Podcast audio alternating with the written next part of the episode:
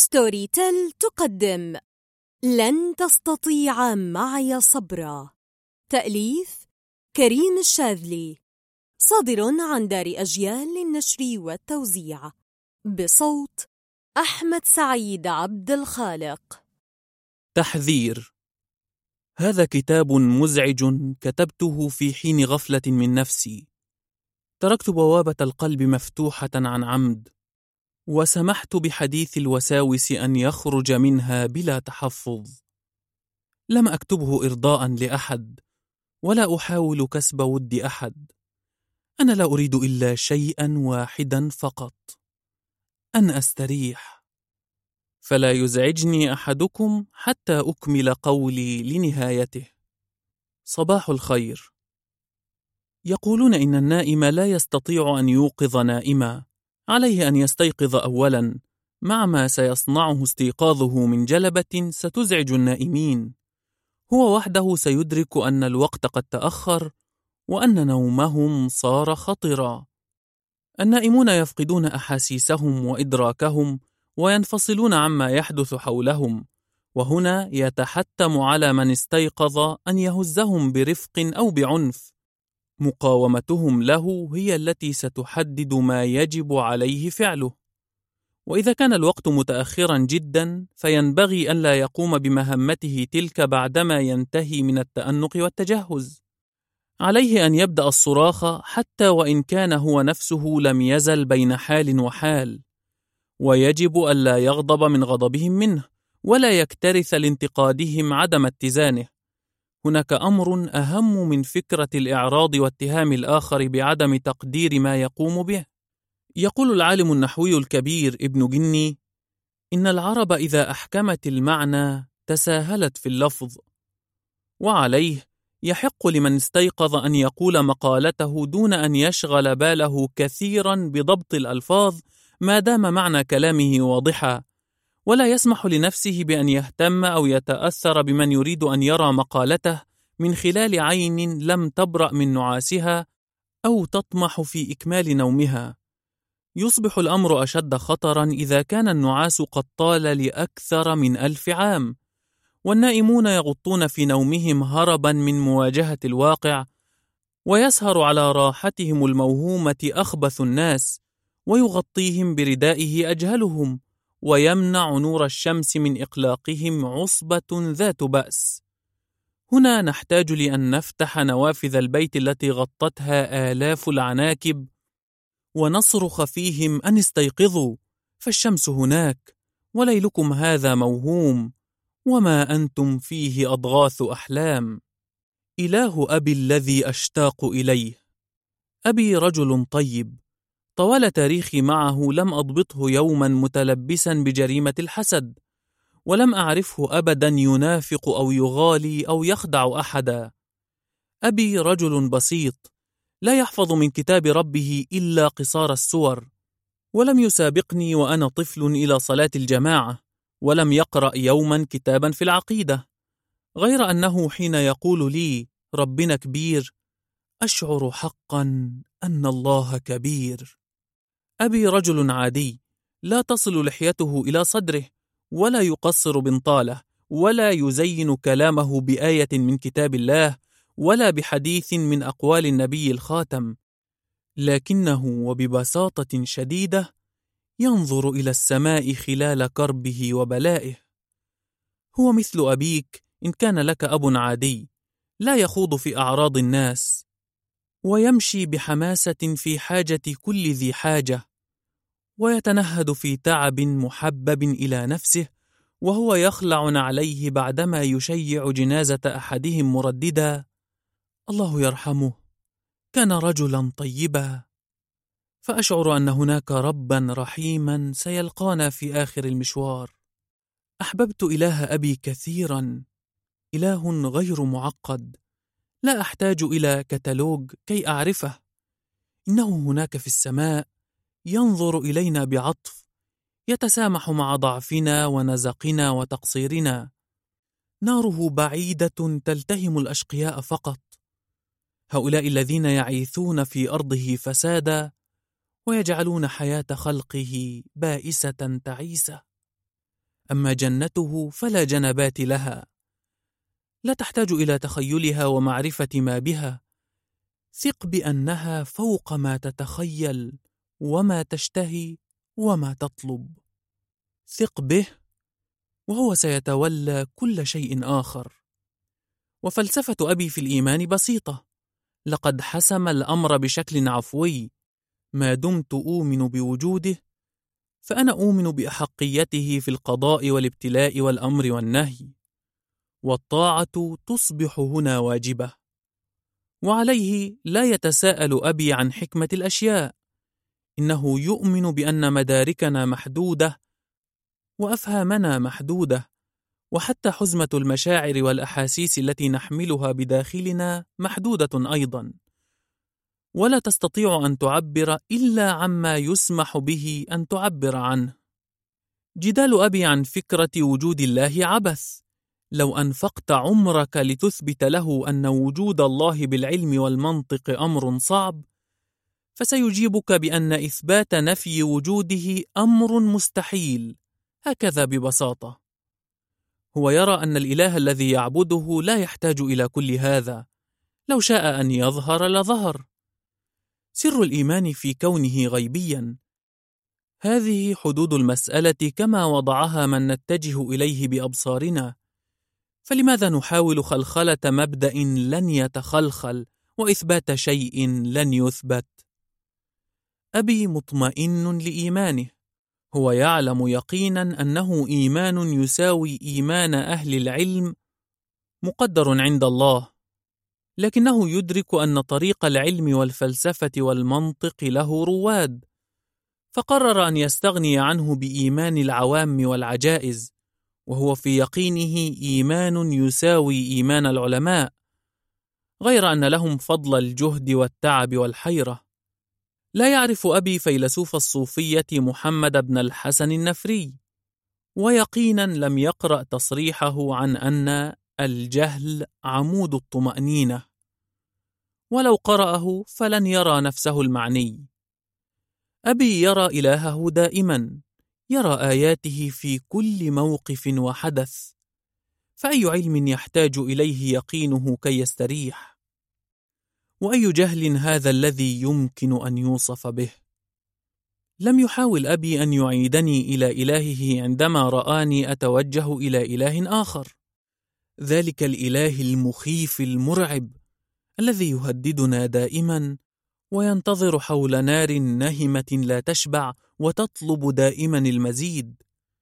شاهدني أبي ولحيتي تطول وجلبابي يقصر وتقطيبة جبيني تزداد اتساعا وأثر السجود يصبح أكثر قتامة. لم يحاول أن يسخر مما أفعله. لعله أدرك أنني أخوض تجربتي هذه المرة بدافع الخوف والخوف جلاد لا يرحم. حفظت متونا وقرأت كتبا فزاد إعجابي بنفسي ويقيني بأنني من الغرباء القابضين على إيمانهم كما يقبض الشجاع على قطعة الجمر. ضاقت دائرتي وصارت كلها تسعى لخدمة إله الجديد. الصلاة أصبحت في مسجد بعينه يعرف إمامه علم التجويد وخطيب جمعته أصول العقيدة. شكل صلاتي صار أكثر ميكانيكية كي يلائم صفة صلاة النبي. أما روح الصلاة نفسها فلا أدري عنها شيئا. لقد صليت لإله صعب. في الغالب عبادتي كلها بها دخن ما دخن النفاق ربما وساوس جائز. أخطاء لا أعرفها ويجب أن أقرأ لأصل إليها ممكن. عوام الناس في نظري مساكين أو مبتدعون. الشاهد أنهم يسيرون في اتجاه خاطئ والإله الذي صرت أعبده لا يرضى بهذا العبث. فأحمد الله أنني من الناجين ويزيد إعجابي بنفسي أكثر. وفي جلساتنا الخاصة يقف شيخنا الذي يعرفنا بالله بإلهه أقصد كي يخبرنا ببساطة أنه مهما فعلنا فنحن في الأخير لسنا على ما يرام وأن القدس لن تعود ما دامت أعدادنا في صلاة الفجر بهذا الشكل المزري. وأن الأمم تداعت علينا بسبب ذنوبنا وأن ديننا مضطهد وإلهنا غاضب وطريقنا طويل. وأبي يطالعني من بعيد. ينتظر مبتسما غير خائف. لقد قلت لكم إن أموره قد حسمت منذ زمن.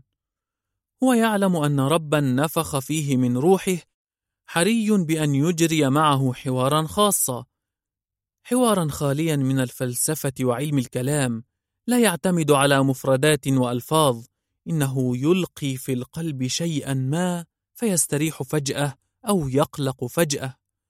وما ألقاه ربه في يقينه أن ولده سيعود في يوم ما سيعود إليه إلى إلهه الطيب الرحيم الكبير. يعلم أنني سأعلم أن خوفي منه غير مبرر. وأن ذنوبي تجاهه على عظمها ليست داعية للتجهم والرعب بل للتقرب ومحاولة تصحيح المسار. يعي أبي أن الطريق إلى الله يبدأ بالإحسان إلى خلقه. ومحاولة المرور عبر نفق الدنيا يجب أن تكون بأقل قدر من الخسائر التي علينا إلحاقها بالآخرين. الناس في دين أبي هم مختبر الإيمان. لا ليست الصلاة ولا الصيام. تلك عبادات لو لم تترك أثرا في سلوك المرء فلا حاجة إلى ربه بها. عندما يسمع أبي آيات المعية يبتسم في طمأنينة فإلهه مع الذين اتقوا والذين هم محسنون وهو مع الصابرين وهو معه أينما كان. وتلك صفات إله يعطي دائما الأولوية لسلوك المرء تجاه شركائه في الحياة. ذات ليلة سمع أبي في مذياع بيتنا الشيخ يرتل من آيات ربه وسارعوا إلى مغفرة من ربكم وجنة عرضها السماوات والأرض أعدت للمتقين. فقال بصوت مسموع مرحى هذا أوكازيون كبير. لنستمع إذن إلى شروط القبول. فتابع الشيخ الذين ينفقون في السراء والضراء والكاظمين الغيظ والعافين عن الناس. والله يحب المحسنين. فقال أبي وقتها هذا أمر أصعب من الصلاة والصيام غير أني قبلت. وزاد يقينه أن حياته بين الناس حاملا هذه الصفات تعني أنه قد وافق على كراسة الشروط وبدأ في التنفيذ. يحترم أبي الشعائر لكنه طوال الوقت يراها منحة قد يساء استغلالها يتعجب كيف يؤمن البعض بطقوس لا تنضح في سلوكه. ما زال ما زال الرجل الطيب غير قابل لفكرة أن البعض قد يقتات بدين الله ويتلاعب به ويستخدمه كغطاء. أبي بسيط كما أخبرتكم. ولذلك حماه إلهه من أن يمر عبر أمعاء الحياة ليعيش أقذر مراحلها. لا يعرف الرجل وقد جاوز السبعين أن هناك نسخة أخرى من الإيمان قد طرحت في الأسواق.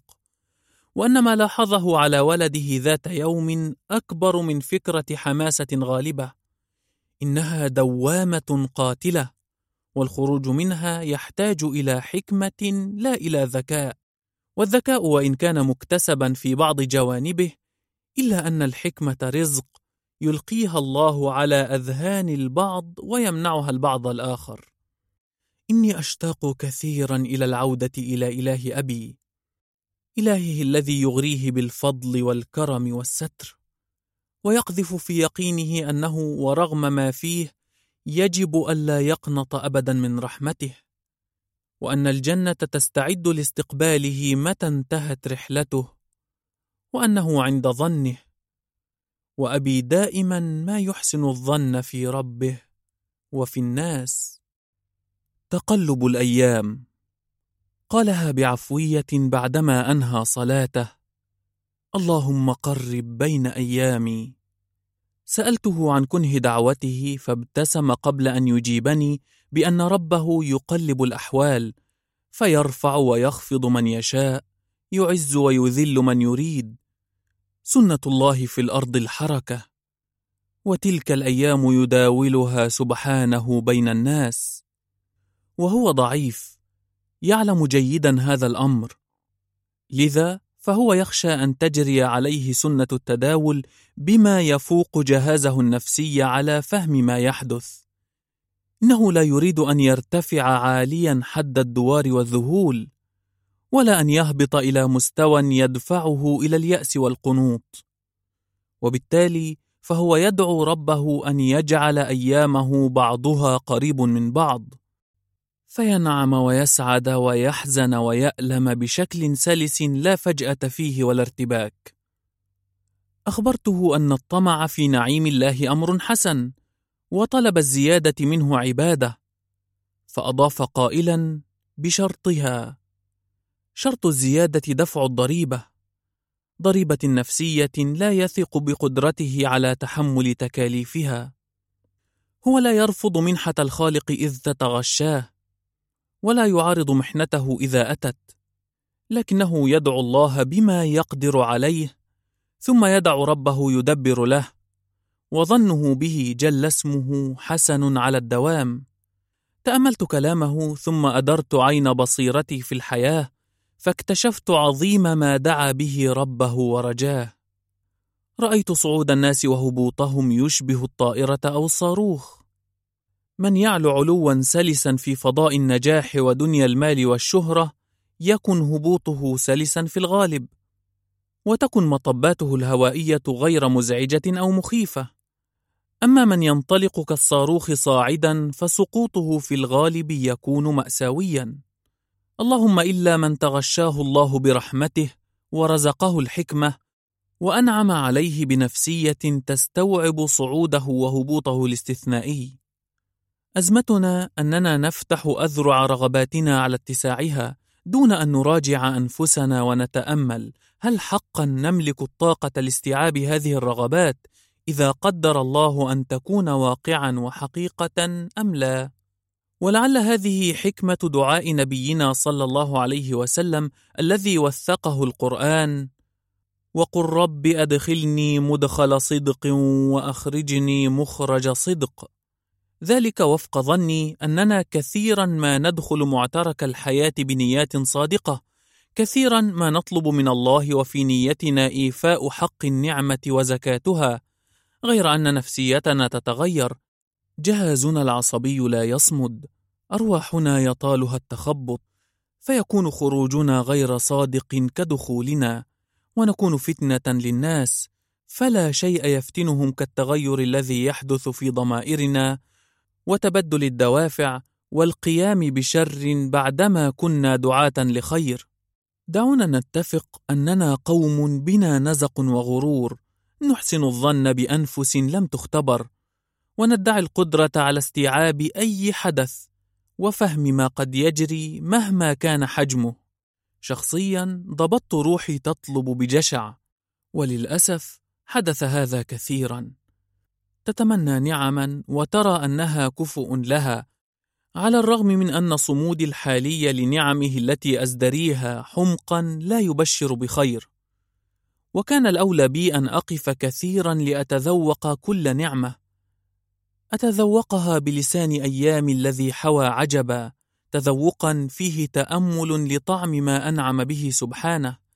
على الأقل لأكون متاهبا لتذوق ما قد يزيد به ربي علي في قادم الأيام بدلا من أن تبتلعني النعمة وتلفظني بعد مدة وتتركني على رصيف الحياة عبرة لبني البشر.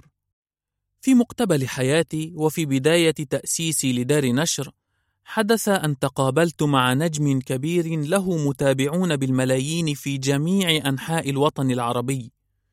فكان أن تعاقدت معه على إصدار كتابه الأول. كانت توقعاتنا أن نبيع من هذا الكتاب أعدادا كبيرة تصل إلى عشرة آلاف نسخة. غير أن القدر فجانا نحن الاثنين ببيع أكثر من ربع مليون نسخة خلال الأشهر الثلاثة الأولى مما يعني أن أرباحي وصلت إلى رقم يتقدمه ستة أصفار في الوقت الذي كنت أتمنى فيه نصفا بالمئة من هذا المبلغ كي أستطيع الصمود واستكمال حلمي. وفي سكرة الأرقام الكبيرة التي كنت أجنيها قام المؤلف بالتعاون مع بعض أصدقائي لتدبير فخ لي تم على أثره سرقة المبلغ بالكامل وعدت معدما مرة أخرى.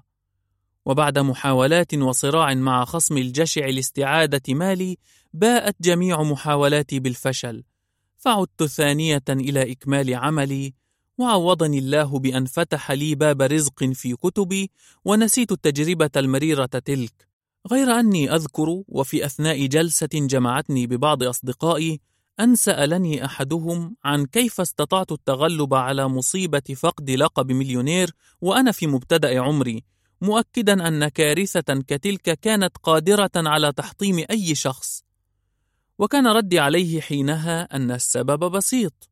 وهو أني لم أعش نفسيا حياة الأغنياء.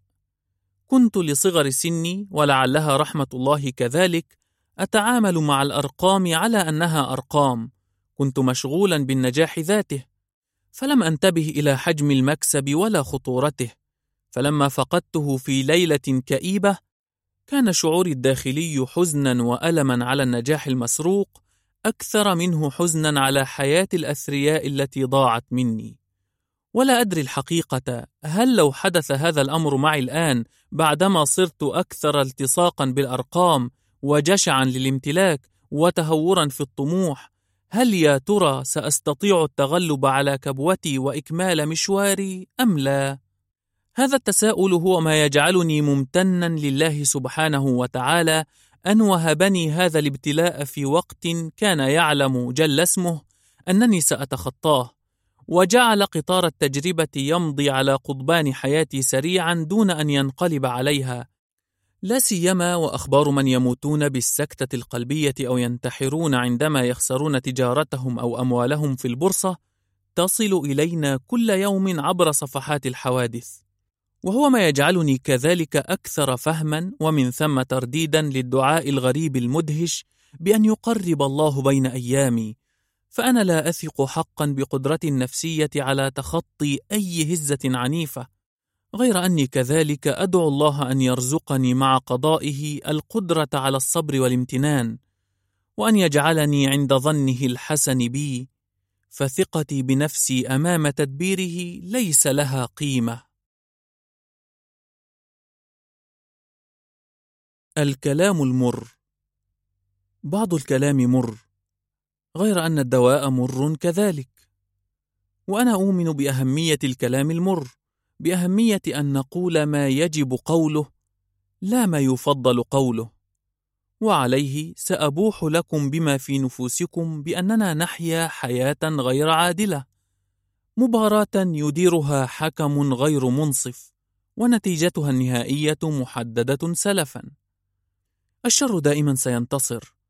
والخير سيمضي ليداوي أوجاعه قبل أن يستكمل جولة ثانية في الغالب سينهزم فيها كذلك لا يدري أحد حكمة ذلك لماذا يحكم أبناء قابيل سطح الأرض؟ لماذا وعلى مر التاريخ يدير الأشقياء اللعبة وينتصرون في نهاية المشهد؟ لماذا دائما المفكرون والمبدعون والعلماء يجاهدون قوى أعلى منهم؟ لماذا لا يصلون إلى غرفة القيادة؟ لماذا يتعلم الخير لغة الهمس ويتلفت يمنة ويسرة في حذر؟ هذه الأسئلة المشروعة بالمناسبة قادرة على نفي الإنسان إلى عالم آخر، قادرة على إيصاله إلى حافة الجنون أو الانتحار، أو على الأقل الكفر بقيم الخير والحق. تلك الأسئلة التي يتعثر في الإجابة عنها الذكي وينجو منها الحكيم. لا أقول يجيب عنها، ولكن ينجو بروحه من ثقلها ووطأتها. شخصيا آمنت منذ زمن بوجود إله، إرادة عليا تدير هذه الأرض، ومع الوقت بدأت الاشتباك مع هذا الإله. لماذا يسمح بوجود الشر؟ لماذا يقف صامتا أمام غلبة الظلم؟ لماذا يبتلي المساكين؟ لماذا ينعم على المحتالين؟ سحابة من الحيرة كانت تغيم على النفس دون أن يتردد صداها على لساني ليقيني بأن مثل هذه الأسئلة ستصطدم بأحد عقلين إما منغلق فينفيك إلى أرض الكفر وإما ساذج فيضيف سؤالا آخر للقائمة عن جدوى خلق الله للأغبياء في هذه الدنيا. حتى عندما قرأت في كتاب الله واجهتني مشكلة أخرى. أن الدين نفسه بعيد. لن تستطيع فهمه إلا من خلال أوصياء. وهؤلاء الأوصياء كذلك أصناف. أكثرهم لا يستطيعون مدك بأي إجابة منطقية. للأسف هناك مناطق في علاقة الإنسان بخالقه مغلقة تماما. لا يحق فيها السؤال. والزهد في الإجابة عنها أولى.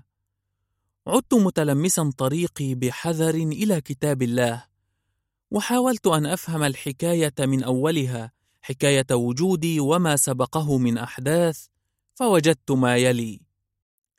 أولا يحكي الله جل وعلا أنه قرر خلق خليفة في الأرض فعبر الملائكة الذين أخبرهم بهذا الأمر عن عدم تفاؤلهم بمثل هذه الخطوة.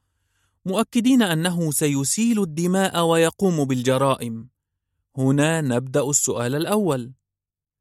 لماذا انتبه الملائكة إلى خطورة الأمر واستغلوا فرصة اللقاء المفتوح مع ربهم كي يعبروا عن تخوفهم؟ ذلك التخوف الذي حدث وتم نقله لنا لحكمة ما. من أين للملائكة أن تعرف أن هذا المخلوق الجديد سيفسد في الأرض؟ يقينا هم لا يقرؤون من كتاب القدر. وظني أن مربط الفرس يكمن في كلمة خليفة. الله سيرسل خليقة له على الأرض والخليقة هنا سيحمل واحدا من أخطر الأسلحة الفتاكة. سلاح الإرادة إرادة الخير والشر والحق والباطل والعدل والظلم. الإرادة التي قد تصبح منه وهبة وقد تكون وبالا وإفسادا في الأرض وسفكا للدماء. خليفة الله يعني أنه يملك تصريحا من الله بفعل ما يريد وفعل المرء لما يريد أمر غير فعل ما هو مطلوب منه. الله سيرسل بشرا يملكون إرادة البناء والهدم. سيأمرهم بأشياء غير أنه سيسمح لهم بفعل أشياء أخرى تخالف أوامره. إنها الأمانة التي ذكرها في قرآنه والتي خافت منها السماوات والأرض. أمانة حرية القرار والفعل والتي قد تصل إلى فعل الكفر به شخصيا سبحانه والاستهانة بتعاليمه والاستخفاف بآياته. هو لن يتدخل حتى تنتهي فصول الرواية. تدخله سيكون وفق حكمة الحفاظ على العدل الكامل لا الفردي. رغم كل شيء نحن مخلوقات خطيرة. بحاجة يقينا إلى من يضبط رمانة التوازن كي لا نخرب كل شيء لكن هذا التدخل سيكون غير مرئي وغير سريع. ثانيا أحدهم اعترض مخلوق غريب مدهش أحد الجن الأذكياء. لكن كما قلنا سابقا الذكاء مهما كان خارقا إلا أنه لا يمنع من الأخطاء الساذجة. الحكمة إن غابت فذكاء المرء بلاء وسيسلمه يقينا إلى الغرور. وقد كان إبليس مغرورا إلى أقصى حد أكلت الغيرة قلبه خالف أمرا بسيطا وكان شجاعا شجاعة تصل إلى حد التهور والغباء حين وقف ليعلن غضبه وعصيانه وتحديه للخالق. والأشد غرابة أن الخالق لم يقابل كل هذا التمرد بالغضب وإنما أعطاه الحصانة الكاملة حتى يواصل تحديه حتى النهاية. وتحدي إبليس لربه كان قائما على أن هذا المخلوق الذي تحتفي به أسوأ مما تظن سأعبث بروحه. سأجعله غير راغب فيك ولا في جنتك بواسطة سيزهد في قربك. فقط أعطني بعض الوقت. وافق الخالق وأخبرنا بما حدث وحذرنا منه. غير أن هناك إشارة خفية في هذا المشهد الدرامي المهيب. إشارة أن ربا سمح لمخلوق بأن يتحداه في ملكه تحتاج كثيرا إلى أن نتفكر في حكمته عند إدارة الأمور. قد لا نصل إلى منتهى الحكمة، لكن من حقنا أن نتأمل ونفكر فيما حدث وغايته. الشاهد أن المعركة بدأت من يومها، الله لم يخدعنا، أخبرنا بكل شيء، وتركنا على الأرض لنمارس إرادتنا الحرة، أخبرنا بأصل الأمر ومبتدئه ومنتهاه، وأخبرنا أيضا بأن الإنسان منا كفور بنعمته، جزع من اختباراته، متعجل جني الثمار. هذه صفاتنا السلبية. غير أننا عنده الأفضل والأقرب والأحب وأنه مع كل ما سيبذله إبليس من جهد إلا أنه جل اسمه جاهز متى أحب الواحد منا كي يضرب خطة الشر في مقتل ويتوب. وعليه فإن سؤالا عن سماح الله بوجود الشر أمر عبثي. من وضع القواعد لا يجب سؤاله عن حكمتها. وهذا لن يكون إلا إذا آمنا بأن من حقه أن يختبرنا ويمتحننا ويضعنا في هذا المضمار. طبعا أنا لا أجبر من لا يؤمن بالله على فهم ما فهمته. بالنسبة إليه ما أحكيه الآن قصة أسطورية تروق لطفله ذي السنوات السبع لا أكثر. لكن عدم تصديقها سيسلمه إلى أزمة أكبر ولغز أكبر وحيرة لن تنتهي. وهذا ليس موضوعنا. موضوعنا أن الشر من عمر الإنسان إن لم يكن أقدم. نحن من أتينا عليه لا العكس ببساطة الشر من حقه العيش والاشتباك كما أنه من حقنا العيش والاشتباك. ولن ينتهي مهما دعونا الله لأنه محصن من الانتهاء بأوامر عليا حتى وإن طال الشر ذات الله نفسه وحاول النيل منه. سيستمر وسيخوض المعركة. أما عن لماذا ينتصر؟ فأظن أن للأمر اسبابا منها. اولا أن الشر يؤمن بنفسه أكثر من إيمان الخير بذاته وجوهره. وأتباع الشر أكثر شراسة من أهل الخير. ويخوضون معاركهم بحماسة تغلب بلادة أهل الصلاح. وبتأمل سنجد أن لياقة أتباع إبليس الذهنية للأسف أكثر مرونة من غيرهم، ويثقون بحولهم وقوتهم أضعاف ثقة أتباع الحق بالحق الذي يحملونه. والحياة مذهب ينتصر فيه الواثقون بأنفسهم ولو كانوا على ضلال. ثانياً، أن الشر غير مقيد، وحيله لا تنقطع، ليس لديه قوانين تردعه، ولا قيم تكبله. وعليه فهو أكثر حرية في اختيار الوسائل ولا يتمهل قبل تحديد الأهداف. كل شيء مباح في قانونه هذا إن كان له قانون. تلاقيه على الجانب الآخر مثالية غير عملية ودهشة غير مبررة وذهول من كسر الشر لقواعد أخلاقية منطقي ألا يعترف بها. مثالية حمقاء يهجوها شوقي بقوله والشر إن تلقه بالخير ضقت به ذرعا وإن تلقه بالشر ينحسم وأمير الشعراء لا يدعوك إلى التخلي عن خيرك إنه يأمرك أن تفهم الشر وألا تقابله بالورد ما دام قد جهز ساحة حربه وشهر سلاحه. ثالثا يظن أهل الخير أن الله معهم تكتيكيا بمعنى أنه سيتدخل في الوقت المناسب ليصلح أخطاءهم وعدم تنظيمهم وغباء خطواتهم، وبالتالي لا يعطون المعركة قدرها من التركيز والتخطيط والعزم. المدهش هنا أن جزءا من خطة الشر تتمركز في استغلال هذا التصور الغبي لدى أهل الخير. الشر يعلم جيدا أنه غير قوي في الجملة. أخطاء المعسكر الآخر هي ما تمنحه غالب قوته. رابعا يجهل أهل الخير مفتاح قوتهم الأهم وهو أن الوقت بالنسبة إليهم عامل قوة استراتيجي. فدورة الزمن عندهم تبدأ منذ خلق الله آدم وتنتهي بنهاية آخر نسل من ذريته وما نحن إلا لحظات في دورة التاريخ. أزمة الخير أن أتباعه لا يقومون بواجب اللحظة. ينشغلون بالنصر البعيد ويهملون واجباتهم القريبة يريدون قطف الثمرة سريعا. والحقيقة أن لدى أهل الخير دون غيرهم ما يمكن تسميته الصبر الاستراتيجي والذي يعني طمأنينة كاملة لدورة الزمن. الشر يريد حقه مقدما لا يوجد في قاموسه معنى لرسالة أو قيمة عليا هو الذي يجب أن يكون متهورا ملولا خائفا. المدهش أن العكس هو ما يحدث عندنا. الفيلسوف الصوفي محمد بن حسن النفري يقول من علامات اليقين الثبات ومن علامات الثبات الأمن عند الروع. وهذا ما يعطي بعدا جوهريا لحالة اليأس والهلع التي تنتاب أهل الخير وتصيبهم بالعصبية. إن الأمر عائد لارتباك ما في يقينهم وهذا أخطر ما في الموضوع.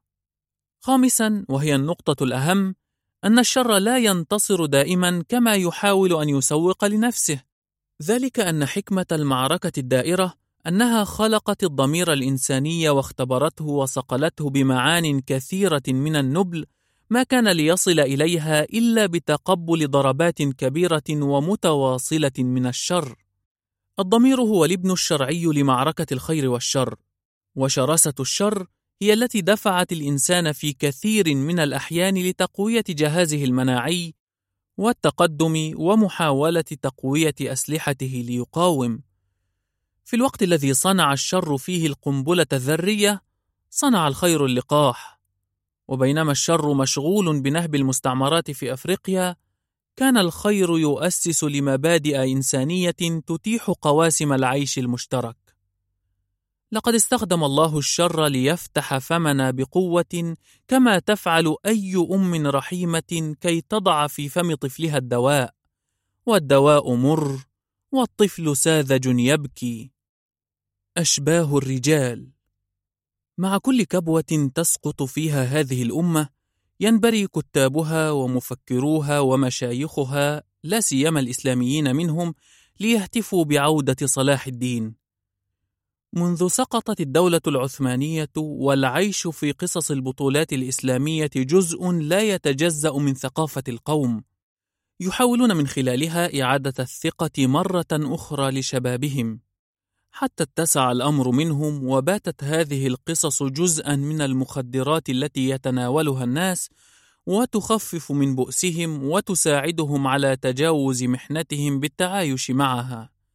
تخيل معي أن أمة توقف مد الاجتهاد فيها منذ أكثر من ألف عام تتسلى بالقصص والحكايات وغالب مفكريها ومشايخها يستعيضون عن مواجهة بؤس واقعهم برواية الحواديت حتى إنني أتذكر داعية مشهورا له أتباع بالملايين كان يقدم في شهر رمضان حلقات عن الثبات والابتلاء.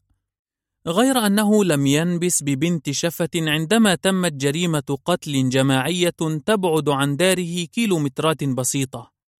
الحواديت تعجب الناس، وصرخة القدس تصرخ فأين صلاح الدين؟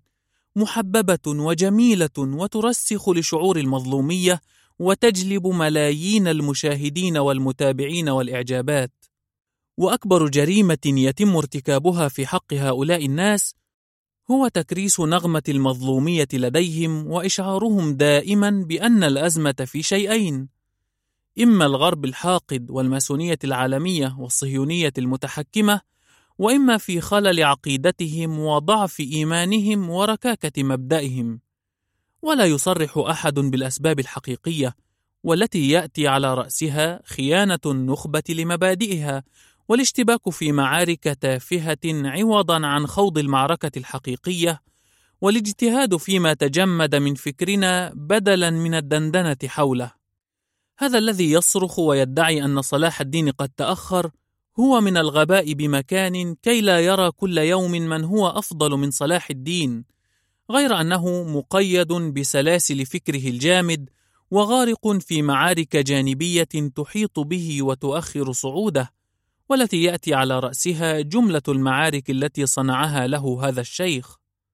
صلاح الدين هذا لم يكن بطلا بسبب تدينه وصلاحه، تلك أمور سيفصل فيها الله يوم القيامة، بل كان قائدا لأن معه رجالا، معه جيش وسلاح، معه ما يجعله قادرا على الانتصار. وهل صلاح الدين يا قوم أشجع من علي بن أبي طالب؟ لا والله غير أن عليا حينما تولى القيادة أنهكه الأمر رغم أنه أشجع من صلاح الدين وأكثر منه فهما وفقها للدين ويكفيه نسبه وصحبته لسيد البشر غير أن عليا كان محاطا بأشباه الرجال هل تريد دليلا على كلامي؟ حسنا هذا قول علي لمن حوله ذات يوم كئيب يا أشباه الرجال ولا رجال حلوم الأطفال وعقول ربات الحجال. لوددت أني لم أركم ولم أعرفكم. معرفة والله جرت ندما وأعقبت سدما. قاتلكم الله لقد ملأتم قلبي قيحا وشحنتم صدري غيظا. وجرعتموني نغب التهمام أنفاسا. وأفسدتم علي رأيي بالعصيان والخذلان. حتى لقد قالت قريش إن ابن أبي طالب رجل شجاع ولكن لا علم له بالحرب. لله أبوهم وهل أحد منهم أشد مراسا وأقدم فيها مقاما مني؟ لقد نهضت فيها وما بلغت العشرين وها أنا ذا قد ذرفت على الستين. ولكن لا رأي لمن لا يطاع. ثم وهو يقول فيا عجبا. عجبا والله يميت القلب ويجلب الهم من اجتماع هؤلاء القوم على باطلهم وتفرقكم عن حقكم فقبحا لكم وترحا. أعلم أنك ستراوغ. ستقول لي إنها منسوبة إلى الرجل وأني لا أملك ما أثبت به يقينا أنه قالها. وهنا سأحيلك إلى التاريخ لتقرأ عن معاركه التي خذل فيها وأزمته مع أشباه الرجال الذين كانوا محيطين به. أعود لكلامي وأقول إننا بحاجة إلى أن نقص على الناس حكاية علي بن أبي طالب لا حكاية صلاح الدين الأيوبي لأمر مهم وهو أننا خسرنا معاركنا لا بسبب شح الأرحام عن الإتيان بصلاح دين جديد وإنما بسبب شحنا عن نصرة الحق والدفاع عنه. هل تظن حقا أن مشكلتنا في البطل الملهم الأسطوري؟ يؤسفني إخبارك بأن ملايين من الأبطال مروا علينا وذهبوا بآثار محدودة. كنا جميعا سببا في محدوديتها وضعفها. تربيتنا السلبية وعدم تفاعلنا مع الخير وتكاسلنا عن دعم أي صيحة إصلاح هي السبب. أنا آسف لكنها الحقيقة. لقد أتت الأرحام بصلاح الدين بيد أننا لم ننتبه إليه. العظماء يولدون كل يوم لكننا نقتلهم. تمهل واخبرني يا صاحبي ما الذي دعا نبي الله يونس لهجرة قومه؟ الإجابة اليأس من عدم دعمهم للحق. وما السبب الذي دفع بموسى أن يلقي بألواح ربه على الأرض ويستشيط غضبا؟ الإجابة الوجع من تحول الناس عن الحق. وما المبررات التي دفعت النبي محمدا صلى الله عليه وسلم كي يرفع بصره إلى السماء لينقل لها حيرته؟ إن لم يكن بك غضب علي فلا أبالي. الإجابة تعجبه من موقف الناس من الحق. الأمر برمته متعلق بتفاعل الناس مع الحق. إنهم يشتكون من أن البضاعة الرديئة قد ملأت السوق رغم أنهم لا يدعمون البضاعة الجيدة. وأي مصلح ما لم يكن نبيا أو قويا بما يكفي وارد أن يودع قضيته ياسا وزهدا حينما يرى إعراض الناس عنه وبخلهم عن دعم المبادئ التي ينادي بها. فللحق طاقة وقدرة على الحرب. وهؤلاء الأنبياء الذين ضربنا بهم المثل هم خير دليل. الموضوع ببساطة أن الناس لا يحتاجون إلى بطل أسطوري. إنهم بحاجة إلى أن يتحركوا ليصنعوا أبطالهم بأيديهم ويدعموهم ويوفروا لهم المحضن والرعاية دون أن يذبحوهم في معبد الانهزامية الذي صنعوه لأنفسهم. إننا بحاجة إلى أن نربي أنفسنا اولا. تربية تقوم على تعليم الفكر الحر والنظر إلى الإرث الجامد والاشتباك مع الحياة.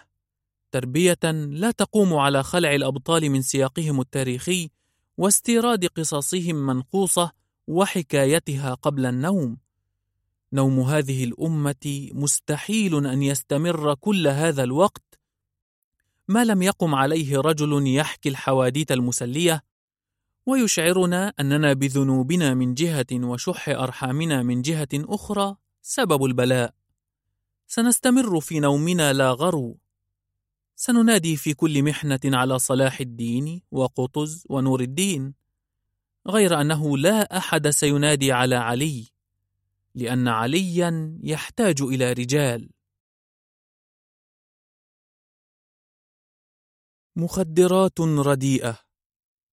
حان الآن موعد صلاة الجمعة حسب التوقيت المحلي. عبارة تعني ببساطة أن موعد تأهبك وذهابك لمكان مقدس وسماع كلام غير ذي جدوى قد آن. منبر رسول الله.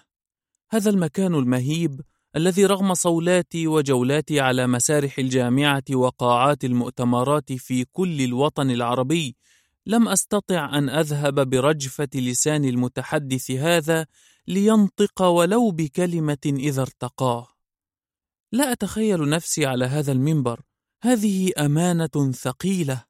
في يقيني أن الوقوف هنا هو أشبه بتسليم نفسي طواعية إلى الله. أنا الذي دائما ما أهرب منه ململما خيبتي ونزقي. متخفيا وسط زحام الناس والأفكار والهموم. أهرب منه كطفل صغير يظن أن وضع كفه على عينيه يعني أن الآخر لا يراه. هذا ما أفعله. أظن أن اختبائي من ضميري يعني أنني أختبئ من الله كذلك. وفي يقيني أن الله يضحك.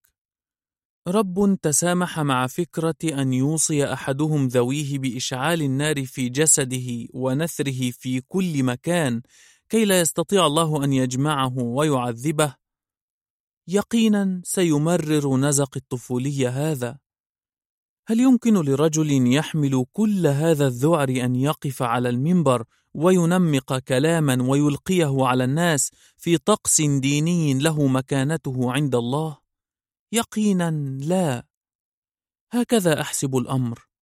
أتعامل بمهابة مع المنبر غير أن تعاملي مع من يرتقيه قد تغير منذ زمن بعيد. بخلاف قلة ممن ثبتهم الله فخطباء الجمعة هم تجار مخدرات في المقام الأول. تخيل معي أن خطبة يتم التعامل مع قدسيتها لدرجة أنه لو قال أحدهم لصاحبه أنصت. فقد لغى ومن لغى من اللغو فلا صلاة له كما روي عن النبي صلى الله عليه وسلم. مما يعني أن الإنصات والتركيز والاستماع لهذه الخطبة أمر واجب وعدم التعامل معها باحترام قد يبطل صلاتك كلها.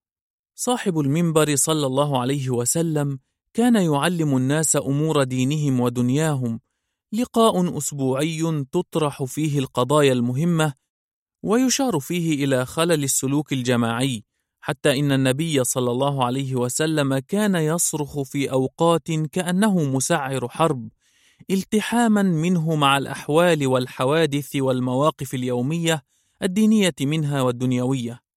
أما اليوم فاهلا وسهلا بك في جلسة قد تطول أو تقصر للحديث عن أي أمر دون الأمور التي تمس حياة الناس وخوض معارك غير التي تهمهم وإلقاء نصائح باردة تنافس برودة مبردات الهواء التي تبرع بها أهل الخير لتلطيف الجو. خطيب الجمعة سيحدثك عن التبرج والتقصير في جنب الله ومفهوم العبودية وفضل صلاة الجمعة ومعجزات النبي وفضائله.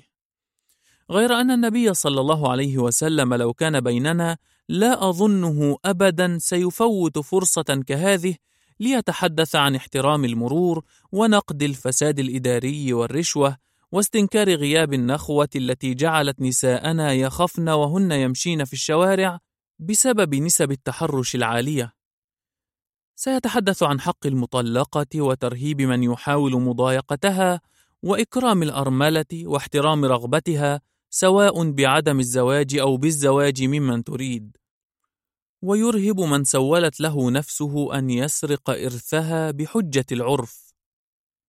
لو كان بيننا لتحدث عن خطورة عمل شير على وسائل التواصل الاجتماعي لمعلومة أو محتوى غير واثق من صحته وكتابة منشورات كئيبة تبشر الناس بهلاكهم والنظر إلى البشر وفقا لمكانتهم الاجتماعية وماركات سياراتهم وهواتفهم وأحذيتهم. لو كان بيننا لتحدث عن الله فحببنا فيه وعن أنفسنا فأيقظ ضمائرنا وعن الحياة فضبط رمانتها وأخرجنا من مسجده في شوق للعمل وأمل في العودة الأسبوع اللاحق. لكنه ليس بيننا ويتقافز على منبره صلى الله عليه وسلم غير قليل من السذج ويمنع من الصعود إليه أيضا غير قليل من الصادقين المخلصين. نعم الفكرة ليست في أن رجالنا وشيوخنا غير مؤهلين لحمل الأمانة الفكرة أن المنبر هو الآخر مسروق. سرقه الغوغاء ومن خلفهم واختاروا لنا وجبات باردة من الموضوعات لا طعم لها ولا رائحة. يبيعون مخدرات ذات صنف رديء يمكنك اختصارها كلها في عبارة قالها ابن أحدهم يوما بعدما سأله أبوه عن موضوع الخطبة فقال بتردد لا أدري غير أنه كان يؤكد أننا لسنا على خير. نعم هذا الصنف من المخدرات رديء جدا. فكرة أن نجلد أنفسنا ونكره الدنيا ونغلق علينا أبوابنا ونبكي على خطايانا حتى ينتهي اللص من سرقة ما يريد هو أقبح أنواع المخدرات على مر التاريخ. قد يختلف اسمه من دين إلى آخر لكنك ستجده في الكنائس والمعابد كما في المساجد وعلى المنابر. أرجوك خفف من غضبك وأجبني أنت وأنا وكل واحد منا سواء كان متدينا أو غير ذلك قد سمع على الأقل آلاف الخطب أليس كذلك؟ بالله عليك كم مرة سمعت أحدهم يعترف بأنه لولا كلمة سمعها من إمام الجمعة لما كان مستقيما أو أن خطبة جمعة ما أعادته إلى الرشد أو ذهب باكيا إلى زوجته التي ظلمها أو أخته التي قاطعها أو صديقه الذي خانه أو عميل لديه قد غشه ليعيد الحقوق إلى أصحابها بسبب ضميره الذي صحى في وسط خطبة ما في مسجد ما مع إمام ما. أتمنى ألا تأخذك الحماسة فتخطئ وترد علي بأن هذه الأمور ليست من مسؤوليات خطيب الجمعة. أنت أعقل من هذا بلا شك؟ أذكر قبل سنوات أن حظي العاثر ألقاني كي أسمع خطبة جمعة في أحد المساجد الكبرى بدولة عربية. قبلها بأيام كانت دولة أخرى شقيقة تقصف من دولة غربية عدوانا وزورا ومشاهد الدمار التي تبثها شبكات الإعلام تملأ قلوبنا غيظا وغضبا. كانت مشاعر الناس ملتهبة وانكسار نفوسهم غالبا فذهبنا إلى مسجد من مساجد الله ونظرنا إلى منبر رسول الله صلى الله عليه وسلم. فصعد شيخ ظاهره أنه يعرف الله ورسوله أكثر منا. ثم تحدث بصوت جهوري كأنه مسعر حرب. وفقا لما يظن أنها من سنن خطبة الجمعة.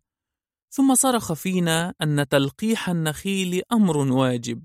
ومن يتهاون عنه فهو عاص لله. وبعدما قال قولته هذه استغفر الله لنفسه ولنا ثم أقام الصلاة. دين على رأسه بطحة. الفارق بين الواثق من نفسه والمثقل بها أن الأول مطمئن لما هو عليه والثاني قلق مما هو فيه. وشتان بين من يمضي معتزا بأملاكه النفسية والفكرية والعقدية ومن يحاول دائما مكابدة مشقة الادعاء والمداراة والتجمل. مرهق جدا أن ينصر المرء فكرة كل ما يربطه بها الإرث. مزعج أن يهتف لقضية منسوبة إليه. مؤلم أن يدافع عن عقيدة لم يقف على حدود عظمتها بعد. أي مشقة تلك التي نعانيها بانتمائنا لدين لم نره إلا وهو يدافع عن نفسه. نحمله ونحمل معه حزمة تهم تشغلنا بالرد عليها فتنسينا واجب التفكر والتأمل في الدين ذاته في فكرته وروحه وفلسفته وعظمته. أخبرني منذ متى وأنت مشغول بدحض فكرة أن الإسلام دين ذكوري وأنه لا يحترم المرأة؟ وجهزت حججك بأن التعدد قضية قد أسيء فهمها وأن المرأة في حالات كثيرة ترث ضعف الرجل. وكيف تعاملت مع تهمة أن نبيك دموي ودينك المسلح قد انتشر بالسيف؟ ومتى تحديدا سعدت بخبر أن الإسلام انتشر في دول شرق آسيا والهند عن طريق التجار وتعامل المسلمين الحسن؟ وجعلت هذه المعلومة هي ردك الوحيد على تهمهم تلك. في أي مرحلة قررت أن تتبنى موقفا محايدا تجاه فتنة الصحابة وقررت أن الاعتزال أولى وأن عليا ومعاوية أسيادك رغم ما كان بينهما؟ وهل استقر يقينك على هذا حقا؟ ورأيت ما حدث على أنه من جملة الاجتهادات الخاطئة أم أن هناك ما يقلق طمأنينة يقينك؟ سؤالي بوضوح هو متى قررت أن تتصالح مع فكرة إيمانك بدين يحمل فوق رأسه جرحا وعلة؟ وأنك مطالب بأن تدافع وتماري وتتكلف كي تثبت طوال الوقت أنه غير ما يقولون؟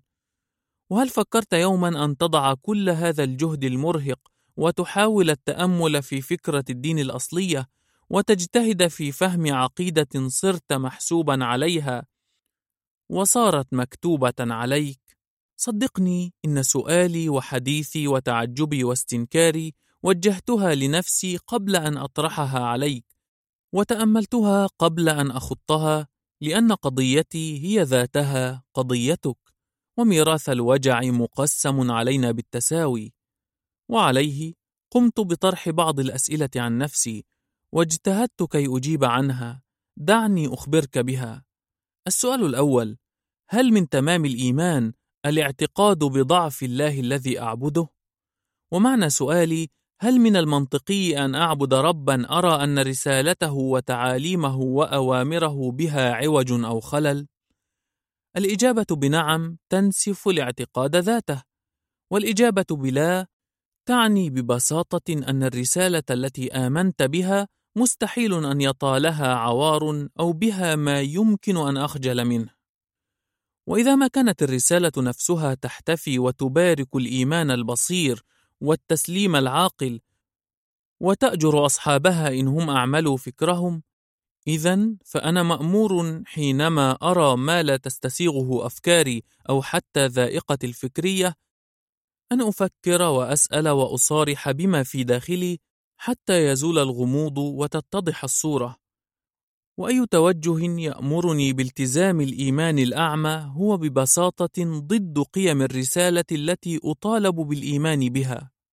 أضف فوق ذلك أن الإله القوي الذي كما أسلفنا سمح لإبليس وأتباعه بأن يكفروا به جهرا وتحت سمعه وبصره يقينا لن يصبح دينه في خطر حتى وإن كان مضطهدا والتعامل باحترام مع جلال شأنه يقتضي ألا نتعصب ونتهور ونصبح رد فعل طوال الوقت يجب ألا أبدأ رحلة إيماني به بدخول معركة مع أعدائه دون حتى أن أفهم ماهية هذا الدين وأفكاره المؤسسة والتوجه الذي يدعو إليه.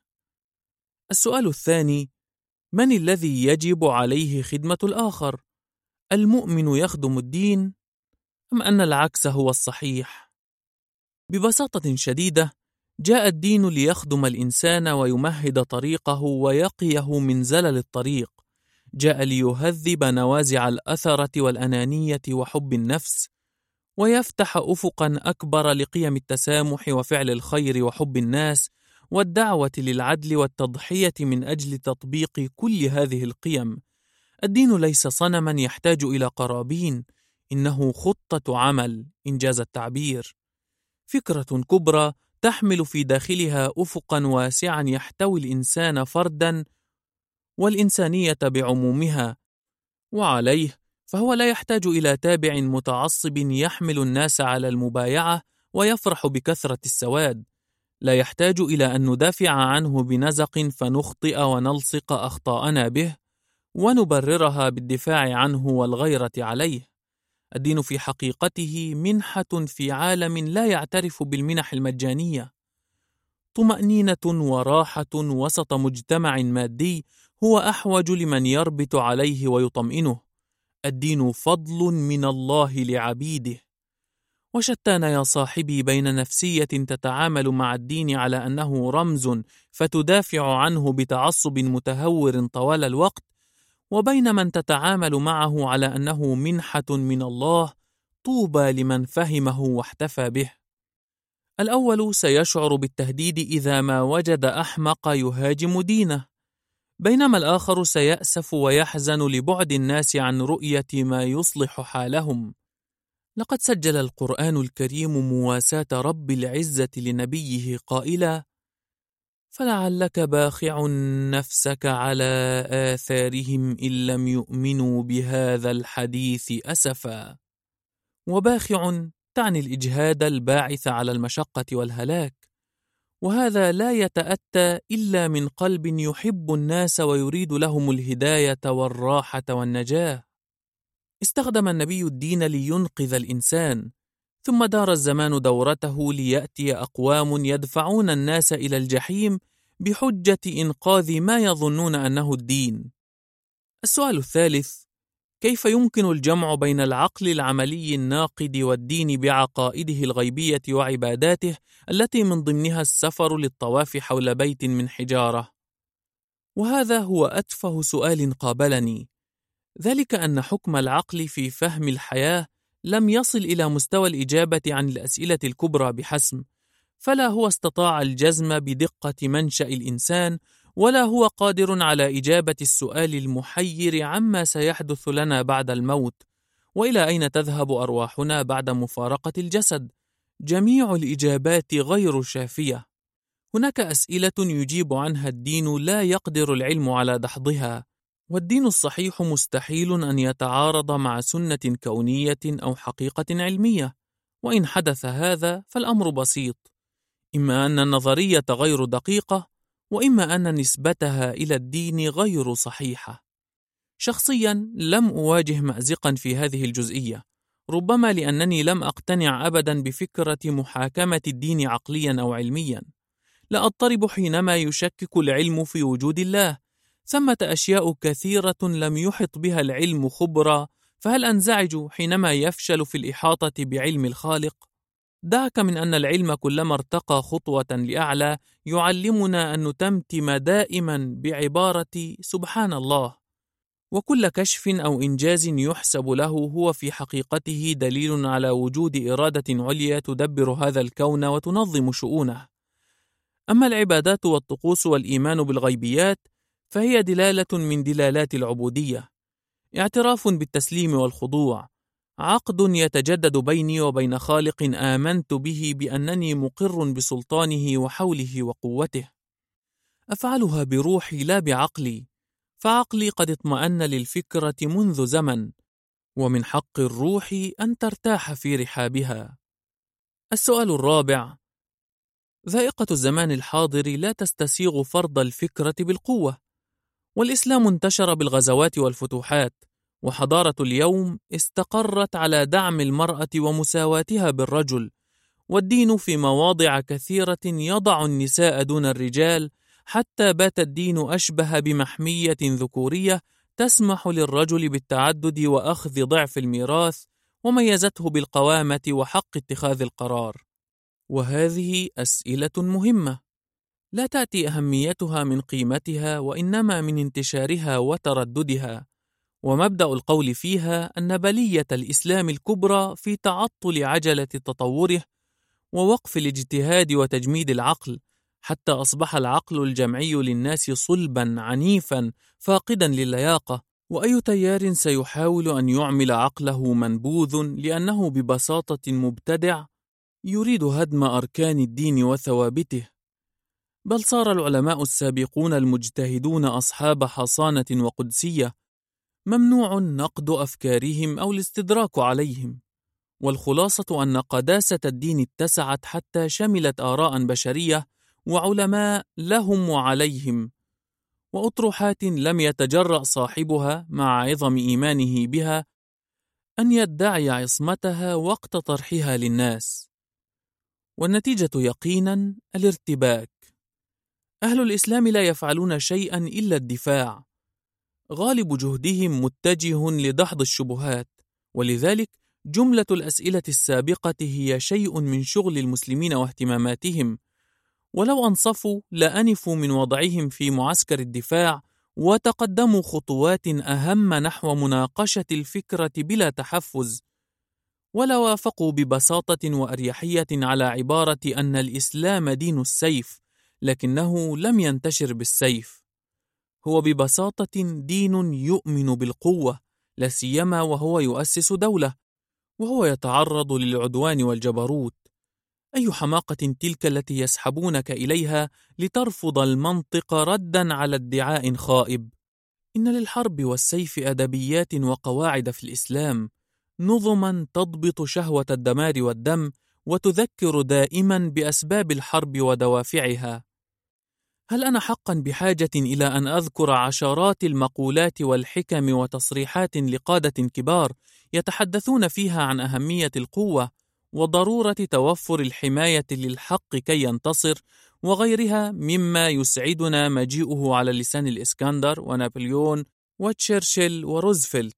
وهؤلاء وبالمناسبة قادة حرب ولهم تماثيل وآثار وفخر بما حققوه بالسيف قد أقبل أن يتساءل أحدهم عن سبب حمل النبي محمد للسيف بينما أخوه عيسى لم يفعلها. سنأتي بالفكرتين وظروفهما والواقع الذي عاش فيه كلاهما عليهما السلام. ثم نفهم ونشرح ونأخذ ونرد. قد أقبل أن يخالفني أحدهم في أن تسليح الدول غير تسليح الأفكار. لنتأمل معا هل حقا كانت الفكرة ذاتها مسلحة أم الدولة التي تعيش الفكرة في رحابها وهل كان التسليح موجها إلى عقائد الناس لإرغامهم على تغييرها أم لتوفير الحماية أمام حرية الاعتقاد؟ وهل الفكرة المضطهدة التي تم خنقها لما يقارب عقدا ونصفا قد مارست الطغيان بعد تمكنها أم لا؟ المهم أن تعيش الواقع الذي تود محاكمته وترى تداعياته وتقف على جوهر فكرته.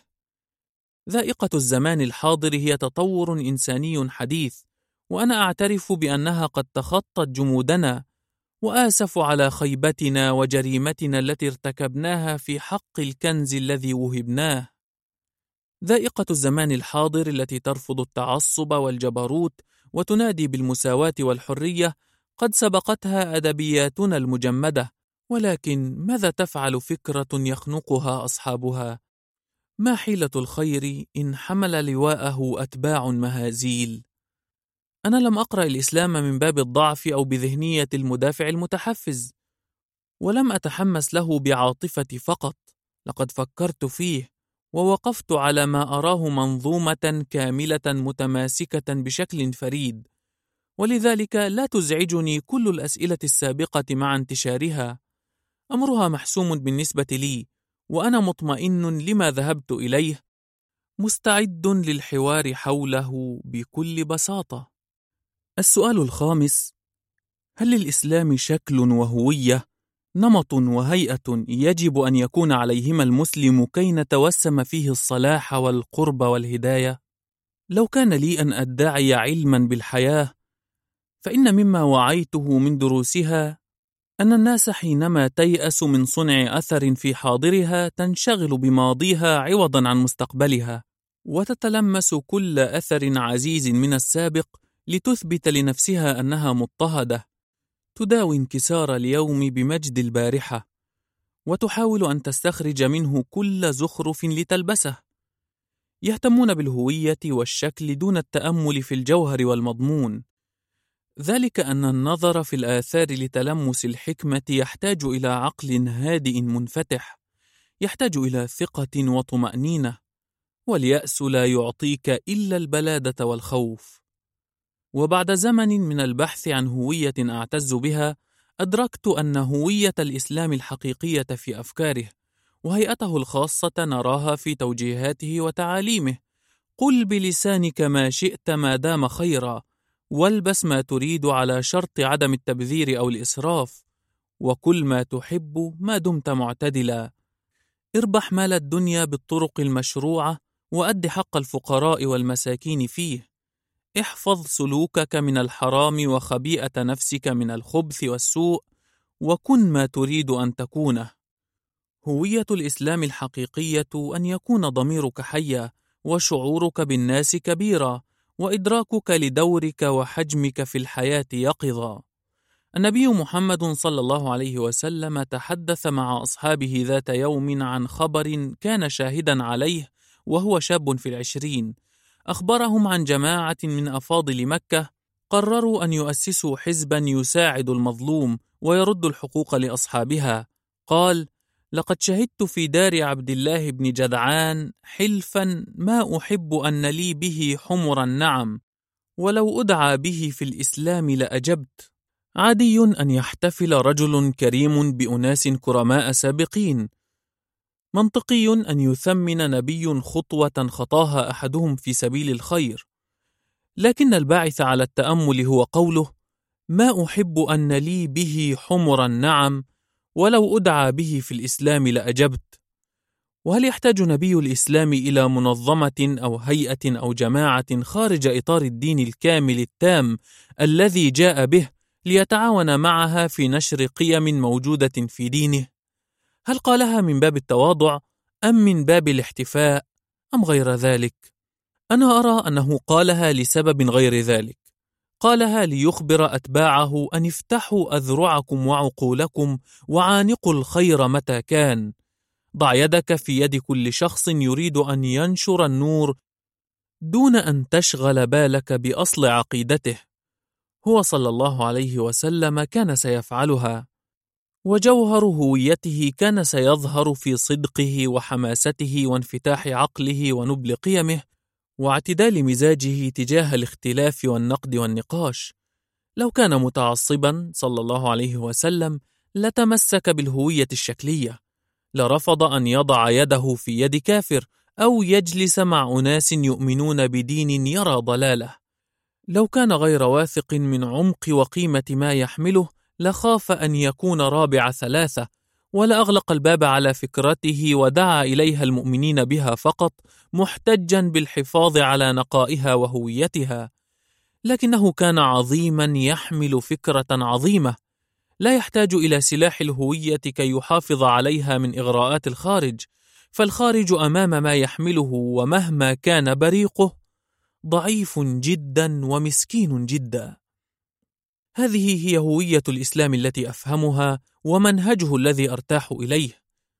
السؤال السادس: علمونا أن أحد أدوار المسلم الدعوة، وأن المؤمن الحقيقي نشط في هداية الناس، كما أن عقيدة الإسلام تستلزم مني تحديد موقفي تجاه عقائد الآخرين والحسم في تأكيد كفرهم ما داموا لم ينطقوا بالشهادتين. موالاتي فقط للمسلمين وتبرؤي يجب أن يكون واضحا تجاه غيرهم. أليس هذا دافعا لمحاكمة الناس ومضايقتهم والتدخل في إيمانهم الشخصي؟ علاقة الإسلام بالآخر في فهمي تسكن في قول ربنا سبحانه وتعالى: ليس بأمانيكم ولا أماني أهل الكتاب، من يعمل سوءا يجز به، وسواء كانت هذه الآية موجهة إلى أهل قريش أم يخاطب بها أهل هذا الزمان فإن القاعدة واحدة والأصل ثابت كلنا في اختبار وأنا لا أستطيع التجرؤ والادعاء بصلاحي أو ضمان صوابي وإخلاص نيتي حتى آخر المشوار فكيف يمكنني إصدار أحكام تجاه الآخرين؟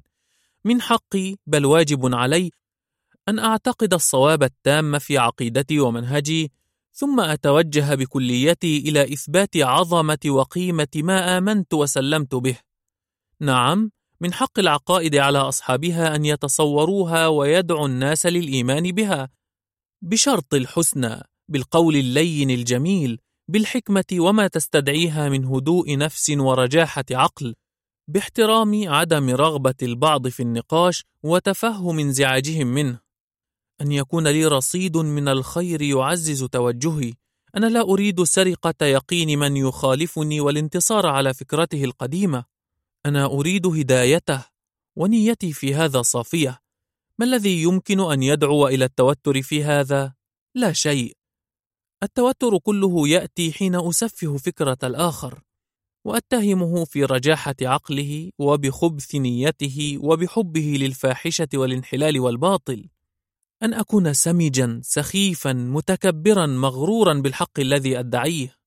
انظر إلى الحزن النبيل الذي اعترى النبي محمدا صلى الله عليه وسلم إذ رأى جنازة رجل يهودي وزجره لأصحابه عندما حاولوا التنويه بأن الجنازة لرجل على غير عقيدتنا منبها أن النفس الإنسانية واحدة في احترامها وتقديسها وأن للموت مهابة أكبر من الاختلاف العقدي. إذ عودة الروح لخالقها أمر فيه من التأمل أكبر مما فيه من المحاكمة والإدانة.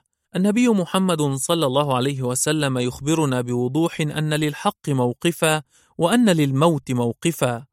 ولا أعجب في هذا الشأن من موافقة النبي صلى الله عليه وسلم على طلب أحد أصحابه الصلاة على أبيه الذي عرف عنه نفاقه وعداؤه للنبي والمسلمين. عبد الله بن أبي بن سلول الذي كره النبي وعاداه وخذله في مواقف كثيرة وخض في شرف زوجته قد مات وكان النبي يعلم أن صلاته واستغفاره للرجل لن يفيده شيئا لكنه صلى عليه وكفنه في ثوبه وواسى ولده لدرجة أن القرآن نفسه استدرك عليه هذا التصرف الشديد النبل تجاه رجل منافق حارب الفكرة حتى النفس الأخير. هذا السلوك النبوي هو مدخلي لفهم مسؤولية المسلم الأخلاقية، وهي أن أحب الخير للناس وأتفهم ضعفهم الإنساني، وأرى نفسي وهم طوال الوقت شركاء اختبار، والصلاح والهداية من الله. الشماتة في الموت ليست من شيم هذا المنهج، ومن مات على باطل كما أعتقد فقد مات مسكينا وذهب لدار الحق ولا يجوز لي إصدار الأحكام والتدخل في شؤون الخالق سبحانه كأنني أستدرك عليه رحمته. لينشغل كل منا بعمله والحد الأدنى الذي يجب أن نحافظ عليه ابتداء هو ألا نكون فتنة للناس تشككهم في القيم النبيلة العظيمة تشككهم في الله الذي تحدثهم عنه. وهذا لو تدري ذروة البلاء. السؤال السابع هل الدين فعلا طمأنينة؟ ولماذا هذا الشعور بالذنب الذي دائما ما أشعر به؟ ثمة صورة مثالية أنا دائما مقصر في الوصول إليها مما ينعكس على نفسيتي وشخصيا عرفت كثرا قطعوا علاقتهم بالدين لأن الدين طوال الوقت غير راض عنهم من البدهيات الاعتراف بأن القواعد تضيق حركة الناس وفي البشر التفاف على القوانين مشهود بدءا من لاعب الكرة الذي يتحايل على لاعب الكرة بيده لدرجة قوله إن يد الله هي من تدخلت لتضع الكرة في المرمى. راجع تصريح مارادونا الشهير. وانتهاء بتحايلك على إشارة المرور الحمراء إذا ما حدثتك نفسك أن الوقت ليل ولا ضابط هنا. وطبيعي ومنطقي أن يضيق المرء بالقاعدة إذ تسري عليه. ويحتاج إلى الإيمان بأن من وضع القواعد وضعها من أجل مصلحة عليا تسهل حركة الجميع بمن فيهم هو شخصيا. من هنا يمكننا إمساك أول خيوط هذا السؤال: فهل القواعد الكثيرة التي وضعها الدين تدفع من أجل مصلحة أكبر؟ وهل كل ما يقال لنا من قواعد وأحكام هي حقا من الدين؟ وفوق هذا يأتي السؤال الأهم وهو: هل في هذه القواعد ما يصطدم بطبيعة البشرية وأنها فوق طاقة الإنسان؟ لو لاحظت يا صديقي فستجد أن كل سؤال كبير قد طرح أسئلة أخرى فرعية، وفي وسط هذه الغابة من الأسئلة ينمو الإيمان الواضح المطمئن. الخوف فقط هو الذي يمنعنا من فعل كل هذا بدءا من الخوف على إيماننا من أن يطاله شيء فلا نعود راضين به على ما فيه من غموض أو الخوف من بذل الجهد والذي نظن أنه أكبر من قدرتنا وأفهام عقولنا. وصدقني الأمر في حقيقته غير ذلك. النبي محمد صلى الله عليه وسلم كان يعلم ألا أحد مثالي فكان يقبل الناس على حالهم ثم يعمد إلى تهذيب سلوكهم وأفكارهم. كان صلى الله عليه وسلم يسمح للوقت بأن يكون عاملا حاسما في علاجه لعوج السلوك في أصحابه.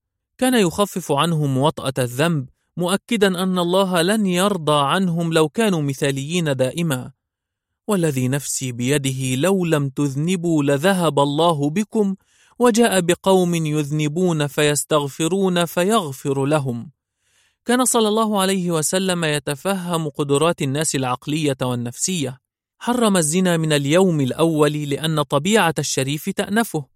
وتدرج في تحريم الخمر لأن نفوس الناس متعلقة بها وترك لتطورهم في فهم أحكامه مهمة إلغاء العبودية والرق لأنها جزء من الاقتصاد القائم.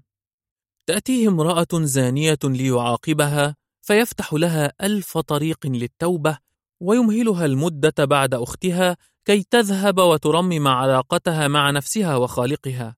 ويرفض أن ينهر أحدهم رجلا سكيرا مؤكدا أن خطأ سكره لا ينفي عنه حب الله ورسوله. يتسامح مع صاحبه الذي أتى سلوكا يمكن وصفه بالخيانة العظمى إذ أبلغ أسرار تحركاته لقريش بعدما سمع دوافعه وتقبل خوفه. ورفض صلى الله عليه وسلم أن يذكر أحد عدوه الأول أبا جهل بسوء لأن ابنه عكرمة الذي أسلم لتوه يمكن أن يتأذى بمثل هذا الكلام. طمأننا النبي صلى الله عليه وسلم أن الله يعطينا على قدر تحملنا. لا يكلف الله نفسا إلا وسعها. وأنه يقبلك دائما. قل يا عبادي الذين أسرفوا على أنفسهم لا تقنطوا من رحمة الله.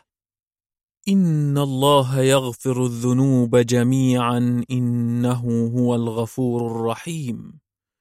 وأنه جل اسمه عارف بما فيك وأنه خلقك ضعيفا عجولا ظلوما جهولا. هذه نقاط ضعفك التي تجاهدها والأخطاء التي ستقع فيها شيء خاص بينك وبين خالقك وهو عند ظنك دائما. والسؤال من أين يمكن أن يأتيني القلق إذن؟ علاج الخطأ الاعتذار ومخالفة الأوامر والندم على ذلك يستدعي التزاما أكبر بها. والفشل في هذا الالتزام يستوجب اعتذارا جديدا والتزاما جديدا وهكذا تمضي الحياة. لن تصبح ملاكا أبدا. رفض كل القواعد ليس مريحا كما يظن البعض. شيء ما بداخلنا سيصرخ أن الحياة ليست بهذا العبث. كما أن التعامل بنفسية أن الله غير راض طوال الوقت مرهق ومؤلم كذلك. ثمه حل وحيد لهذا الأمر. أن تعرف الله جيدا وتفهمه وتؤمن بحبه لك ودعمه لخطواتك حتى مع كل تقصيرك وعجزك السابقين بل وضعفك وزلتك المقبلين. وخلاصة قولي يا صاحبي أن نصرك لمعتقداتك واجب عليك. ومهمتك في الدفاع عن فلسفتك الروحية والاجتماعية شيء ضروري غير أنك لن تستطيع فعل هذا ما لم تؤمن أنت ابتداء بأن هذا المعتقد كبير وعظيم أكبر من تعصبك الأعمى وانفعالاتك الوقتية. سيخبرونك بأن عليك دائما نصر الإسلام دون أن يهتموا كثيرا بإخبارك أن تنتصر أنت بالإسلام. تنتصر وتنجح. وترتقي مستخدما الدين الذي تعتز وتؤمن حقا به. الدين الكبير في عقلك وقلبك الخالي من العيوب والثغرات المبرأ من كل ثلمة وخدش وبطحة.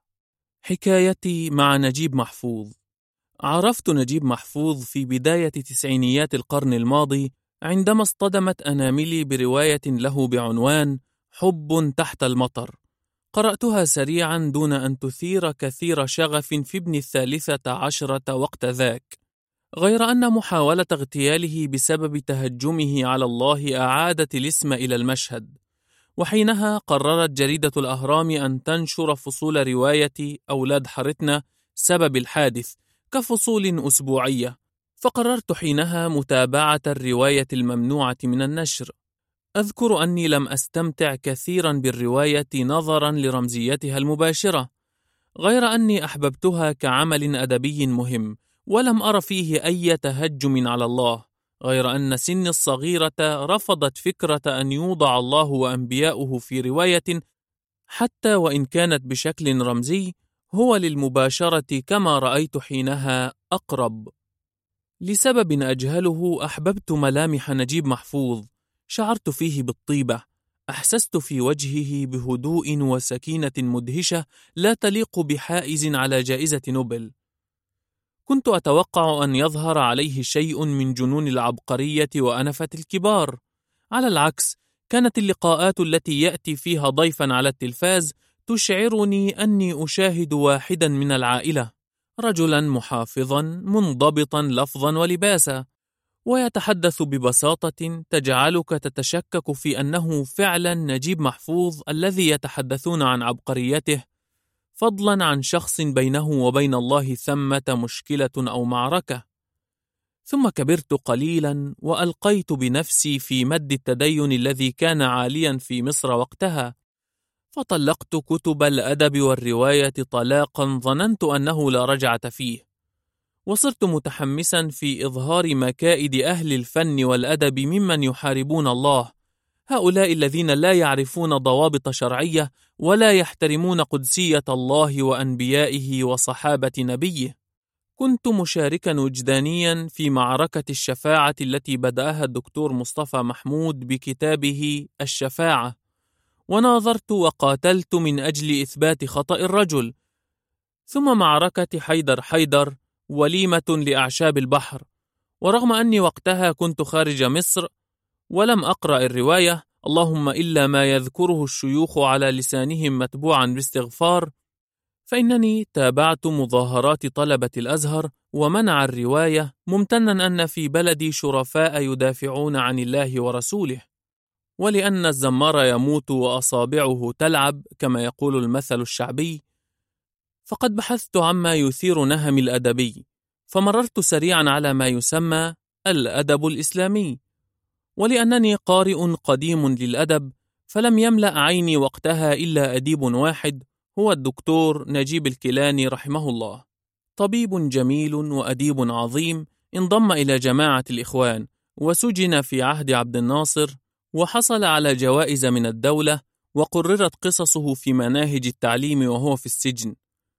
وأثنى عليه عدد كبير من كبار أدباء مصر وقتها غير أن الراحل جعل جل أعماله تتحدث عن قضايا إسلامية واجتماعية. وطبعا هذه الروايات لم تجد لها محضنا كبيرا حتى في أوساط الإسلاميين أنفسهم. فكرة الأدب ذاتها قضية هامشية لتيار لا يملك رفاهية الاشتباك مع الفن والأدب مشغول طوال الوقت بقضاياه المصيرية.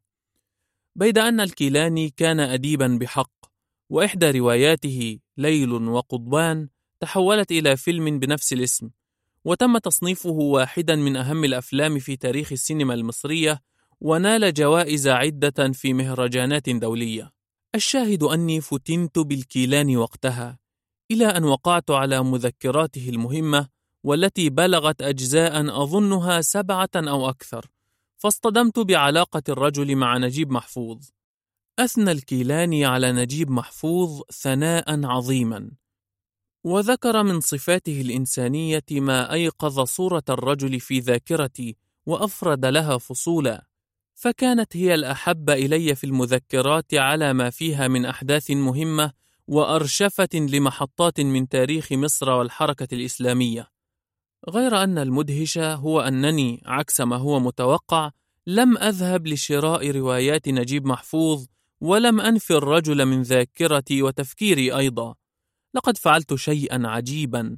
صرت أشتري كل ما أجده من كتب تتحدث عن نجيب محفوظ. حتى إنني ذات ليلة حسبت ما قرأته عن الرجل من كتب فوجدتها أحد عشر في الوقت الذي لم أقرأ له إلا خمس روايات. ومع الوقت والسن والتجربة لملمت كل لقاءات محفوظ المسموعة والمرئية والمقروءة واشتريت كل رواياته وقرأته وقرأت عنه وسمعته وسمعت عنه حتى صار بالنسبة إلي رمزا لشيء ما. أحببت فيه تمكنه وصبره ودأبه وعدم تعجله وعكوفه على مشروعه ورفضه للصخب وعزوفه عن مجالس النفاق وقدرته على تحمل سماجة الناس. أحببت فيه بحثه الدؤوب عن الله صوفيته التي تغشاه تفاصيله التي تزيد المشهد جمالا.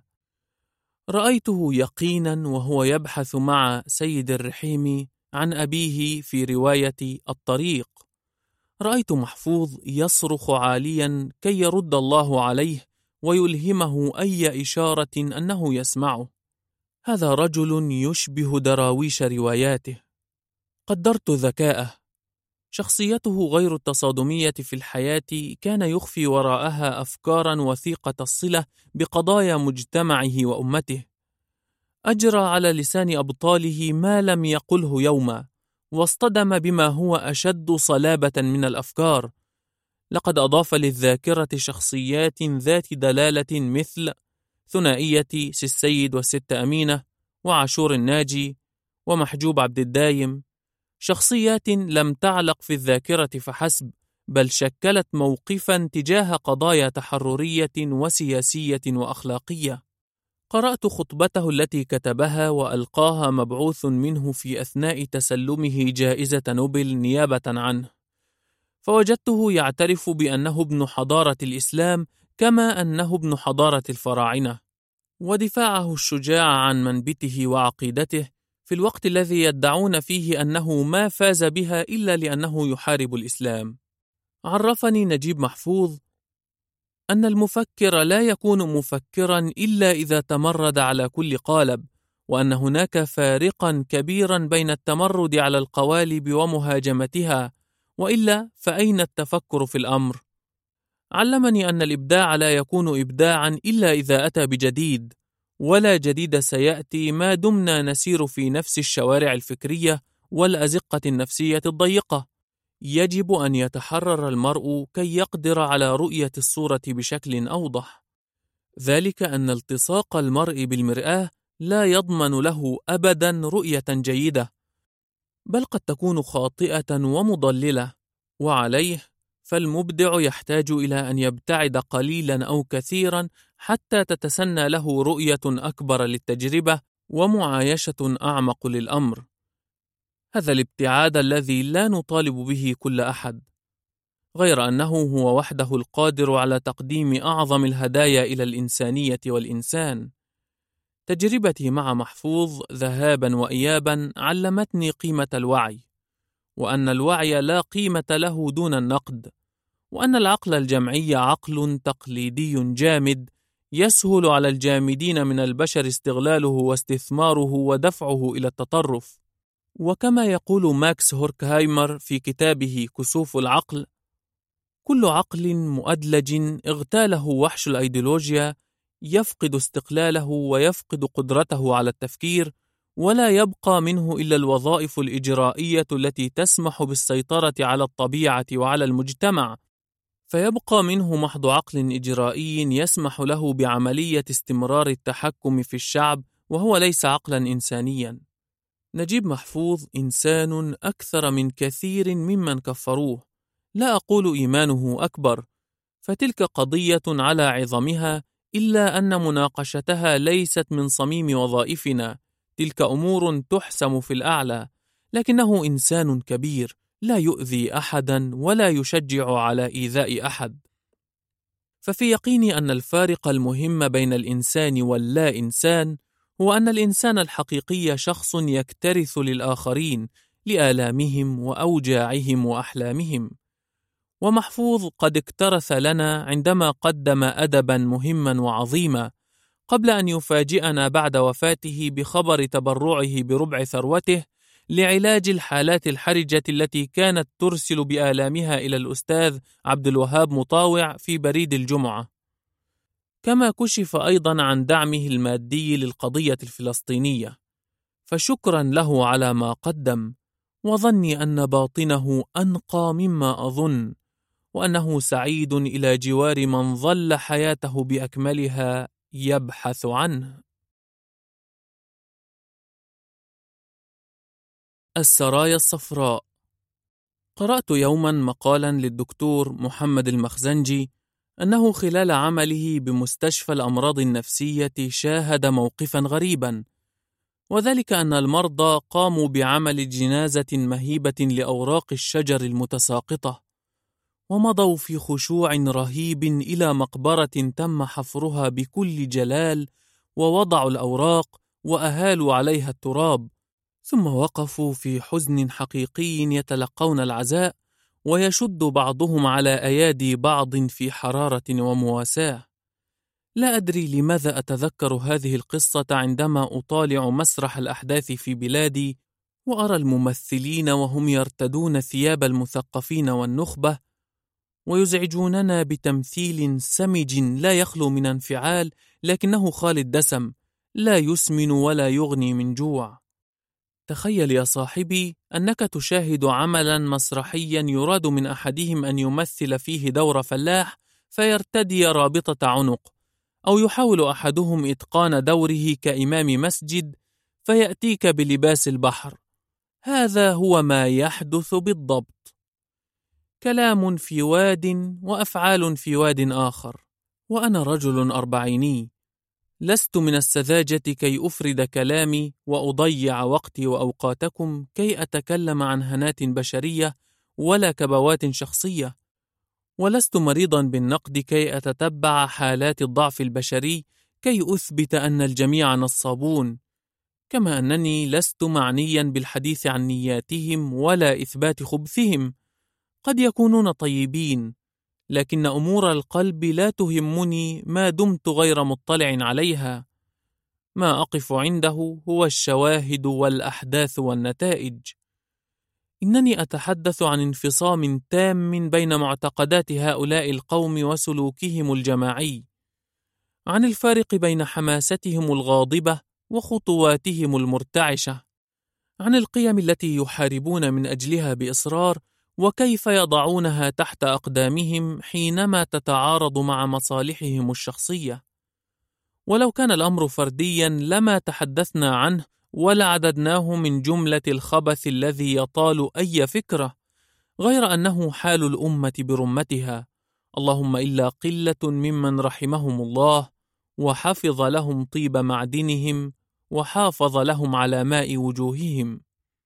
في بلادي ليبراليون وصك الليبرالية أن تؤمن بحق الناس في العيش وتحارب كي لا تصادر حريتهم. وتختلف مع الأيديولوجيات التي تحاول فرض سيطرتها غير أنك يجب ألا تقبل لها أذى غير مبرر أو عقابا دمويا والليبراليون في بلادي قوم يحبون الشماتة يحاربون من أجل حرية من يشبههم. يسبون شعبا بأكمله لأنه جاهل أمي يمكن خداعه باسم الدين. لا يعمدون إلى تعليمه لأن التعليم يريد اخلاصا ووقتا وهم يريدون نصرا سريعا. وعليه يجلسون في مقاهي وبارات العاصمة ليفرغوا حنقهم ويتشاركوا يأسهم وينتفخوا بما لديهم.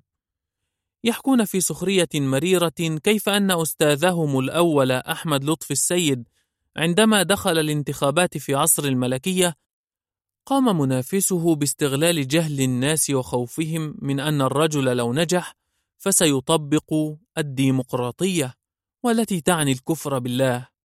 فذهب الناس إلى رائد التنوير لسؤاله عن حقيقة هذا الأمر وهل سيطبق الديمقراطية فعلا؟ فأجاب الرجل ببساطة أن نعم فانفض القوم عنه وهم يستغفرون الله ونجح منافسه. هذه القصة جرت منذ مئة عام. يحكونها من يومها حتى اليوم للتدليل على جهل الشعب وعدم أهليته لفهم أفكارهم العظيمة. ولا يحكون عما فعله رائدهم وهل بذل جهده في تعليم الناس معنى الديمقراطية أم اكتفى بتسجيل نقمته وإحباطه فقط؟ العلمانيون، الليبراليون، التنويريون، اختر من القائمة ما شئت ثم أكمل. هؤلاء القوم يحتفلون كل عام بذكرى الرائدة هدى شعراوي، هذه المرأة التي وقفت أمام الجهل وطالبت بحرية المرأة. غير أن ابنها حينما خدع امرأة وأنجب منها طفلا وتنكر لها، ذهبت هذه المرأة إلى نصيرة المرأة لتحكي لها، فطردتها، وأوصت وزير العدل بألا يقبل قضيتها، حتى وصل الأمر إلى رئيس الوزراء وقت ذاك سعد زغلول، فقرر التدخل ولملمة فضيحة سيدة التنوير قبل أن تطالها الصحافة، غير أن مصطفى أمين سجلها في كتابه مسائل شخصية، وذكر أن المحكمة قضت ببنوة الولد، وكيف أن هدى شعراوي قررت معاقبة الأم بأخذ الطفل منها ومنعها من رؤيته، وألهمته هذه المأساة قصة فيلم فاطمة التي أدت دور البطولة فيه المطربة أم كلثوم. عن أي امرأة كانت تدافع هدى شعراوي؟ عن امرأة تشبهها؟ وعن أي قيم كانت تحارب؟ قيم تحميها؟ وماذا لو كانت هذه القيم ستضرها؟ لا مانع إذن من وضعها تحت الحذاء. اقرأ لنبي الليبرالية جان جاك روسو اعترافاته التي دونها والتي أجبر عليها بعدما فضحته عشيقاته لترى كيف أن الرجل كان ديكتاتوريا وكيف أهان كل امرأة ألقاها حظها العاثر في طريقه. هذا عن الليبرالية، وماذا عن غيرها؟ الإسلاميون أهل الله وخاصته الذين يتخذون محمدا صلى الله عليه وسلم قدوة ويتعاملون مع القرآن على أنه دستور، سترى ما يحزنك ويؤلمك. سترى قوما أدمنوا المظلومية حتى صارت جزءا من عقيدتهم. يتباهون بسنوات السجن ولحظات التعذيب ويوهمونك بأنها اقتداء بسنوات النبي في مكة يكذبون على النبي الذي لم يكن ابدا قليل الحيلة ولم يكرر الأخطاء وكان واعيا طوال الوقت. انظر إليهم بعدما انتصروا ذات يوم. طالع غرورهم المشوب بالخوف وانغلاقهم على أنفسهم الباعث على الريبة. وخطاباتهم التي من سذاجتها لم تحتج لأكثر من مذيع تافه كي يثير بها ذعر الناس. هم تفوقوا على غيرهم بالنزول إلى الشارع ومخاطبة الناس. غير أن هؤلاء الناس تنكروا لهم في أول ساعة من النهار. والغريب أنهم لم يسألوا أنفسهم حتى الآن لماذا حدث هذا. والإجابة لمن يريدها لأنك كنت دائما تمن عليهم. لم تحاول أبدا إشعارهم بأنهم منك. كنت تجتهد في كسب تعاطفهم تجاه مظلوميتك. تلك المظلومية التي حينما سقطت ووجدت نفسك في صدارة المشهد لم تعرف كيف تتعامل من دونها فبدت حركاتك متخبطة واللعب بك سهلا وتوريطك لا يحتاج إلى مجهود فهل كان النبي محمد صلى الله عليه وسلم بهذه السذاجة؟ حاشاه لقد فرض الرجل كلمته منذ اليوم الأول وحينما وجد نفسه في مكان يتيح له درجة من الحرية أثبت للجميع أنه لم يخدعهم حينما أخبرهم بأن معه الحل ولم يورط الفئة التي تركت كل شيء في مكة وذهبت معه واثقة به إلى بلد آخر. كان الرجل يعرف جيدا أن القبيلة والعشيرة هي الشجرة التي ينبت تحتها العربي وثمن تضحياتهم حينما قطعوا هذه الشجرة وتخلوا عنها وعن أنسابهم وأثبت لهم أنه لم يلعب بهم ولا بأحلامهم يوما. هذا المسرح العبثي القائم في بلادي قادر على أن يثير ريبة الناس في قيم العدل والحرية والمساواة قادر على أن يخوفهم من أي شخص يحدثهم عن الله قادر على أن يسلمهم إلى الضياع. وأتمنى الا يخبرني أحدكم بأني وقعت في خطيئة التعميم ولا مغالطة العباءة الواسعة لأنني كما أسلفت أتحدث عن عموم الحركة ولم أحاسب النيات وإنما حللت السلوك ووقفت أمام الحوادث ونظرت في الأثر فوجدت كل هذا. وجدت أننا نعيش في مشفى مجاذيب وأننا ندور في دائرة مفرغة ونقدم العزاء في مأتم مصطنع. أبناء الله وأحباؤه. يحكى أن رجلا كان يملك خاتم الحكمة. فعاش بين الناس ببصيرة وفهم ووعي. ولغاية ما صنع الرجل خاتما يشبه خاتمه الفريد في كل شيء. عله خاف أن يسرق منه فكان يحتاط بارتداء الخاتم الآخر في أثناء نومه وبعض سفره. وذات ليلة مات الرجل وسارع ولداه إلى خاتم الحكمة يمني كل منهما نفسه أنه سيكون الحكيم النابه. وكان أن وجد كل واحد منهما خاتما فأنس به واستقر يقينه أنه الخاتم المنشود. وعندما علم كل أخ أن أخاه يدعي امتلاك الخاتم الأصلي ذهب إلى القاضي ليحكم بينهما. وكلاهما يود أن يخرج من دار القضاء بحكم نهائي أنه الحكيم الذي يرتدي خاتم الحكمة الملهم بالبصيرة المحفوظ من الزلل. فما كان من القاضي إلا أن قال لهما امضيا في شؤونكما واضربا في الأرض لمدة عام. ثم سنسأل الناس عن أحوالكما وتصرفاتكما فمن شهد له الخلق بالحكمة ففي إصبعه يسكن الخاتم المنشود. هذا هو مربط الفرس. إذا أردت أن تختبر القيم فطالع السلوك. وما دام ادعى منهج صلاحيته فعليه أن يثبت لنا ذلك على أرض الواقع. وكما فعل القاضي عليك أن تفعل. لا تسمح لأحد أن يطيل الكلام في صحة دعواه. انظر إلى أثر القافلة تعرف ثقل ما تحمله. ولسان الحال أشد حسما من لسان المقال وأكثر صدقا. في كتاب ربنا يروي سبحانه قصصا لأقوام سابقين. في يقيني أن هذه القصص ليست من باب التسلية ولا ذكرها ربنا لنمصمص الشفاه وإنما لنرى جليا مواضع الخلل في الناس والمجتمعات ونتجنب تكرارها.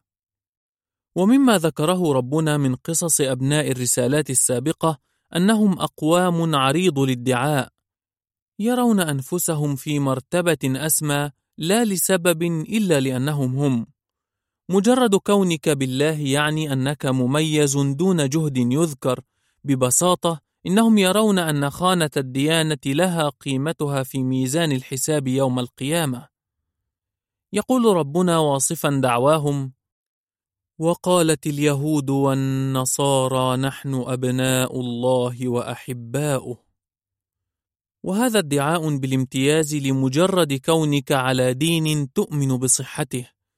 فيرد رب العزة رافضا هذا الادعاء بقوله جل اسمه قل فلم يعذبكم بذنوبكم؟ بل أنتم بشر ممن خلق. يغفر لمن يشاء ويعذب من يشاء. ويضع سبحانه الخطوط العريضة لهذا الأمر بقوله ليس بأمانيكم ولا أماني أهل الكتاب. من يعمل سوءا يجز به ولا يجد له من دون الله وليا ولا نصيرا. ليس على أحد أن يدعي الوصل بالسماء. على الجميع أن يثبت هذا الوصل بعمله. ومن يعمل سوءا مهما كانت قبلته فسوف يجزى به ويحاسب عليه. ارفع السماء من العبارة السابقة وضع كل قيم الدنيا. فليس لأحد أن يدعي وصله بالعدالة وهو ظالم ولا بالوطنية وهو خائن. ولا بقبول الآخر وهو متصادم مع أي بوادر للاختلاف معه. أنت لست مميزا لأنك ولدت بيدين وعينين وأقدام تحملك إلى غايتك. أنت مطالب بأن ترى من رزقك بما تراه. شرفا أو نعمة أو تميزا أثر هذا الأمر عليك. وأن تبرهن للناس صدق التميز الذي تدعيه. كما أنك لست استثنائيا لكونك مسلما. أنت مطالب طوال الوقت بتحمل ثقل هذه الرسالة عليك ودفع ضرائب إيمانك بها سلوكا طيبا صالحا في دنيا الناس. وامدد الخط على استقامته وأقم ميزان عقلك واضبط رمانته على المنتصف حيث لا امتيازات تعطى للمدعين. ولن تخال على أذهاننا حيل أهل التنظير ومن أثبتت المواقف والأحداث واختبارات الحياة قدرته على فرض أفكاره في دنيا الناس فسهلت عليهم حياتهم ودفعتهم إلى النبل والشجاعة والرحمة وغيرها من مكارم الأخلاق سلمنا بصحة موقفه ورفعنا قدره فينا. ومن أبصر فلنفسه ومن عمي فعليها. أمور تحدث. أوروبا في القرن الخامس عشر تواجه مأزقا. الكنيسة تتحكم في كل شيء منذ أربعة قرون والبطش باسم الرب يحكم القارة العجوز. وتحديدا عندما صرح البابا غريغوري بأن الكمال متجسد في الكنيسة الكاثوليكية لكونها معصومة من الرب وأنها لا يمكن أن تكون وقعت في أخطاء ماضية. ولا يمكن أن تقع في أخطاء مقبلة. قرون والكنيسة تنشر الشر في البلاد، كانت قادرة على أن تسقط الملك بكلمة، لا أحد معصوم في عقيدتها إلا أبناء الجيش البابوي، والذي يقاتل في الحروب الصليبية ليعلي كلمة الكنيسة والرب. كانت الكنيسة تغفر الذنوب بمقابل مادي، تبارك البشر والشجر والمواشي بأجور معلومة، تمارس سيطرتها على حياة الناس، وبقدر ما تملك بقدر ما تحصل على تسهيلات. وخلال أربعة قرون حدثت مناوشات عدة بين الكنيسة ورموز تطالب بالحرية من سيطرة البابا واحتكار الكلام باسم الرب وفرض السيطرة المرعبة على الناس والتحكم في حياتهم. وفي عشرينيات القرن الخامس عشر بدأت الأرض ترتجف تحت أقدام الكنيسة ومنتفعيها، إذ ظهر الرجل الأبرز مارتن لوثر القسيس والراهب وأستاذ اللاهوت الألماني الذي قلب الطاولة على رأس الكنيسة مؤكدا أن الإيمان قضية شخصية وأن بيع صكوك الغفران للناس فعل ظالم. والأهم ألا شيء يقف أمام توبة الإنسان ما دام مؤمنا بالرب وأنه لا يحتاج بجانب إيمانه إلى أي أعمال أخرى مثل التبرع للكنيسة أو طلب الغفران من البابا. وكالعادة تمت محاربة الرجل ومناظرته والتحفظ عليه وطرده من الكنيسة غير أن لوثر أكمل مشواره حتى مات. وعاش مدافعا عن أفكاره حتى يومه الأخير وكثر أتباعه وتلامذته. لقد حركت دعوته الماء الراكد وحمل مشعل التمرد بعده مصلحون كثر يهمنا منهم شخصان. الأول هو جون كالفن الذي يعد أحد أبرز رموز الجيل الثاني للإصلاح الديني. ولد في فرنسا عام 1509 ودرس القانون والعلوم الإنسانية حتى حصل على الدكتوراه في القانون. اصطدم كالفن بسلطة البابا بشكل غير مباشر في أثناء دراسته حين طرد أبوه من الكنيسة لخلاف حدث بينه وبين سلطانها. ثم تبعه تجريد أخيه القسيس وطرده هو الآخر ليموت واحدا تلو الآخر. فبدأ نفور الرجل من جبروت الكنيسة وطغيانها.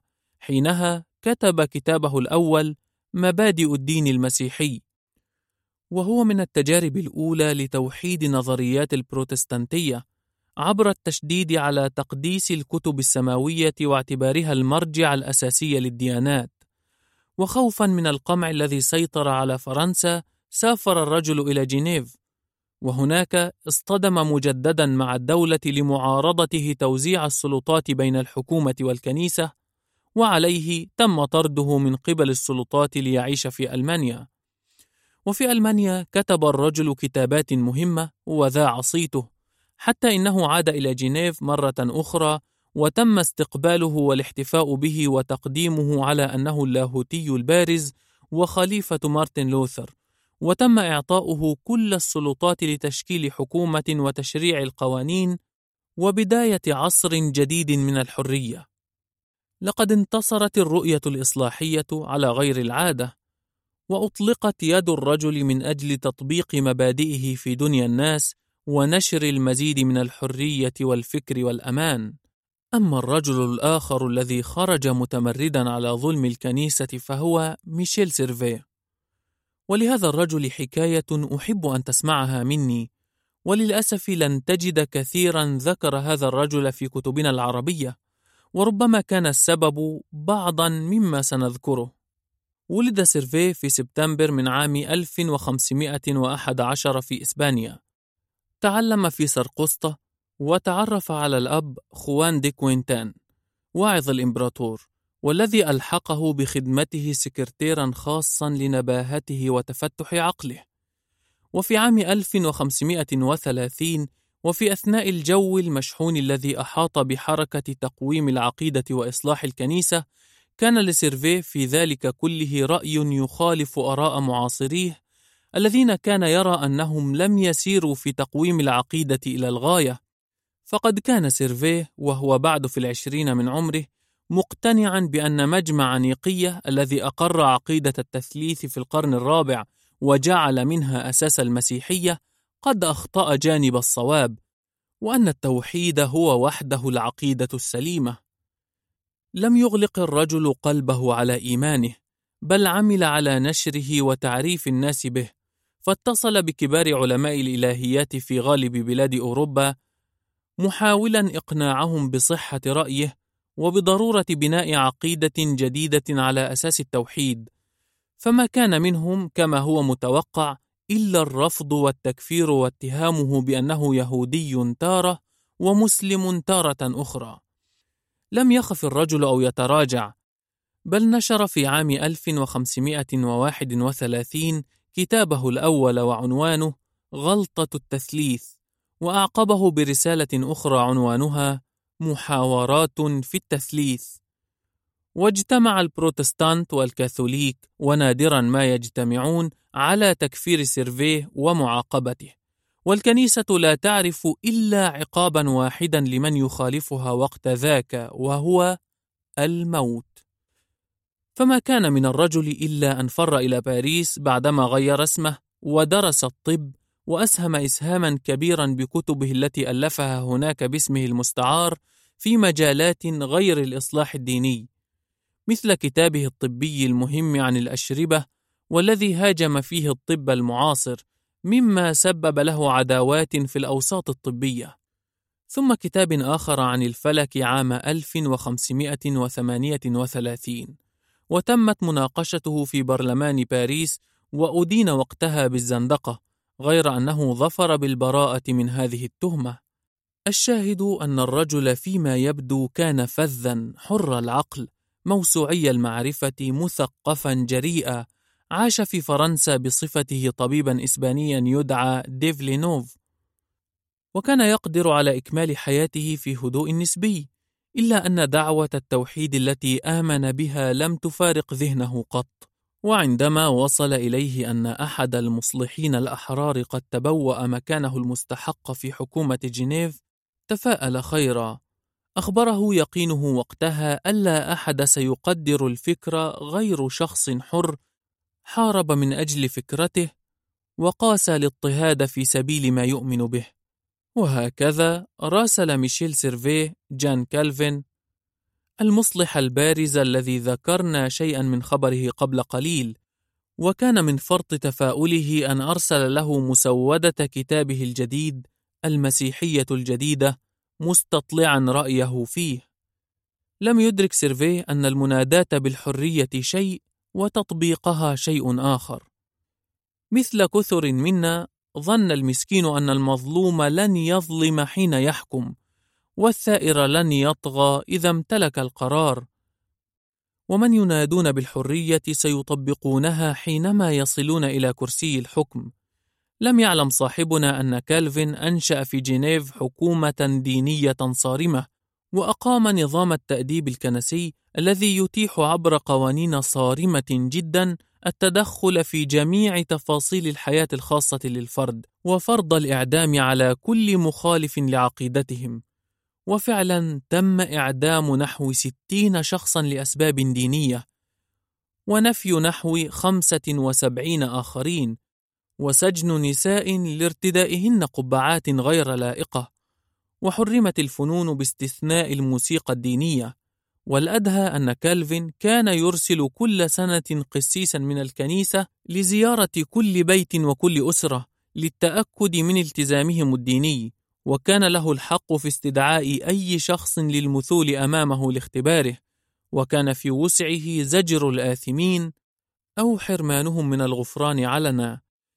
كما اشترط على الجميع حضور العظات في الكنيسة يوم الأحد من كل أسبوع.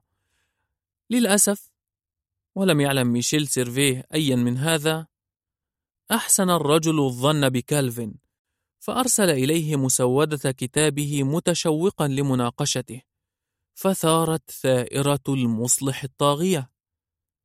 لم يناقش الأفكار التي حوتها مخطوطة سيرفيه كما ينبغي لعاقل أو حتى مناضل سابق بل اتهمه مباشرة بالكفر والزندقة. وهو ما وصل بطبيعة الحال إلى ميشيل سيرفيه الذي قرر أن ينشر كتابه البالغ 700 صفحة سرًا. فلم يظهر في طبعته التي نشرت عام 1353 ما يدل على اسم الناشر ولا مكان الطبع. ووقعها بأحرف اسمه الأولى وعلم كالفين بالأمر وشعر بالتهديد على منهجه وأفكاره. فأرسل وشاية باسم أحدهم إلى أسقف فيين بفرنسا حيث يقيم سيرفيه يشي به ويخبره بحقيقة مؤلف الكتاب الحقيقي. لقد استعدى المناضل السابق سلطات التفتيش الكاثوليكية التي كان من أوائل الثائرين عليها والهاربين من اضطهادها كي تقوم بتصفية رجل يكتب أفكاره. وكان أن قبض على سيرفيه غير أنه تمكن من الهرب قبل إعدامه. وظل مطاردا من بلدة إلى أخرى حتى قرر أن يذهب إلى إيطاليا. وللأسف أخطأ باتخاذه طريقا يمر عبر جنيف وأخطأ ثانية عندما حضر ربما بدافع الشغف العلمي الصلاة في كاتدرائية جنيف مع علمه أن كالفين هو من سيلقي الموعظة بها. وكانت الكارثة أن تم تمييزه والقبض عليه. الآن المصلح سيرفيه في قبضة المصلح كالفين.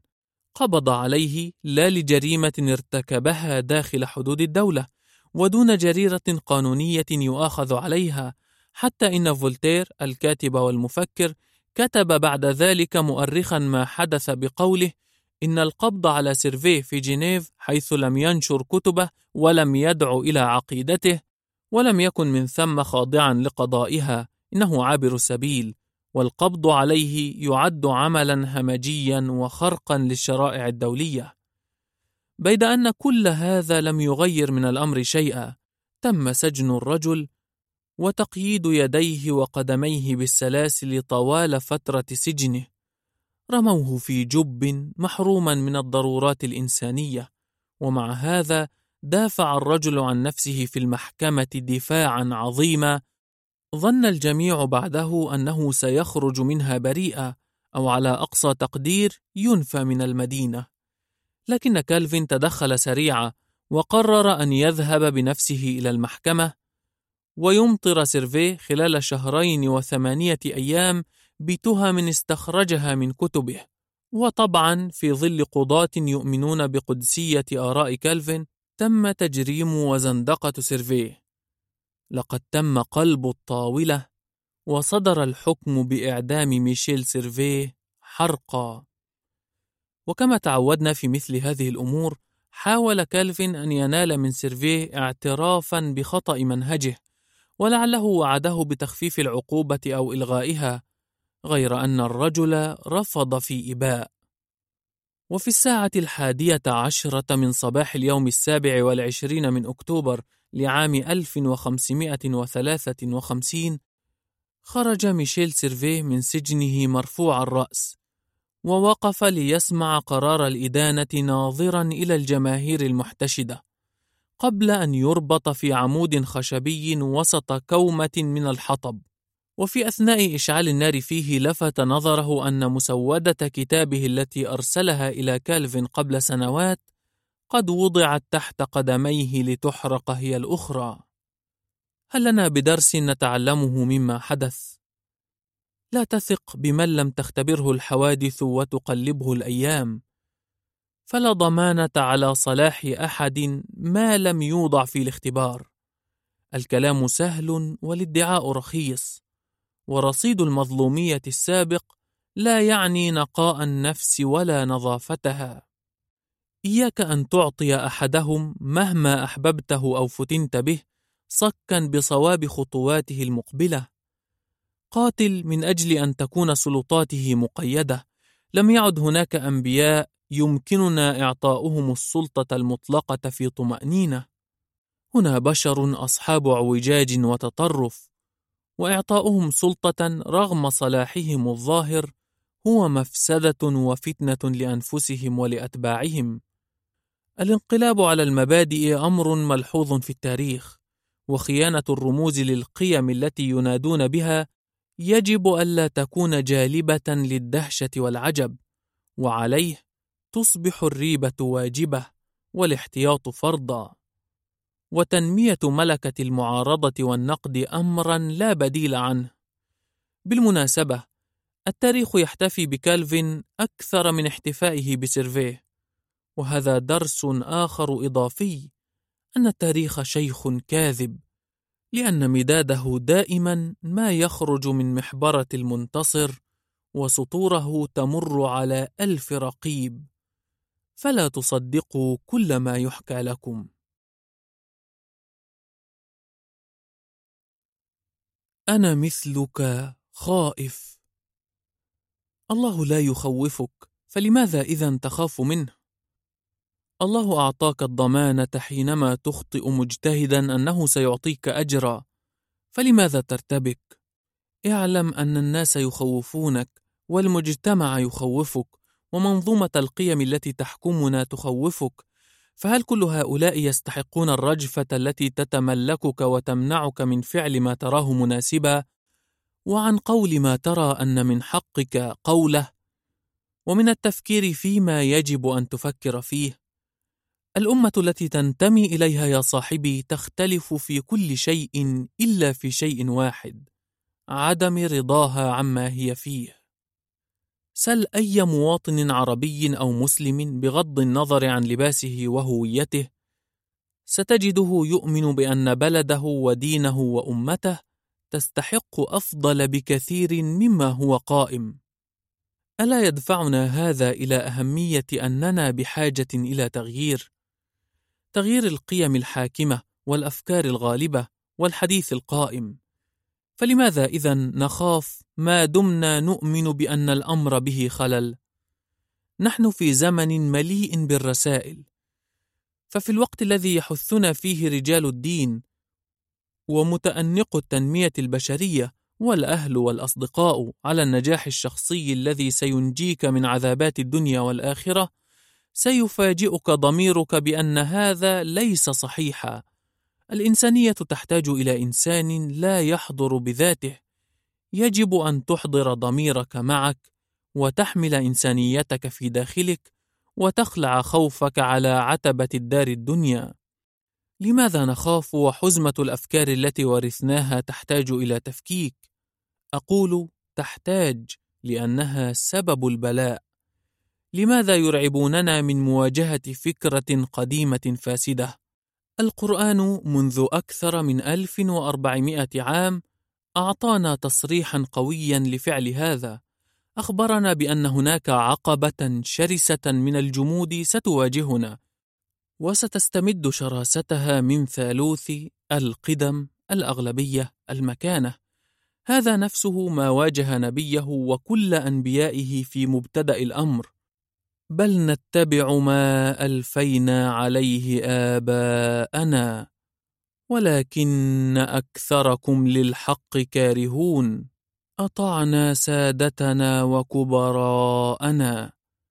هذا الثالوث المرعب الذي سيقف أمامنا وسيشكك في موقفنا وسيرهبنا من الصدام والمراجعة وتصحيح المسار. نحن بحاجة إلى مواجهته والتغلب عليه. قدم أي فكرة ليس دليلا على صحتها واتباع أغلب الناس لها ليس برهانا على صدقها وخروجها من فم وجيه أو كبير لا يحسم أمرها. في علم المنطق يسمون هذا الأمر المغالطات المنطقية وهي قدرة الفكرة على مد نفسها بالحياة ليس لأسباب منطقية واضحة وإنما لأنها قديمة أو قالها صاحب حصانة أو يؤمن بها غالب الناس على الرغم من أن الواقع والتجارب والمآلات كلها تؤكد عوارها الواضح. الكارثة أن أتباع النبي محمد صلى الله عليه وسلم الذي لم يخش يوما من تمرير أفكاره على محكمة الدليل والبرهان يرون أن الإيمان الأعمى من جاه يتعاملون مع دينهم كأنه ضد التفكير.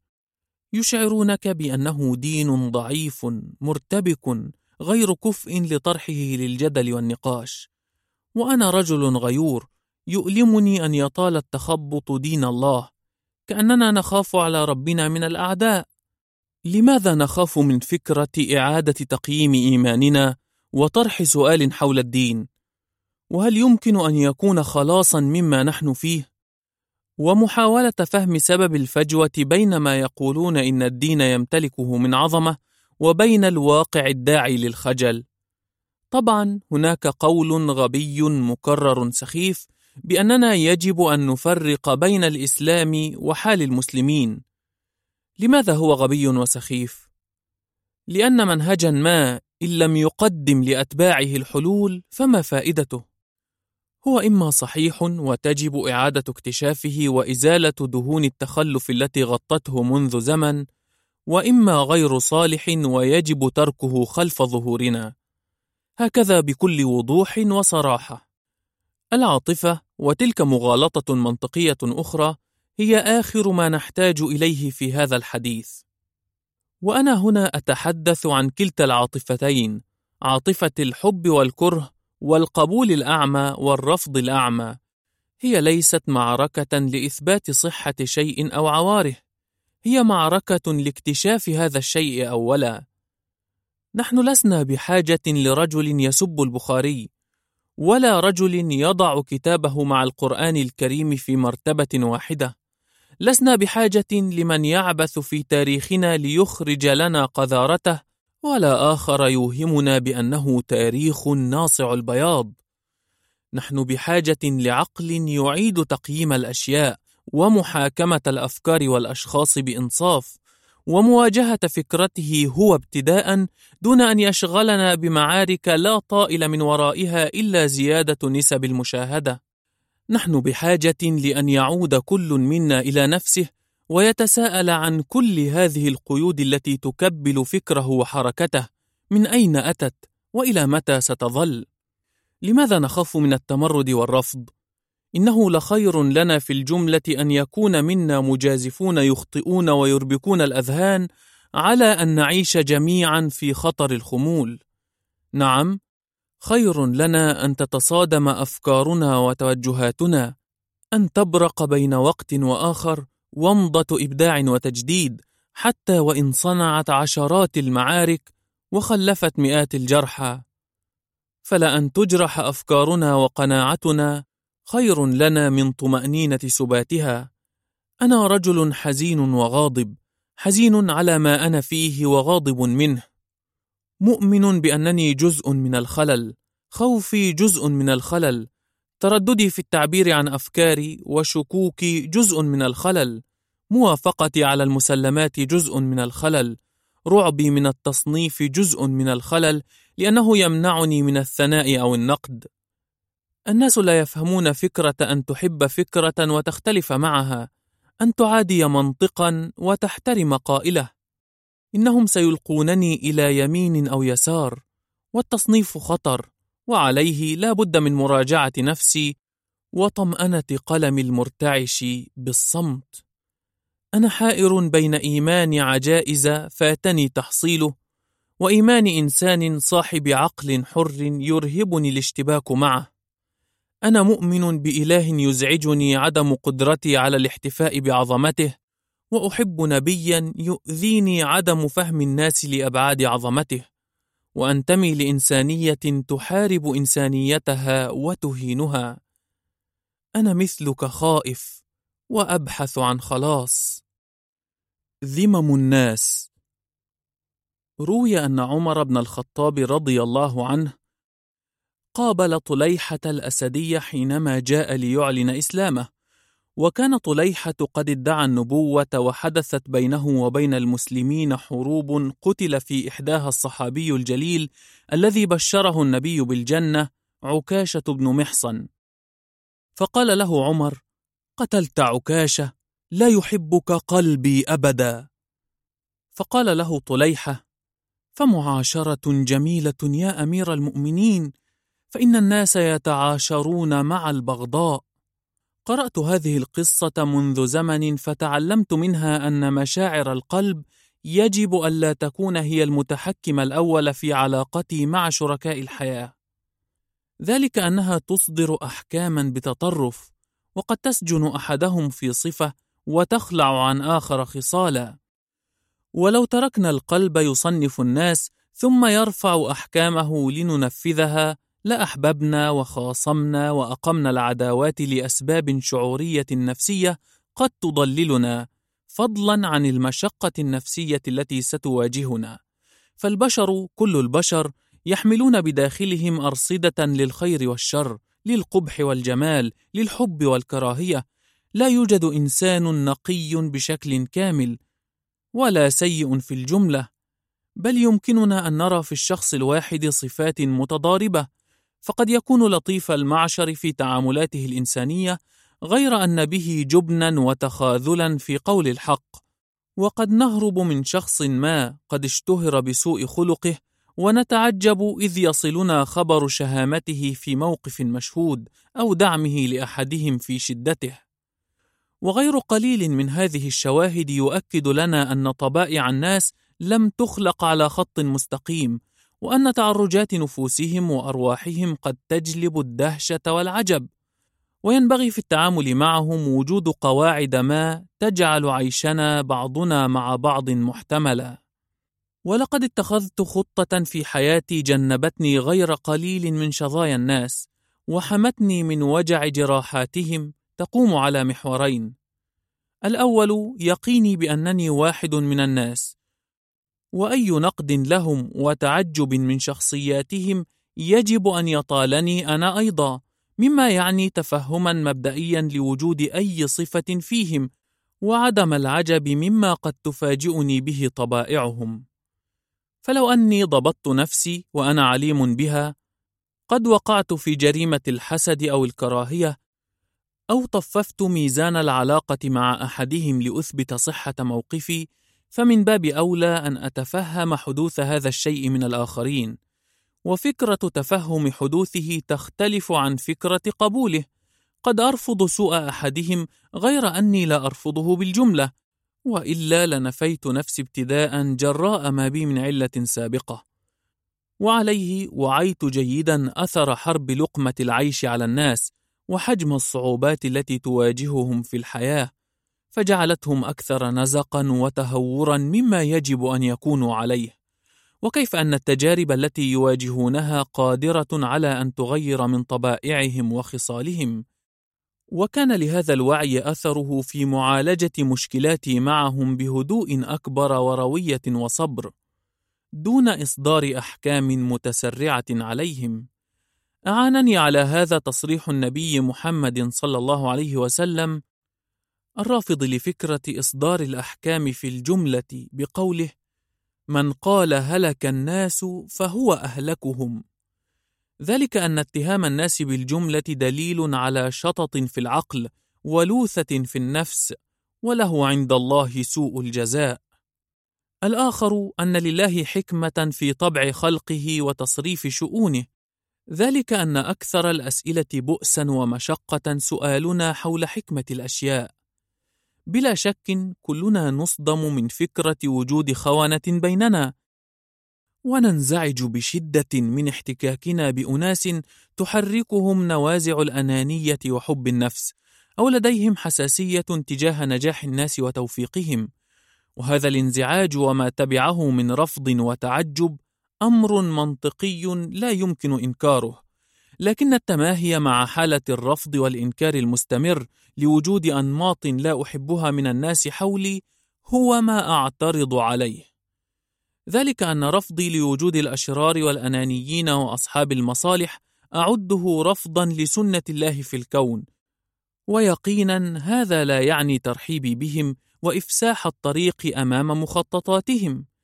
لقد تعلمت أن الراحة تكمن في تفهم حكمة القدر في خلق أنماط مغايرة من البشر عما أحبه وأتمنى مخالطته وقضيتي في هذه الحالة تكون منصبة على تقوية إيماني بمنهجي وإزعاج المعسكر الذي أختلف معه بسلوكي وأفكاري مما يجبره على المضي في أضيق الطرق.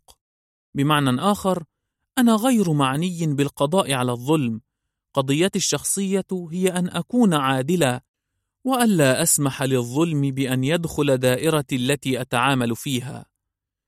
وكما أن سلوك الظلم مزعج لنا، فإن سلوك العدل والإنصاف مزعج للمعسكر الآخر، ولن يمكنني أن أواصل معركتي في الحياة إلا باعتراف بوجود معسكرات أخرى تخاصمني وأخاصمها. وهنا يجب أن نؤكد معلومة بديهية لا يراها المثاليون، وهي أن معارك الحياة ليست صفرية، ولن يستطيع معسكر الخير أن يقضي على الشر، ولا الجمال أن ينهي القبح، ولا العدل قادر على أن يجعل الشر مجرد ذكرى.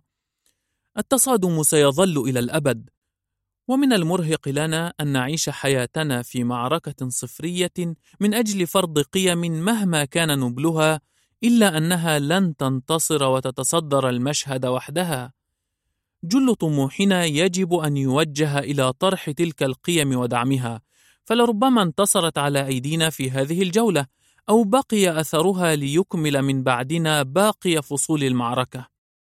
كل هذا جعلني متقبلا لوجود طاغية على كرسي الحكم رغم رفضي للظلم، ومتفهما لأن يخدعني صديق لم يراعي أصول الصداقة، ويغشني بائع وفي يقينه أنه يمارس نوعا من المهارة وذكاء السوق.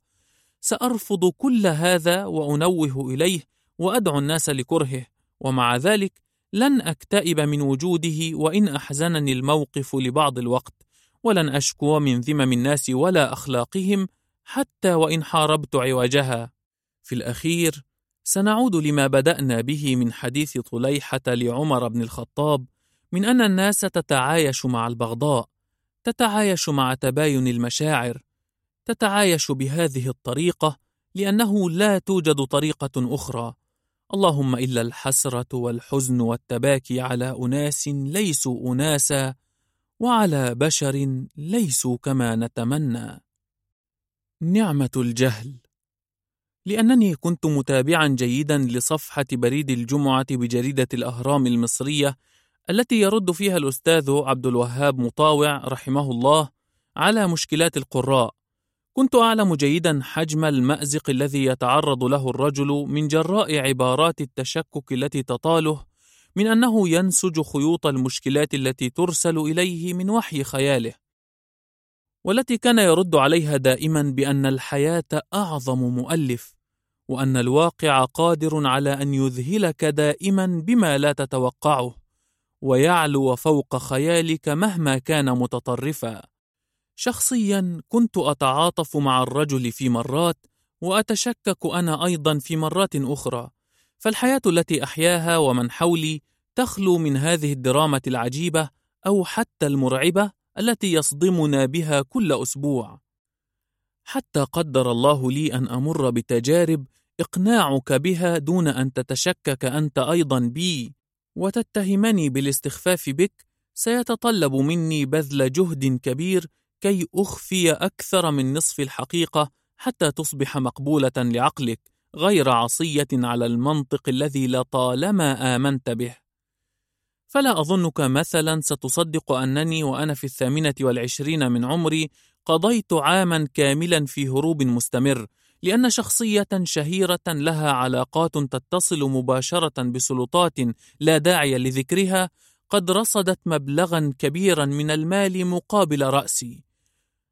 ولا أن عضوا بارزا في إحدى الحركات الإسلامية قد قام بالسطو على حق لي وعندما شكوته إلى جماعته وقاموا بالتحقيق في صحة دعواي والتأكد منها كافأوه بتعيينه رئيسا لقناتهم التلفزيونية الناطقة باسمهم.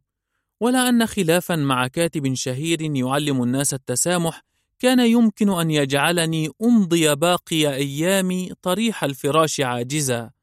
لا أظن عقلك يمكن أن يجاري حديثي إذ أخبرك بأني كنت شاهدا على مفاوضات كان شرطها الدم.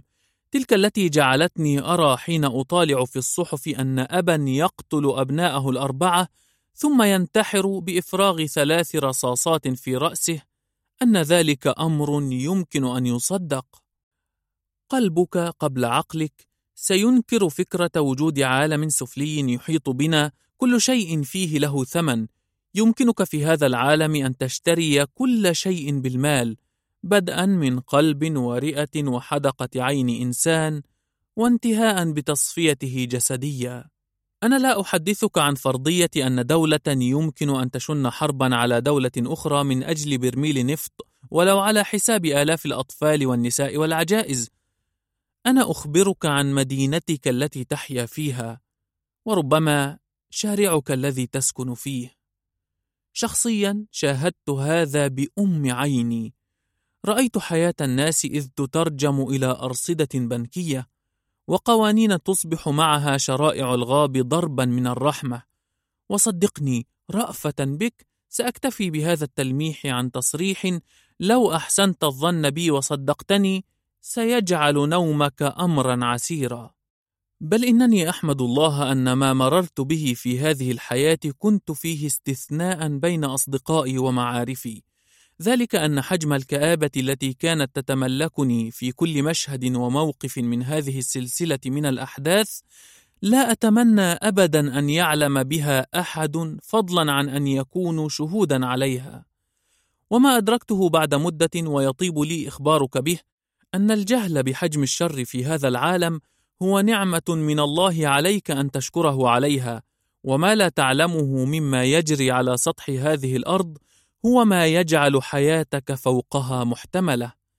أنت يا صاحبي في نعيم لأنك حين تضرب مثلا للشر تلجأ إلى قابيل قاتل أخيه أو إخوة يوسف متحجر القلوب أو زوجة نبي الله لوط إذ تسلم زوجها إلى أعدائه. تظن حينها أنك تلملم كل أطراف الشر بين أصابعك دون أن تدرك أن كل هذه الأمثلة عينة أولى لتطور الشر والظلم والجبروت. وصدقني، ليس ما سبق حثا مني لإظلام روحك وبث التشاؤم والكآبة فيها، وإنما هي محاولة لإشعارك بنعيم أنت فيه ولا تدري عنه شيئا، نعيم الجهل بما لا تقدر روحك الهادئة على أن تتحمله.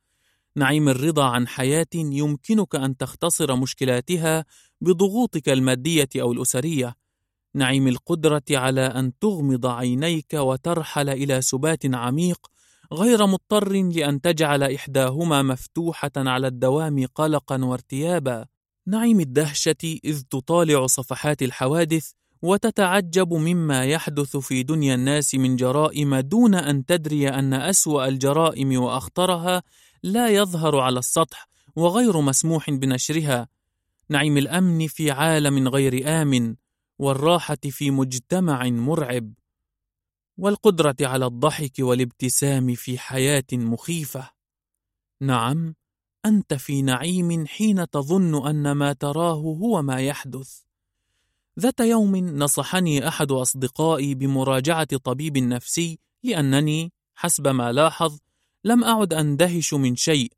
ردود أفعالي على الأمور العظيمة صارت هادئة أكثر مما يجب حتى إنني حين تعرضت لمحاولة سرقة بالقوة في أثناء سفري على أحد الطرق من بعض الأشقياء كان رد فعلي مدهشا حتى لقوات الشرطة التي حققت في الأمر فيما بعد.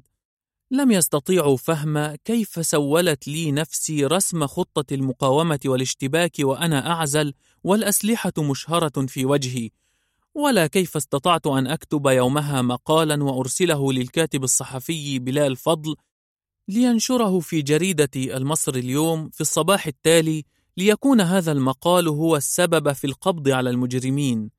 للأسف الدهشة نعمة حرمت من حقي فيها والحمد لله أنه ما زال عندي رصيد من الحزن والفرح والخوف والأمن والرضا والنقمة يساعدني على إكمال ما تبقى من عمري مشتركا مع بني الإنسان بيد أن عزائي الأكبر هو حجم التجربة التي تقف خلفي حين أكتب للناس. تجربة رغم عظم تكاليفها فإن وقعها على روحي جعلني ملما بصعوبات الحياة وهموم الناس وضغوط الأيام عليهم فلا أكذبهم خبرا ولا أخدعهم بمثالية زائفة. ولا أنعش أرواحهم بأمل كاذب ولعل هذا يفسر لأصدقائي المقربين لماذا أغضب حين يتهمني أحدهم بأني أحد دعاة التنمية البشرية الذين يكتبون للناس كلاما معلبا وأنني واحد من دعاة إسلام السوق كما وصفني أحد الحمقى في مقال له.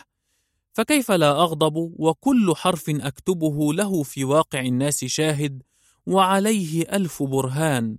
لقد استطردت قليلا فمعذرة وأعود إلى صلب الموضوع وأقول إنك بحاجة إلى شكر نعمة الله عليك إذ تملك القدرة على أن تتملكك الدهشة حين ترى رجلا يعذب كلبا أو تطرح سؤالا استنكاريا عن قدرة أحدهم على الغش والخداع والكذب.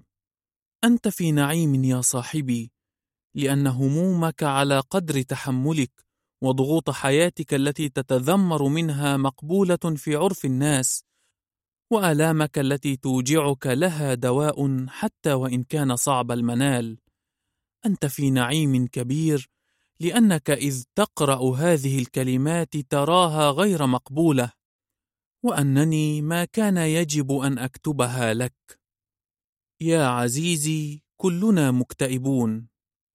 في دراسة أجرتها مجلة علم النفس الأمريكية في العدد الثاني لعام 2014 وبمسح قاموا به على أكثر من 132 دولة أكدوا أنه كلما زاد الدخل وتحققت الرفاهية كان الاضطراب النفسي أعمق وصراع الناس حول تحقيق معاني الغاية والمعنى أكبر.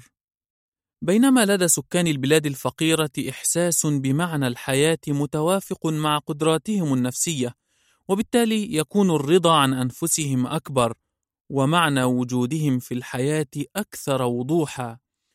فإذا أضفت هذه الدراسة إلى مجموعة الأبحاث التي أكدت أن البلدان المنكوبة بالحروب أو الأزمات الطبيعية تقل فيها نسب الانتحار بشكل حاد، فأظنني سأقولها مرتاح الضمير إن هناك اكتئاب الرفاهية. اكتئابا يصيبنا لأننا قد أنهينا حل مشكلاتنا المتعلقة بالوجود وبدأنا في الصعود درجة أعلى في هرم الاحتياجات. فصار لدينا اكتئاب لعدم تحقيق غاية نفسية أو مكانة أدبية أو انتصار شخصي. اكتئاب نملك رفاهية الوصول إليه ورفاهية دفع ثمنه ورفاهية التماهي معه. اكتئاب لا يملك الموظف البسيط أو الفلاح المعدم أو العامل الكادح أن يصل إليه. اكتئاب يجعلنا لا نفارق الفراش ونخرج بلا هدف لنهيم على وجوهنا ونجلس مع من يشبهنا طوال الليل نشكو ضيق الصدر وحالة التيه وضغط الزمن وقسوته اكتئاب لا يدفعنا للانتحار ليس لأننا أكثر إيمانا من فعل ذلك ولا حتى أقل شجاعة من القيام به وإنما لأننا نؤمن في جانب ما بداخلنا بأن حياتنا رغم عبثها الذي ندعيه ليست رخيصة إلى هذا الحد. ولأن الموظف المثقل بالأعباء لا يملك القدرة على النوم للظهيرة ولن ترحمه المسؤوليات من دفع ثمن اللهو طوال الليل والشكوى فعليه لا يجرؤ على دخول عالم الاكتئاب ولا الدوران في فلكه مهما كانت أزماته ومشكلاته. نغمة الاكتئاب التي ندعيها تلك ليست اكتئابا حقيقيا واقعا ليست أزمة وجودية طاحنة كما نردد ليست أزمة نفسية رغم كونها أزمة مع أنفسنا. إنها أزمة خلق الأمل وصناعة الهدف وإيجاد معنى غير مزيف لما نقوم به. أزمة أننا لسنا على شيء. أعتذر عن أي فهم خاطئ قد يصل إليك من أنني أستهين بمرض الاكتئاب لأن هذا ليس حقيقيا. أنا أستهين واسمح لي بكآبتك. أنت كئيب تحمل افكارا كئيبة. خدعك العالم الافتراضي. وذبحتك حملات التسويق ولم تمهلك تروس الراسماليه التي تحكمنا حتى ترتاح قليلا وتجلس مع نفسك لبعض الوقت. أنت ابن ال social media المولود في عصر الإعجابات ونسب المشاهدة ومشاهير البطالة والفراغ.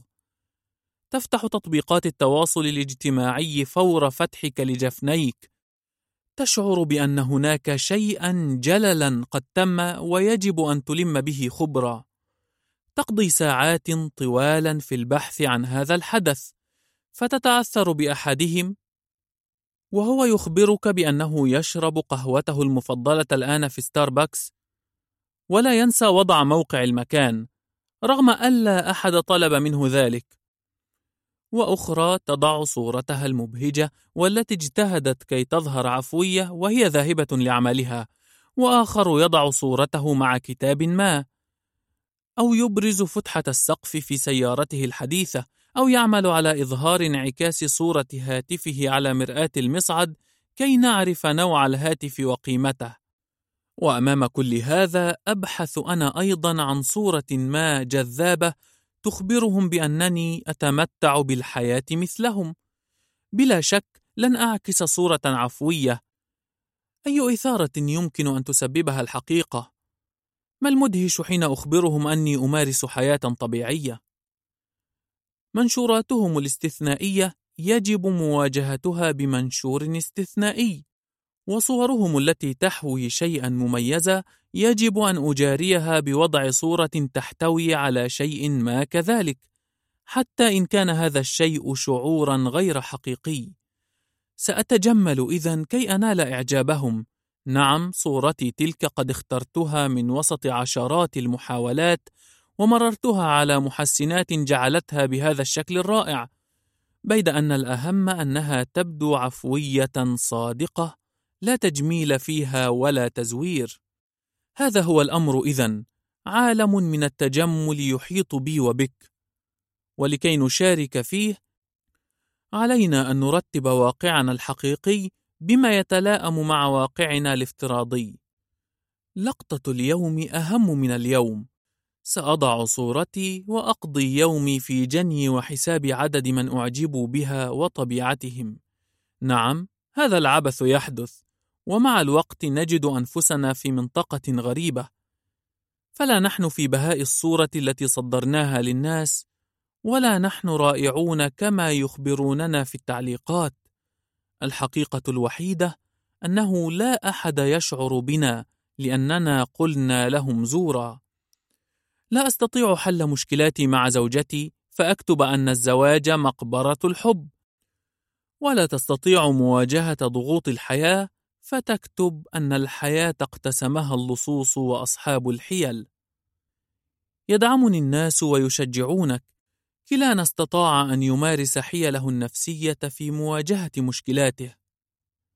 التعليقات وإشعارات الإعجاب تخبرنا بأن ما نحن فيه قضية قومية، فنذهل عن مواجهة مشكلاتنا الواقعية ونكمل مسيرة العبث. الأمر لم ينتهي بعد.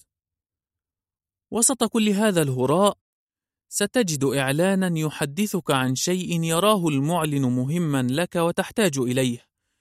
مئات من الإعلانات ستفاجئك في كل دقيقة.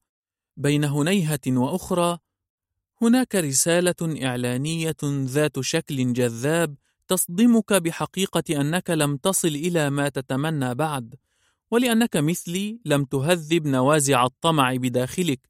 وتحدد سقفا منطقيا لرغباتك، فبلا شك ستظل تنظر إلى كل إعلان وتحسب كيفية الحصول على ما به من سلعة أو خدمة، والنفس لا تشبع، وها هي المصيبة تلوح لي ولك في الأفق. لقد امتلك فلان الأحمق نفس السيارة التي نتمناها، واستطاع غيره أن يحصل على الهاتف الذي طمعنا فيه فور طرحه في الأسواق. وصديقتك يا عزيزتي ستسافر إلى دبي مع زوجها، وأنت ما زلت لم تحسمي أمورا عالقة في زواجك. هل تتحرك بداخلنا دوافع حسد للآخرين؟ نعم يحدث هذا، فنشعر بالذنب، وبالتالي تزيد الكآبة. والحل تسألني الآن بعدما سألت نفسك سابقا تريد حلا؟ دعنا نرى كيف كانت اجتهاداتك في فض هذا الإشكال.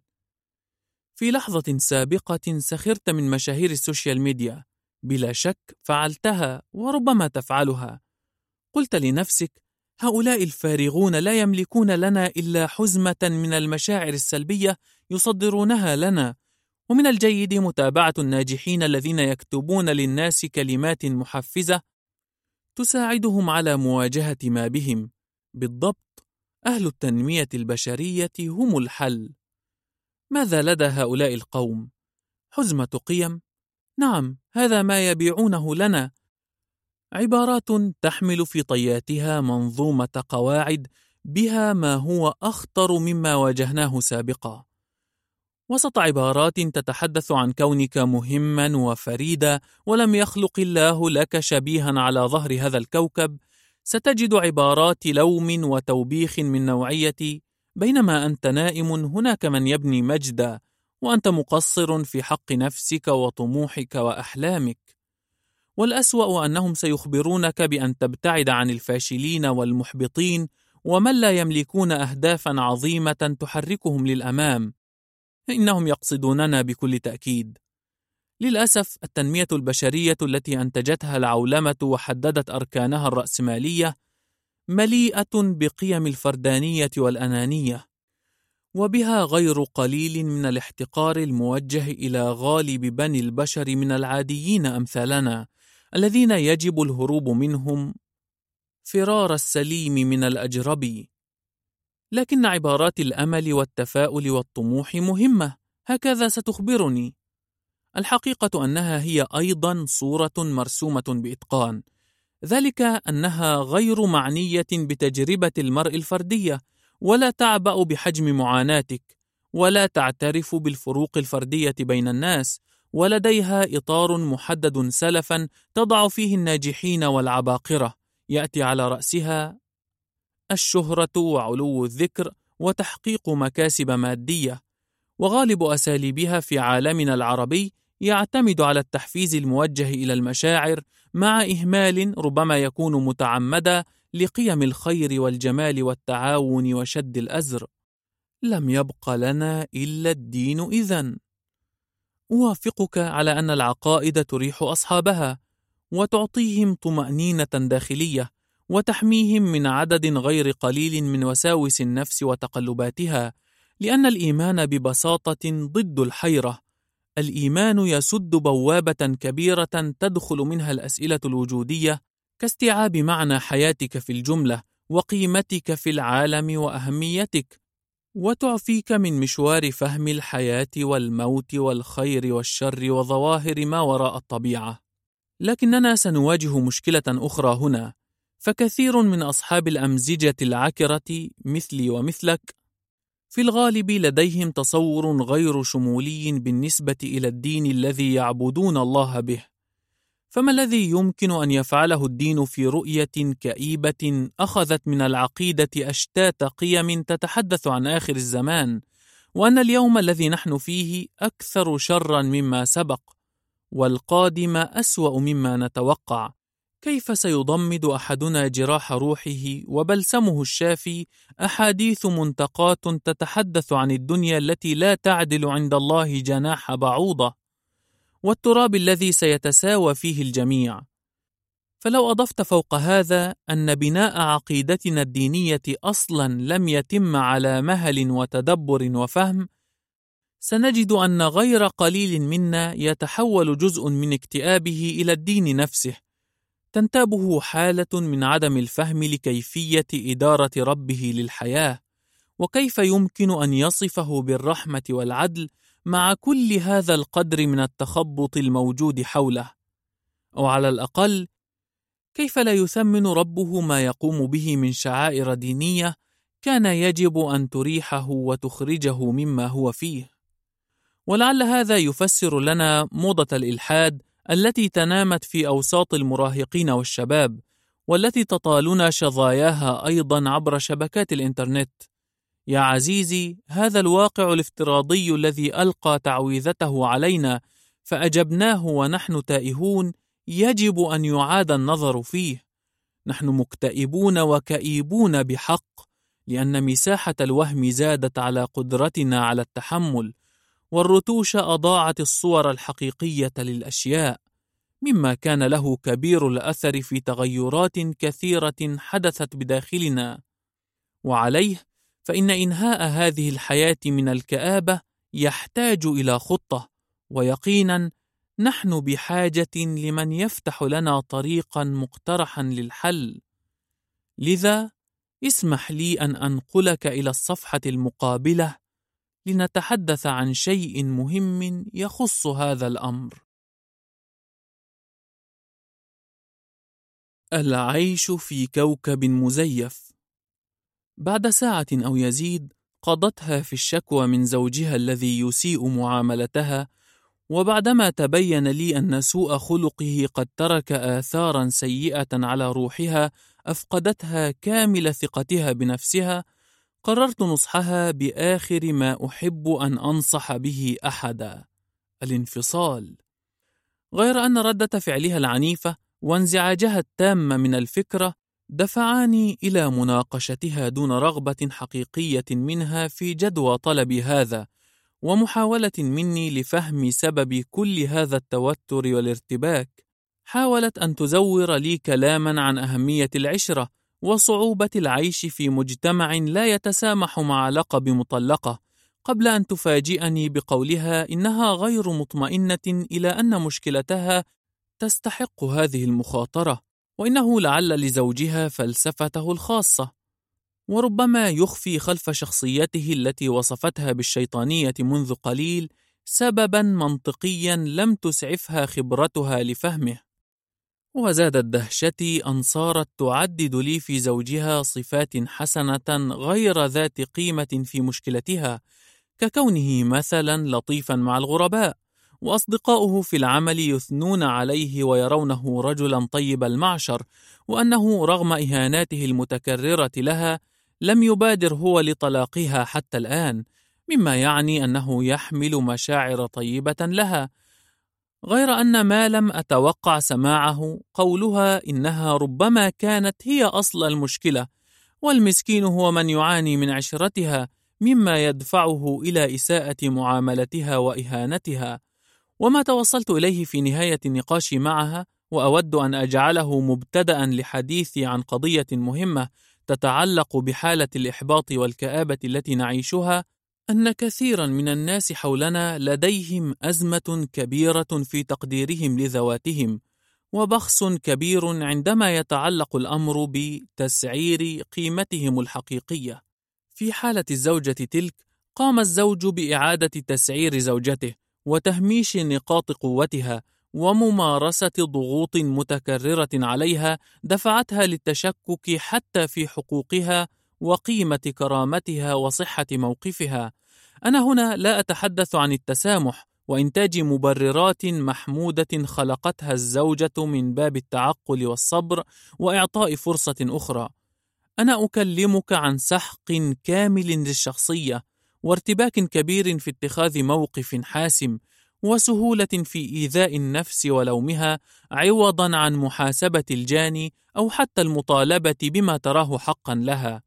وفي حياة كل منا كثيرا ما يحدث هذا الضغط من أطراف عديدة، يوسعون الفجوة بيننا وبين أنفسنا ويدخلوننا في ماكينة تسعير تقيمنا وفق أبجديات سوق جديدة تطبع أرقامها علينا بناء على قيم سوقية لم نوافق عليها، لكننا رغم كل شيء نستسلم لها. لنبدأ القصة من أولها. كل إنسان على سطح الأرض يملك شخصيته الخاصة، لديه أحلام، تطلعات، آمال، مخاوف، ويسعى في مشوار حياته لتحقيق تطلعاته تلك، أو حماية نفسه من مخاوفه المتوقعة.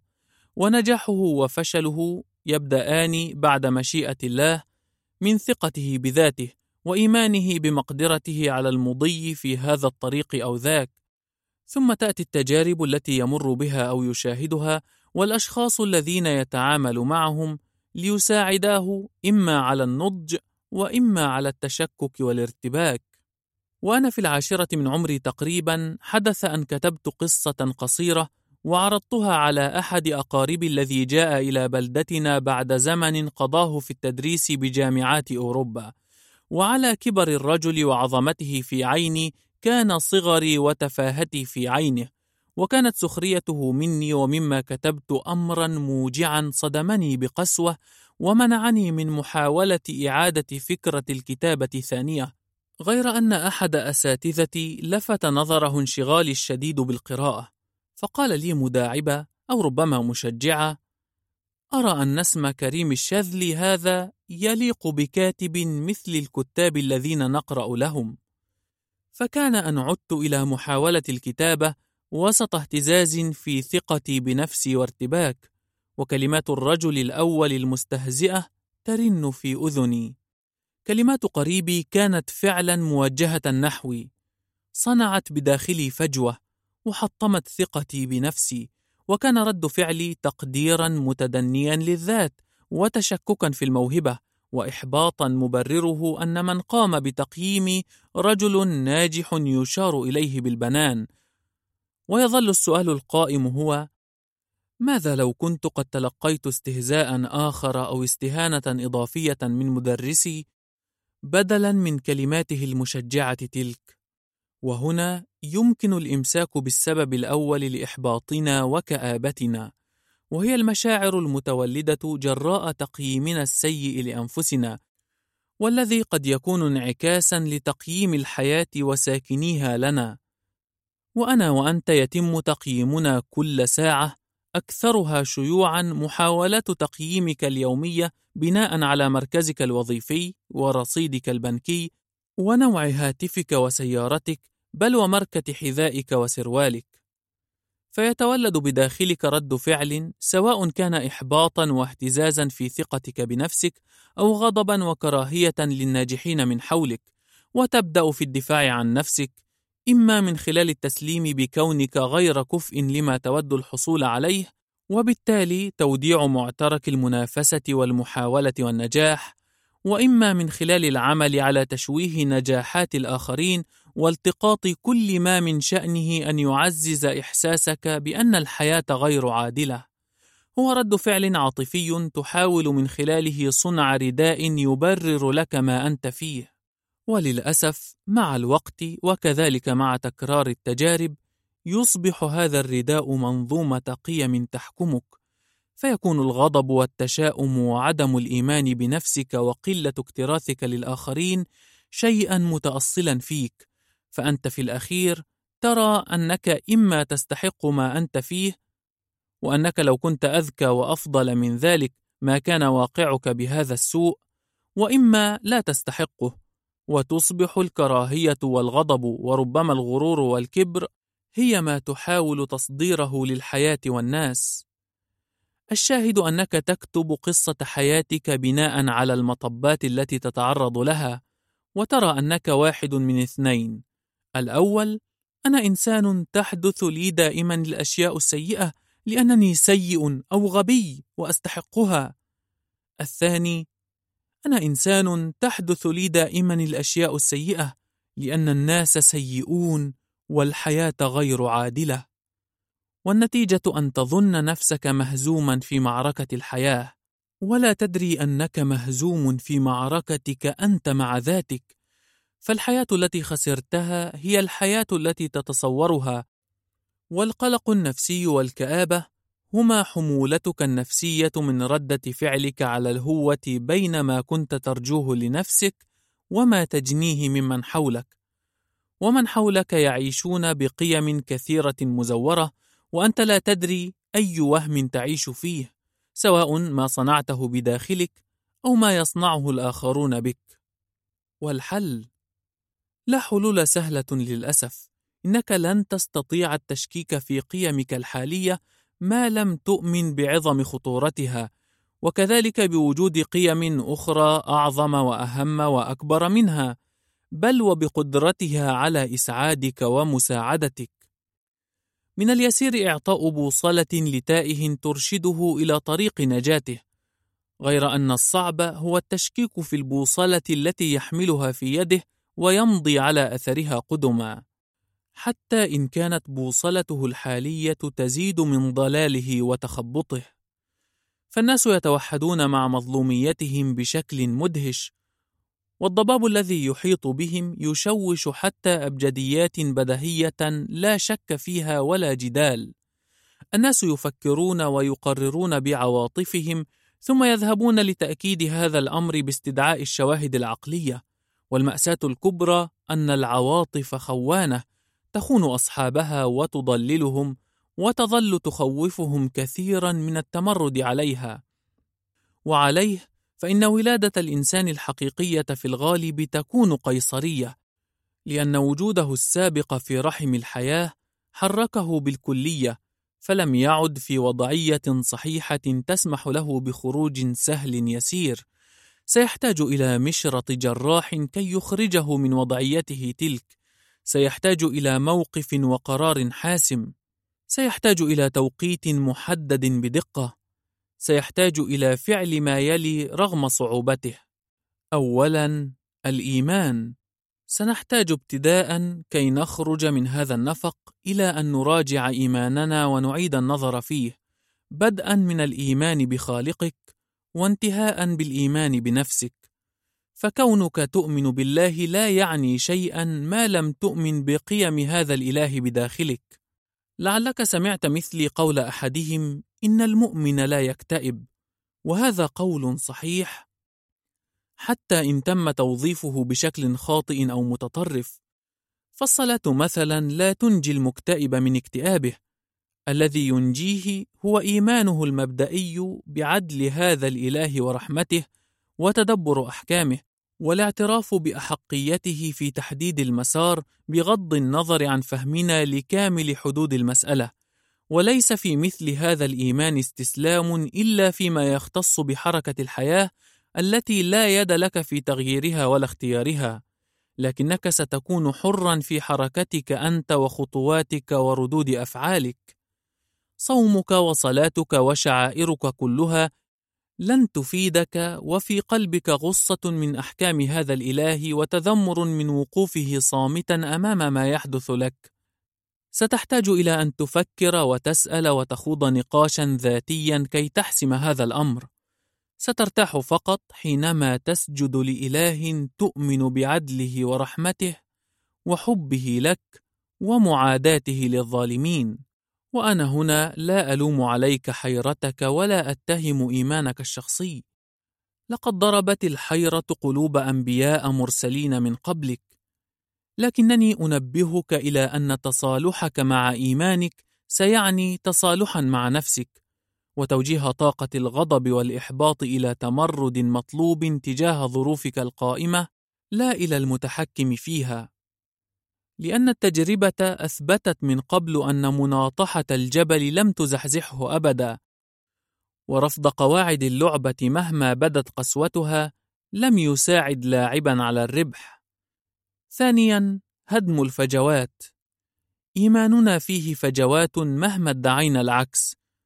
فجوات صنعتها نسخ إيمانية أخرى حولنا. أنا كذلك أقصد إيمانك بدينك. وأيضا إيمانك بنفسك ويقيني أنك ستفهم ما أرمي إليه من مغزى وهو ألا تسمح بوجود فجوات يصنعها التضارب بداخلك. فما بين حفظك لآيات وأحاديث بل حكم وأمثال تتحدث عن الرضا والكفن الذي لا جيوب له وراحة البال التي لا يضاهيها شيء. وبين انزعاجك اليومي حينما تفتح تطبيق إنستغرام وتبدأ بداخلك معركة روحية غاضبة تحدث هزيمتك. بين مصمصة شفاهك وأنت تتحدث عن الماضي الجميل والناس الطيبين الذين ذهبوا وفي نفس الوقت غير راض عن حال هو يقينا أفضل من حال السابقين تحدث هزيمتك. أنت الآن سمحت لهم بأن يضعوا باركود يحدد سعرك في سوق نخاستهم. أنت الذي أعطيتهم الإذن بمعايرتك حينما تحمل هاتفا متواضعا ولا ترتدي ملابس تزينها الماركات العالمية ولا تحمل حتى الآن كوبا يحمل اسمك من ستاربكس. والكارثة التي لا تستطيع مواجهتها هي أنك يا للعار لم تتمكن من حصد إعجابات على صورك ومنشوراتك على فيسبوك يتناسب مع ما تبذله من جهد. ولم تجني آلاف الدولارات من قناتك على يوتيوب بعد. نعم أنت الذي سمحت لهم بأن يعبثوا بروحك حينما جعلوك تزدري عملك اليومي لأنه لا تنطبق عليه معايير الطموح التي وضعها أهل التنمية البشرية وتتشكك في مجمل قيمك لكونها لم تضعك في مصاف الناجحين. حسنا أعتذر عن تلك الحماقة التي أرتكبها. أعلم أن مشكلتك أكبر من كل هذا وجسدك المتهالك وعينك الزائغة هما انعكاس لمستقبلك الغامض الملامح ولكن ألا تظن معي أن أزمتنا قائمة على أننا لم نقم بتعرية الحقيقة ونزع الزيف عنها؟ حقيقة أنك لست كل ما يقال لك منذ كنت طفلا حتى اليوم وأن كينونتك الحقيقية قد تاهت وسط كل هذا الزيف وأن جزءا من هذا الخداع كان جراء تسليمك بأبجدياتهم أحقا لم تر كل هذا بعد؟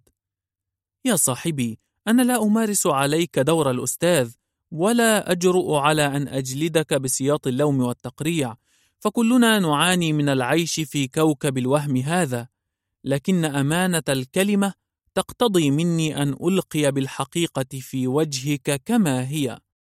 حقيقة أننا بحاجة إلى هدم الفجوات بين إيماننا الحقيقي بأنفسنا وتشكيكهم المستمر فينا. هدم الفجوة بين ما نحتاج إليه حقا كي نكون سعداء وما يبيعونه لنا بحجة أنه سيجعلنا سعداء. صم الآذان عن سماع ضجيج العالم كي نستطيع سماع صوت أرواحنا وتصميمنا على أن نكون سعداء بشروطنا وليذهب إيمانهم المصطنع إلى الجحيم. وهذا يدفعنا لقول ثالثة النصائح كي تعيش هانئا فوق كوكبنا هذا. النضج لقد اتهمت لتوي عالمنا هذا بأنه مزيف وقبيح. وتبريري لموقفي قائم على ادعاء أننا نعيش في زمن المراهقة. العالم من حولنا يتحلى بصفات المراهق حيث لكلام الناس قيمة أكبر والادعاء جزء مهم من أبجديات السوق ومحاولة التجمل والتأنق باتت أصلا من أصول النجاح. المراهق نزق ملول سريع التقلب يعطي للخارج كامل اهتمامه. ويهمل دائما النظر إلى داخله. وكوكبنا هذا به من هذه الصفات الشيء الكثير. عليك إذا أن تتمهل وتفهم كيف تصبح ناضجا. والنضج ببساطة يعني الأصالة. أن تعي جيدا قيمة أن تكون حقيقيا وأن تكون حقيقيا يعني ببساطة كذلك أن تعبر عن قيمك بغض النظر عن استحسان الناس أو رفضهم لها. الناضج يدرك جيدا أن وفاءه لمنظومة القيم التي تحكمه هو وحده الذي يرفع من تقديره لذاته ويروي امتنانه لنفسه ويغنيه عن مقالة كل قائل ويريحه مهما ذاق من مشاق وأهوال. المراهق لا يكذب لأن افتضاح كذبه خطر. بينما الناضج لا يكذب لأنه ببساطة لن يستطيع أن ينظر للمرآة في ارتياح ولن تكون وسادته متكأ طمأنينته بل تعنيفا وعذابا مستمرا. المراهق يهتم بالثناء المغالى فيه ويطرب له. يحب أن يحمد على ما فعل وربما على ما لم يفعل. بينما الناضج لا يهمه قول الناس عنه ما دام مدركا حجم ما فعل وقيمته. حدث يوما أن اتهمت الصحافة الممثلة مارلين مونرو بأنها ليست جميلة وجذابة كما تدعي وأن ملابسها التي صممتها كبرى شركات الملابس وأدوات الزينة الغالية هما عدتها الوحيدة وأن جمالها عادي غير لافت للنظر فما كان من المرأة الواثقة أن حسنها حقيقي إلا أن أخرجت للصحف صورها وهي ترتدي جوال بطاطا لتثبت لهم أن جمالها حقيقي لا شبهة فيه. للأسف وقعت الشابة المسكينة في شرك المجتمع ذلك أنها دافعت عن الزيف بزيف آخر فزادها التحدي رغم أنها ربحته خواء وكآبة أديا بها إلى الانتحار وقد بلغت ذروة النجاح وفق مقاييس مجتمعها المزيف. أشعلت الفتاة الساذجة الشمعة من طرفيها بحثا عن السعادة والتقدير فانطفأت حياتها سريعه وهذا حال كل من يترك نفسه رهينة لمجتمع مراهق يحدد له القيم والمعايير ويرسم له الطريق. في سجنه الذي أورثه المرارة والندم كتب أوسكار وايلد أن الرذيلة الكبرى أن تعيش مصطنعا لأن الاصطناع هذا الذي هو أولى صفات المراهقين هو لا غيره ما سيجعلك بعيدا عن نفسك تمشي وتتحدث وتقول وتصمت فقط من أجل شيء واحد هو إرضاء العالم الذي تعيش فيه حتى تبتعد عن نفسك وتنفصل عن ذاتك وتموت ببطء وتعاسة حتى وإن عشت ألف عام. وأختم بسؤال لعله يدور في ذهنك عن موقفي من الحياة. وهل أنا عدائي تجاه الدنيا ومن فيها؟ وأجيبك بصدق كامل. بالعكس أنا أشفق على هذا العالم.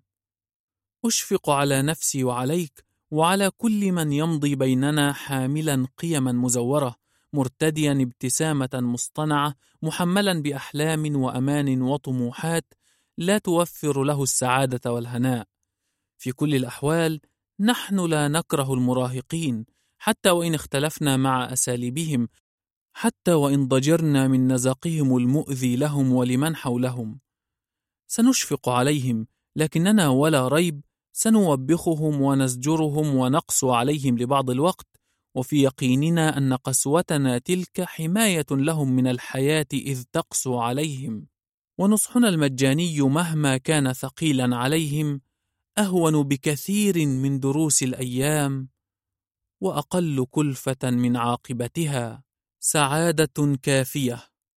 مثلك تماما حلمت بهاتف وظننته سيجلب لي السعادة وأحببت فتاة ورهنت راحة بالي بالارتباط بها وادعيت أن منزلا بعينه وسيارة اخترتها بدقة ووظيفة في مكان ما ورصيدا بنكيا ذا أرقام محددة يمكنها أن تجعلني هانئ البال. مثلك تماما حققت بعضا مما أتمنى وطمعت فيما هو أكثر. ارتحت قليلا ثم تمنيت المزيد. أجل مثلك ما زلت أنظر بعيدا وأرى أن قفزة أخرى ستجعلني أصل إلى القمة. وكلانا يعلم الا قمة ترضي غرورنا. ومهما وصلنا إلى أشياء نتمناها وربطنا سعادتنا بها تظهر أمامنا أشياء أخرى وأمان جديدة وأحلام أكثر زهوا وبريقا. أنا أعلم وانت كذلك أن بحر الحياة مالح لا يروي عطشا وإنما يزيد ظمأنا كلما اغترفنا منه. ومع ذلك ما زلنا نكابر نوهم أنفسنا بأن العيش لا ينبغي إلا في فسحة الأمل، ونوهمها أكثر حينما نجعل آمالنا منفصلة عن أرصدة الروح والمشاعر. كل منا يعيش أسيرا لتلك القفزة الإضافية، وتمضي حياتنا في قفزات لا تنقطع، حتى تلقي بنا قفزتنا الأخيرة في مستقر ضيق، وحولنا أحباب وأصدقاء يودعوننا متمتمين بأن هذا حال الدنيا، وأن مآل ابن آدم إلى التراب.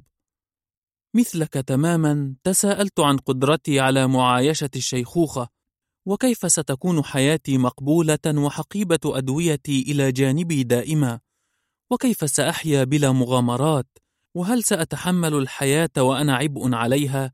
وهل سأقوى على ضجر الوهن ووجع الحاجة ومذلة الاحتياج؟ مثلك أسأل كلما رأيت عاجزا أو مريضا أو فاقدا لنعمة ما عن لون الحياة في عينه، وتعجبت من ابتسامته إذ يبتسم، ورضاه عن حاله إذ شكر ربه، وتفاؤله كلما ظهرت حماسته. مثلك أنا يغلبني الظن أنني مركز الحياة، وأن مقاييس السعادة والمتعة التي أحددها من خلال التجربة والواقع هي حدود المسألة، وأنها مقاييس العالم المثالية، وأن الجميع يرى ويقرر ويحدد مثلي تماما، مثلك أنا ومثلي ومثلك الناس.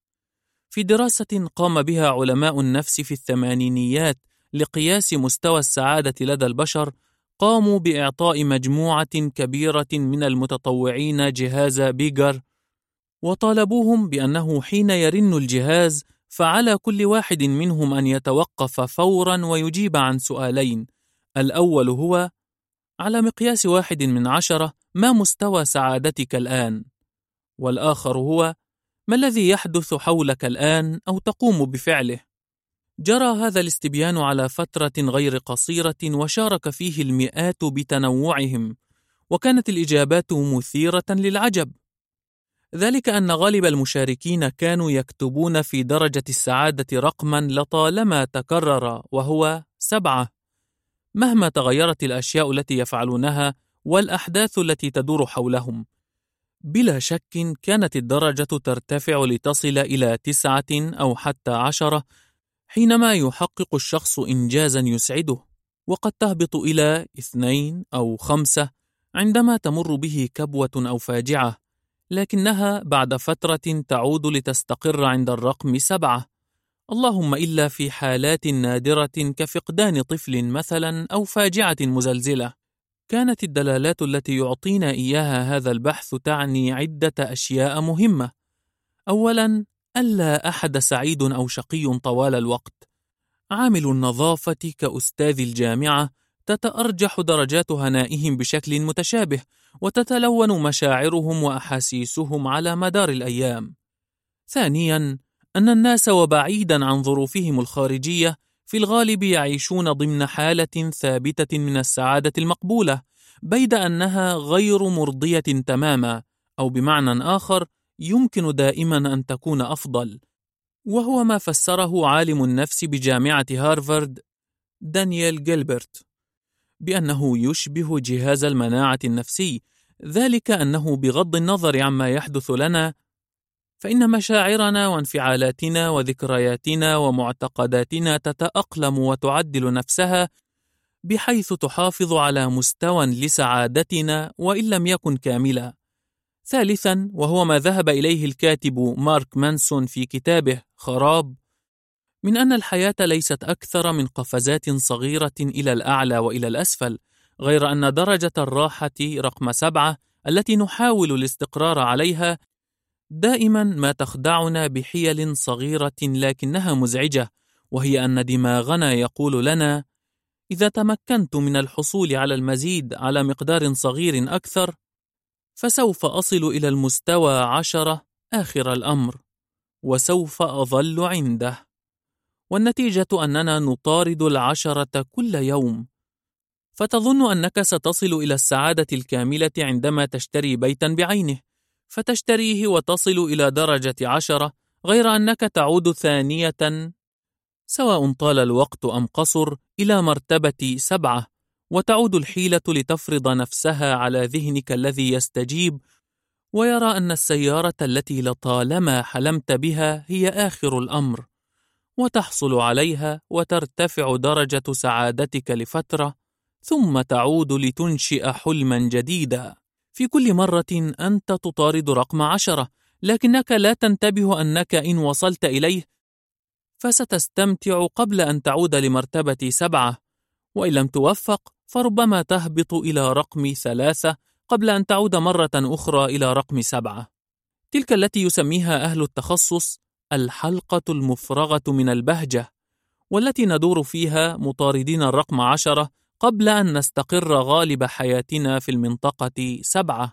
رابعا ما دامت الإجابات تؤكد أن السعادة المطلقة الدائمة أمر لا ينبغي التفاني من أجل الوصول إليه والتعاسة القائمة الأبدية أمر غير وارد. فيجب إذن إعادة النظر إلى محاولات تسليع السعادة التي يتم القيام بها ومحاصرتنا بنتائجها. فحسبما أكدت مجلة الشخصية وعلم النفس الاجتماعي في عددها الثامن لعام 1978 في طيات مقال بعنوان الفائزون باليانصيب والضحايا العرضيون هل السعادة أمر نسبي؟ أن من يربحون الملايين من اليانصيب ويصبحون أثرياء فجأة يرجعون بعد فترة إلى نفس شعورهم النفسي قبل الفوز بالجائزة. كذلك فإن من يصابون بالشلل مثلا من أثر الحوادث لا يصبحون أدنى في درجة سعادتهم على المدى البعيد. المدهش أن حالتهم النفسية وإحساسهم بالسعادة يصل إلى نفس الدرجة التي كانوا عليها قبل الحادث. هذه هي الحقيقة المجردة إذن، ألا شيء خارجيا مبهجا كان أو تعيسا قادر على أن يهبنا السعادة المطلقة أو حتى يفرغ حياتنا من الهناء. فلماذا نصدق إذن أن هناك وجبات من السعادة تعدنا بالمكوث في القمة وتطمئننا إلى الابتعاد عن الانحدار في مصفوفة السعادة تلك؟ لماذا نصدق أن شيئا ما سيجعلنا نصل إلى منتهى مطالبنا؟ أنا أعلم أن البعض صار أكثر حساسية حينما يتم طرح شاهد ديني يؤكد المعنى، وعليه فلن أطيل في تأكيد أن الفلسفات الدينية بل الروحية كذلك حسمت ما نقوله منذ زمن، وأن النبي محمدا صلى الله عليه وسلم كان واضحا وهو يؤكد أن لو كان لابن آدم واد من ذهب لاشتهى ثانيا وثالثا وألا شيء يملأ عينه مهما كان. مطاردة السعادة فخ تصنعه أذهاننا وتتم إعادة تصنيعه في كل مكان. أوسكار وايلد كان عبقريا حينما أكد أن السعادة الحقيقية تأتي حين لا تبحث عنها، ذلك أن السعادة تكره من يقلق أمنها بالأسئلة السخيفة التي تشكك فيها، بل ذهب إلى مصارحة الناس بالحقيقة المرة، وهي أن هناك مصيبتين يمكن أن تحدثا لك في الحياة. الأولى ألا تحصل على ما تريد، والأخرى أن تحصل عليه، لأنك ستدرك حينها أن ما توهمته لم يكن صحيحا، وأن هناك شيئا جديدا قد تم خلقه في ذهنك وتصنيفه على أنه شيء جالب للسعادة. حتى الوجع شيء محتوم علينا، حتى الوجع شيء محتوم علينا، والمعاناة أمر سيحدث يقينا، ومهما كانت الكارثة كبيرة فإن جهازنا النفسي قادر على استيعاب الصدمة وإعادة الأمور إلى مستوى مرض من السعادة.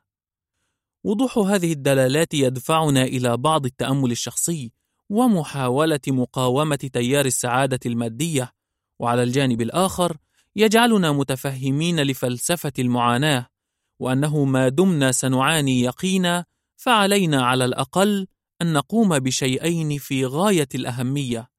الأول أن نعاني بحكمة.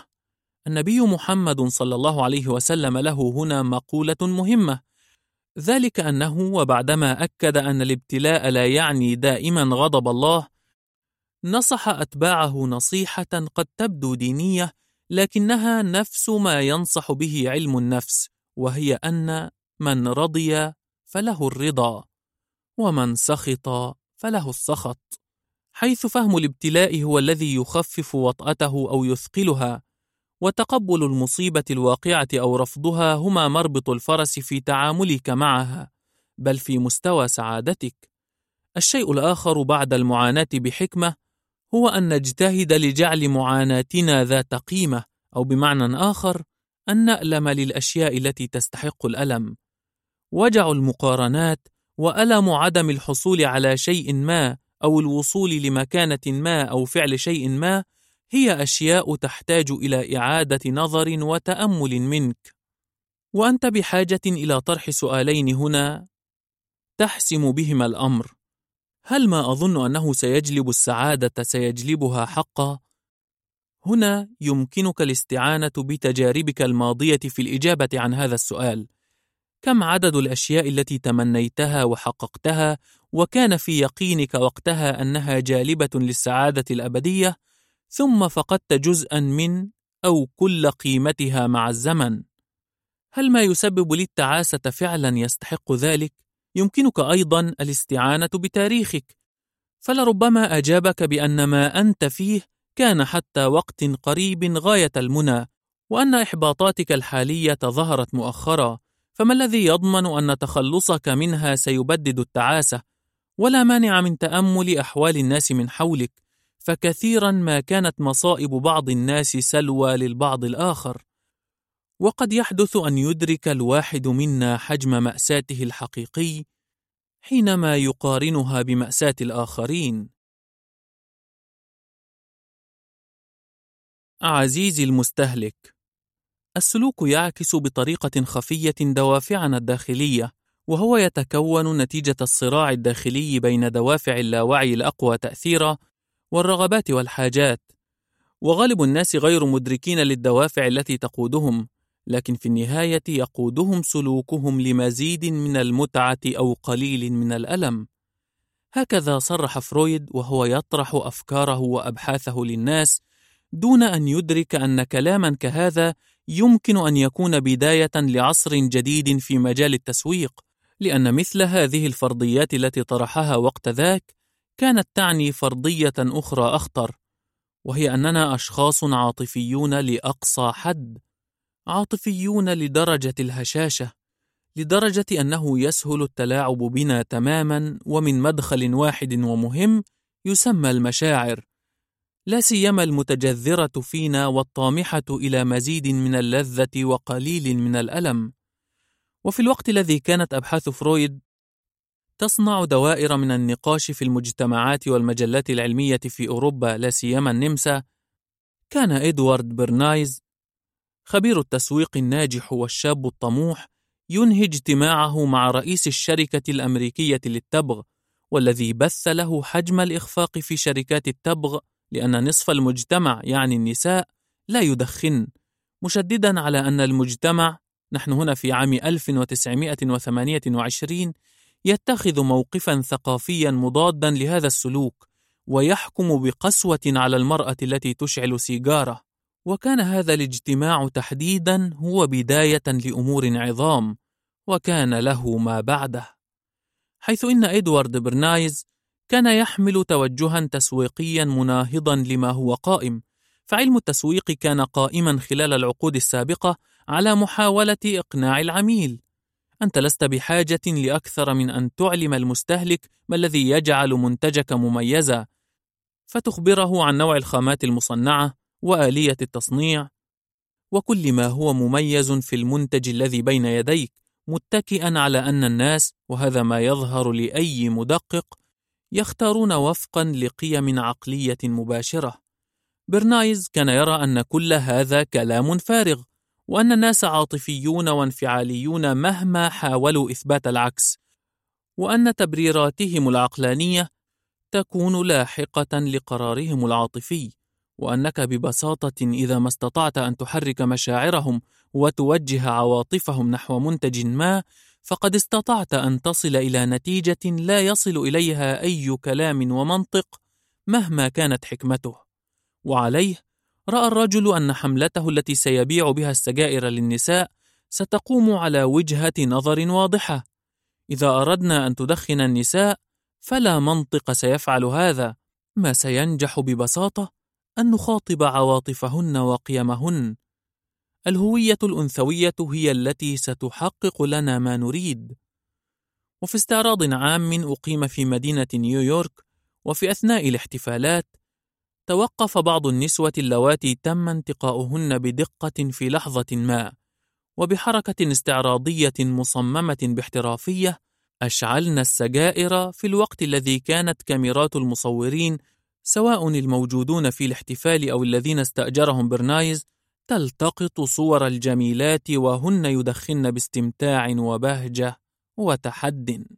وفي اليوم التالي ظهرت الصور تلك في كبرى الصحف الأمريكية وفوقها تعليق بأن هؤلاء النساء لم يشعلن السجائر فحسب بل أشعلن مشاعل الحرية معلنات قدرتهن على التحدي والاستقلال وتقرير المصير.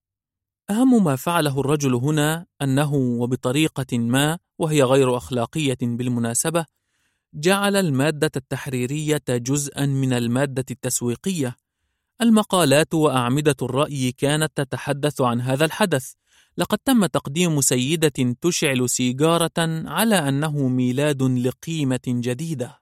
لعب برنايز على الشعور السائد وقت ذاك لدى النسوة مستثمرا حالة النشوة التي تملكتهن بعد الإقرار بحقهن في التصويت قبل سنوات قليلة وأنهن الآن في مرحلة اكتشاف أنفسهن. كانت المرأة الأمريكية في ذلك الوقت قد اشتبكت مع سوق العمل وارتدت الجينز وتتحمس للدخول في كل معركة تحمل لافتات المساواة وعدم التمييز. حسناً، فلتصبح السيجارة إذن جزءاً من هذه المعادلة. السيجارة تمرد، التدخين استقلالية، التبغ للنساء كما هو للرجال. يعلق الكاتب الأمريكي مارك مانسون على ما حدث بعد هذه الحملة ساخرا من أنها نجحت نجاحا جالبا للمساواة فعلا بين الرجال والنساء ولكن في نسب الإصابة بسرطان الرئة. لافتا إلى أنه وخلال عقود العشرينيات والثلاثينيات والأربعينيات تم توجيه ضربات ثقافية إلى المجتمع عن طريق استراتيجية برنايز حتى إنه اخترع ميدان العلاقات العامة ضمن سياق هذه العملية. ببساطة، برنايز هو أول من اخترع فكرة وجود نجم شهير في إعلان. وجود مواد تحريرية سواء مقالات أو تحقيقات يعطي معلومات ما عن منتجك. فكرته كذلك.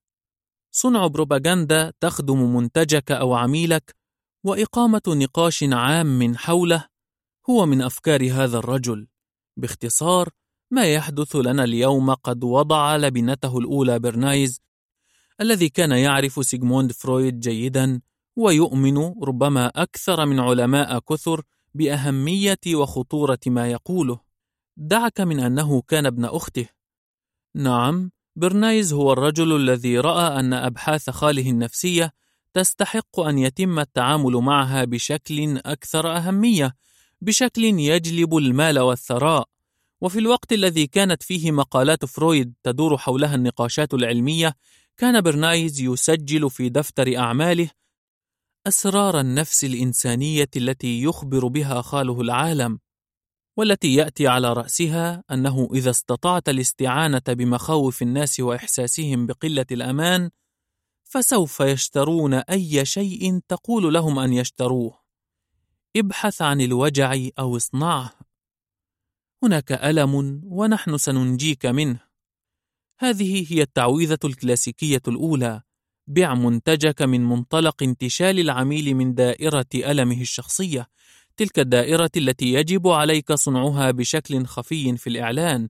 يمكنك أن تبيع مكيفات هواء اعتمادا على قوة تصنيعها وجودتها لكنك ستضاعف البيع لو خاطبت وجع العميل من تحمل شدة الحر والتوتر الذي قد يسببه ذلك لا مانع من أن تؤكد له أنه أكثر توفيرا للكهرباء. ذكره أنك ستجعل مأزق الفاتورة أقل ألما. وهذا المجمع السكني أكثر أمانة. لدينا بوابات تمنع دخول المتطفلين. أنت هنا تخاطب الخوف من الآخر. يمكننا كذلك أن نؤكد له أن وجوده معنا سينقله إلى مجتمع أرقى. اضغط بشدة على نقطة الضعف هذه فلربما يشعر بالخجل من وضعه الحالي ويبدأ في دفع قسطه الأول. بألوان جذابة ووجوه محبوبة وصورة لا تشوبها شائبة وأغان هي ترجمة لرسالة الشركة الإعلانية يتم إلقاء الشباك علينا. كل إعلان من هذه الإعلانات يشعرك بنقص ما. بشعور سلبي يطالنا حتى وإن كان موضوعا في إطار مدهش لطيف. ويتقافز في بهجة على نغماته نجم محبوب. أعلم أن التسويق صار علما لا أستطيع تصنيفه على أنه شر محض. غير أن آلاف الرسائل التي تصل إلينا من خلال حملات التسويق والدعاية المصاحبة لها أظن أنها قد غيرت كثيرا في نفوسنا ولعبت على مشاعر الخوف والضآلة بل صنعت تناقضات داخلنا لا حصر لها. حينما كنت طفلا كان جهاز التلفاز بالنسبة إلي يعني مواعيد معينة للبهجة. اثنتا عشرة دقيقة من أفلام الرسوم المتحركة أنتظرها يوميا بعد أذان المغرب على إحدى القناتين المتاحتين. وكان لهذا الموعد أثر السحر في نفوس جيل بأكمله. وعندما افتتح أحد العائدين من العمل بالخارج دكانا متواضعا لألعاب الفيديو شعرت وكل أبناء بلدتي أن منتهى المتعة يسكن على أطراف البلدة. حينها كنا نسمح لخيالنا بالتفكير فيما سيصبح عليه شكل العالم بعد ربع قرن. ومع التطور الذي شهدناه وقت ذاك كنا نتخيل سيارات تمشي بالماء ومستعمرات على المريخ وقطارات تسير بسرعة الضوء. وعندما كبرنا ما الذي حدث؟ أصبح لدى الواحد منا ألف قناة متاحة يقلب بينها وهو يحمل سأم الدنيا بأكملها وتطبيقات عليها أرشيف السينما العالمية كله. نتجول بينها في ملل دون أن نشاهد منها شيئا وجهاز ألعاب في المنزل تعلوه شاشة تحتل نصف الجدار ونحن أمامها في حالة بلادة وفتور. مر ربع القرن الذي كنا نتخيله ولم يحدث التطور الذي ذهبت إليه عقولنا. السيارة ما زالت تدور بالبترول لكنها مجهزة بشاشات ومكيفات هواء وتطبيق لتحديد الموقع. لم يصبح لأي منا سكن على المريخ لكننا جميعا لدينا حسابات على فيسبوك وتويتر وإنستغرام. حتى استدعاء الماضي أو النوستالجيا الذي تعني حنين البعض للزمن الفائت الجميل ستجد أن الحنين ليس حنينا لتواضع الماضي وبساطته ومهما ادعينا بأنه موجه إلى الحياة المبهجة الرائقة فإنه في حقيقته موجه إلى معان جوهرية ردمتها أكوام الرفاهية وقتلتها. نشتاق لضحكة صافية لأن غالب ضحكنا اليوم مشروخ به علة. نشتاق إلى التواصل الاجتماعي والدفء اللذين تم استبدال مجموعات العائلات على واتساب بهما. لقد زادت الأشياء وقلت المعاني. لقد تطور كل شيء حولنا في اتجاه رفاهية الفرد. ومسطرة برنايز التي صنعها بمفردات وقوانين ورؤى خاله فرويد ما زالت هي الأداة التي يتم بها مد الخطوط دون أن ندري ولعل برنايز كان يدري أن مزيدا من الرفاهية يعني المزيد من البريق والمزيد من مظاهر القوة. والكثير من الخواء والهشاشة.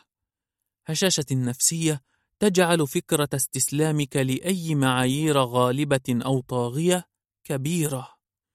لا تنسى أن برنايز لم يكن مهتما بتوزيع ماكينات طباعة أو أدوات طبية. لقد كان الرجل ومن يومه الأول يبيع أدوات التجميل والسجائر والمشروبات الغازية. لقد بدا كأنه يقول لنا يمكنني أن أبيع الضرر. بل يمكنني أن أجعله طموحا ومطلبا لدى الجمهور. وهذه نقطة مهمة وليست هامشية. أننا بالنسبة إليه مجرد جمهور. عملاء. إنسانيتنا ومشاعرنا بالنسبة إليه عملية حسابية يبني عليها خطته. المدهش والمخيف كذلك أنك حينما تقرأ عن برنايز ستكتشف أن من معجبيه جوبلز وزير دعاية هتلر. ومن زبائنه سياسيين ورؤساء جمهوريات حتى إنه عمل مع إدارة الرئيس الأمريكي ويلسون خلال الحرب العالمية الأولى بالتعاون مع لجنة الإعلام الأمني ويقال إنه كان هو المروج الرئيس للفكرة القائلة إن حروب أمريكا وجهودها كانت بغرض إدخال الديمقراطية إلى جميع أنحاء أوروبا. كان برنايز الذي تتحكم نظرياته في حياتنا الآن يؤمن بأفكار سياسية مطابقة لأفكاره التسويقية، فكان يرى أن البشر في المجمل خطرون بشكل لا يمكن تصوره، وأن الدولة بحاجة إلى ضبطهم جيدا ليس بالحديد والنار، ولكن بطريقة أقل كلفة.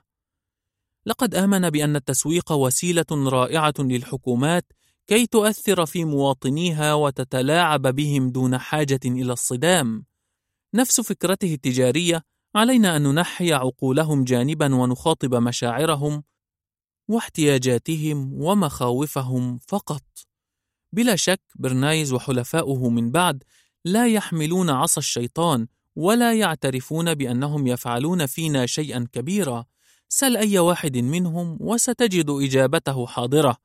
إن عملنا في حقيقته ليس أكثر من إرضاء العميل. وبيع منتج ما لن يكتب له النجاح ما لم يكن هناك عملاء يطلبونه. وهذا حقيقي. الناس يطلبون كل هذا. وتلك حيلة أخرى عرفها برنايز من كتب ملهمه فرويد أن الناس يطلبون ما يشتهون ويتمنون لا ما يحتاجون إليه. الناس يريدون الإعجاب يريدون الرفاهية يريدون المزيد من كل شيء. لكنهم لا يحتاجون إلى كل هذا إن غصنا إلى الأعماق. إنهم بحاجة إلى أن يتواصلوا مع أنفسهم بحاجة إلى أمان حقيقي طمأنينة صادقة. لكنهم وإن شعروا بهذا الاحتياج يضطرون إلى شرائه بذات العملة القائمة. وهنا نفهم أن دور أهل التسويق لم يبدأ من لحظة شعورنا بما نريد وإنما بفهم الاحتياجات الإنسانية. ومن ثم تحويلها إلى أشياء ثم إقناعنا أن هذه الأشياء تعني مزيدا من الراحة والطمأنينة ثم يتركوننا نلهث في سبيل الحصول عليها. أنت مستهدف يا صاحبي طوال الوقت وفي سبيل الحصول على ما في جيبك بإرادتك يجب أولا إفراغ ما في روحك وما يجعلك غير مدرك لما يحدث لك أن توقيت سرقتك ببساطة يحدث قبل اللحظة التي تتوقعها أنت ليس في لحظة رؤيتك للإعلان أو استماعك إلى الزعيم الملهم أو وقوفك في طابور العملاء. سرقتك تبدأ منذ تم تغيير شفرة مشاعرك. منذ تم إشعارك بالخوف فهرعت لتطمئن روحك أو تم توجيه سعادتك إلى أشياء بعينها على أنها سبيلك لهناء أبدي. والحل؟ الحرية. أن تكون حرا هو الحل. هو أصعب حل يمكن أن تقوم به لكن لا حل غيره. أن تملك الحرية للتخلي عن كل شيء تشعر بأنه يقيد إرادتك. أن تكون حرا لرفض كل ما يثبت لك أنه ورغم إجماع الأغلبية عليه ليس من ورائه طائل حتى لو بالنسبة لك على الأقل. بالمناسبة إنهم يعرفون أن هذا هو الحل الوحيد للخروج من براثنهم ولذلك يبيعون لنا نوعا مزيفا من الحرية حيث يضعوننا طوال الوقت في دوامة من الاختيارات. لو أحببت أن تشتري حذاء أو فرشاة أسنان فستجد أن هناك مساحة كبيرة لتمارس فيها حريتك. الخيارات كثيرة أمامك دائما فتشعر بأنك حر ولا أحد يضيق سبلك.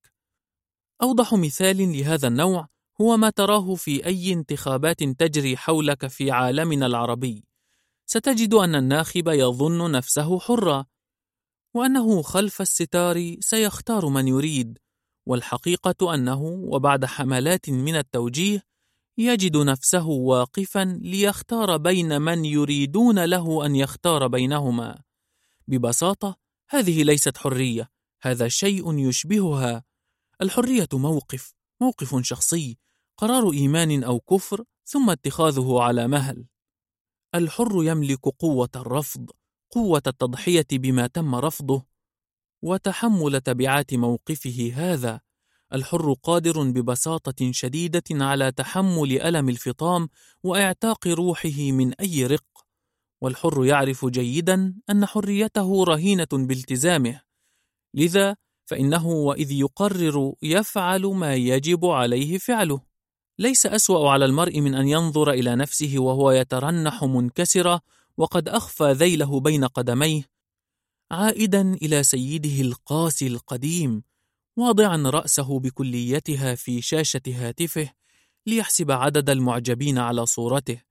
بعدما كان يود حساب الدقائق التي سيقضيها في رياضة ما أو ينظر إلى عشرات الإعلانات اليومية في حسرة كاذبة. ليس هناك مرارة توازي مرارة المقارنات ودخول مسابقة أرني من أنت التي يطلقونها فينا وحولنا. الحرية الحقيقية هي الحل. حرية لا تؤمن بالمزيد الدائم وإنما بالتمهل والاستمتاع بما هو قائم. الحرية الحقيقية هي التي تستطيع أن تجيب فيها عن سؤال كم يكفيك كي تكون سعيدا؟ بدلا من حرية قفزة إضافية واحدة ستجعلني سعيدا.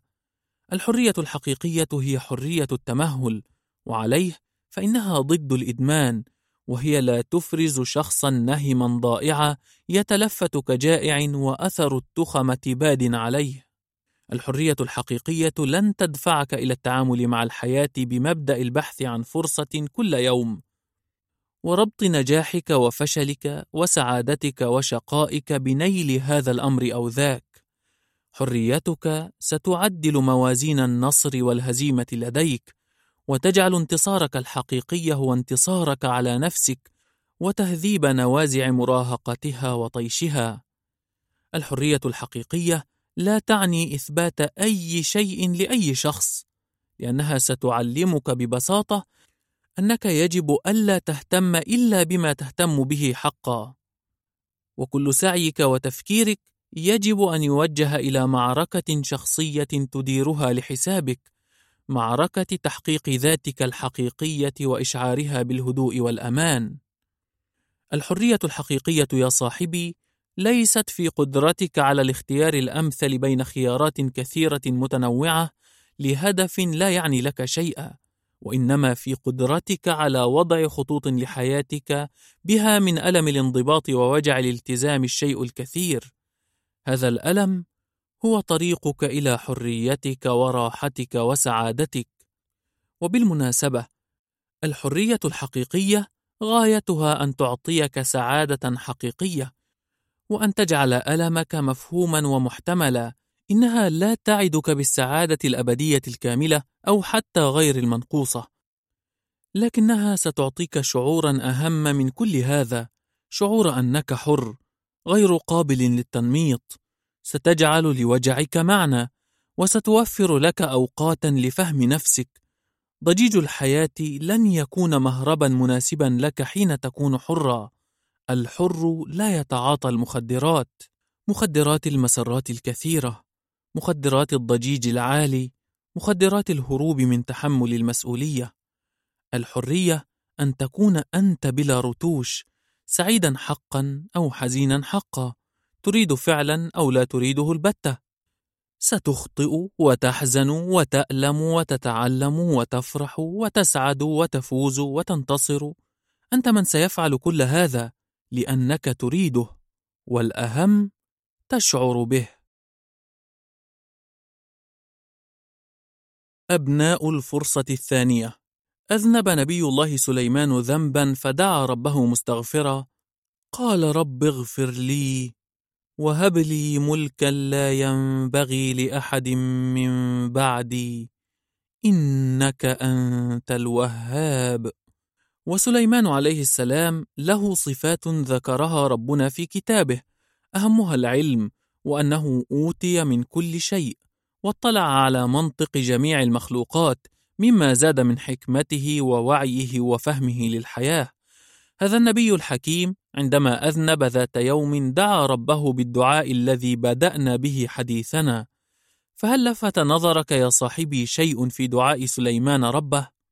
لقد اعتذر عن خطئه كما رأينا، غير أنه لم يوقف حياته عند زلته، وأكمل تضرعه بطلب يعينه على تحقيق مراده، والأشد دهشة أنه لم يختم كلامه وهو يستغفر بقول: إنك أنت الغفور أو إنك أنت الرحيم، وإنما قال: الوهاب.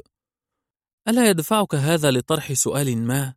سؤال عن طبيعة هذا النبي الذي فهم الحياة فهما دفعه لأن يعرف ما يجب عليه فعله؟ وما يجب فعله ألا نوقف حياتنا عند زلة أو فشل أو ذنب أو تقصير ما، حقيقة إن النبي الحكيم وبعدما استغفر ربه واعتذر عن خطئه وراجع حساباته قرر أن يوجه كامل طاقته إلى ما يريد فعله ويتمناه. وقوله إنك أنت الوهاب وليس الغفور أو الرحيم معناه أن نبينا سليمان قد تجاوز الماضي بكليته. إنه مزيج بين حسن الظن في ربه الذي يغفر إذا دعي وبين إيمانه بأن إلهه قد خلقه لشيء ما يجب عليه فعله ولا ينبغي أن يوقفه عن الوصول إليه مانع حتى وإن كان ذنبا أو سقطة صغيرة كانت أو كبيرة. إنها فلسفة الفرصة الثانية التي لم يهتم أحد بتعليمنا إياها إذ انشغلوا بحبسنا في قمقم خطايانا السابقة. يحكى أن رجلا خفيف الظل كان يحب النبي ويأنس به النبي لجمال روحه وظرف لسانه غير أن هذا الرجل كان مبتلا بداء السكر وكثيرا ما كان يؤتى به للنبي في حال مزرية بسبب ضعفه أمام هذا الأمر. فكان النبي ينصحه ويعنفه ويعاقبه. غير أنه لم يسمح يوما لأحد أصحابه حين تندر على نقطة ضعف الرجل وقام بازدرائه قائلا ما أكثر ما يؤتى به؟ أي يؤتى به وقد أذهبت الخمر عقله. هنا وقف النبي مدافعا عن الضعف الإنساني كله. وقف ليضع خطوطا فاصلة بين فكرة كراهية الشيء الخاطئ وكراهية المخطئ. قال كلمة مهمة وعظيمة وذات دلالة. لا تلعنوه. فوالله ما علمت إنه يحب الله ورسوله. لا تكونوا عون الشيطان على أخيكم. وهنا يتبدى لنا موقف النبي صلى الله عليه وسلم من فكرة زلل الإنسان وضعفه أمام شهوة ما. إنه يفصل جيدا بين فكرة كونك شخصا مخطئا قد نحزن عليك أو نغضب منك أو نحبط لسلوكك المؤذي لنفسك ومن حولك، وقد نضع القوانين التي تعاقبك حال تكرار خطأ مضر لك وللآخرين، غير أن كل هذا لا ينفي فكرة كونك إنسانا قد تحمل بقلبك حبا كبيرا وخيرا عظيما. قد تكون في أتون معركتك منشغلا بصراعك بين السامي والخسيس بداخلك تناضل وتكافح وتعاني متألما من ثلمة ما في شخصيتك أو شهوة ما تضعفك. تحسب بوجع المسافة بين ما أنت فيه وما تؤمن بأنك قد خلقت من أجله. والأشد مرارة أن تجد نفسك مدانا في أعين بشر يهوون تتبع الزلات ويعمون عن رؤية أي نور فيجعلون بينك وبين أرض التوبة أمدا بعيدا. يعظمون خطاياك حتى تظن نفسك شيطانا كتبت عليه اللعنة. ويسفهون من أي مساحة للخير فيك. ولطالما وقع بعضنا في بئر الشر لأن يد الخير المتسامية دفعته بداخلها. لا تكونوا عون الشيطان على أخيكم. قالها النبي صلى الله عليه وسلم فحفظناها غير أننا لم نفهمها بل نحن لم نفهم بعد كيف يمكن أن نعين الشيطان في وأد الخير في نفوس بعضنا ونحن نظن أننا نفعل الخير نبيع للناس الجحيم ونحن نستغفر الله نخنق أرواحهم التي أخطأت بحجة السمو والطهارة. الأشقياء وعتيد الإجرام لم يصبحوا هكذا بين عشية وضحاها. الأرحام لا تحمل نطفة نبيلة وأخرى خبيثة. ثمة أناس وظروف ومواقف غذت مع الوقت الشر بداخلهم وقتلت فيهم نوازع الخير والرحمة. للأسف الإنسان ليس أمينا على الإنسانية.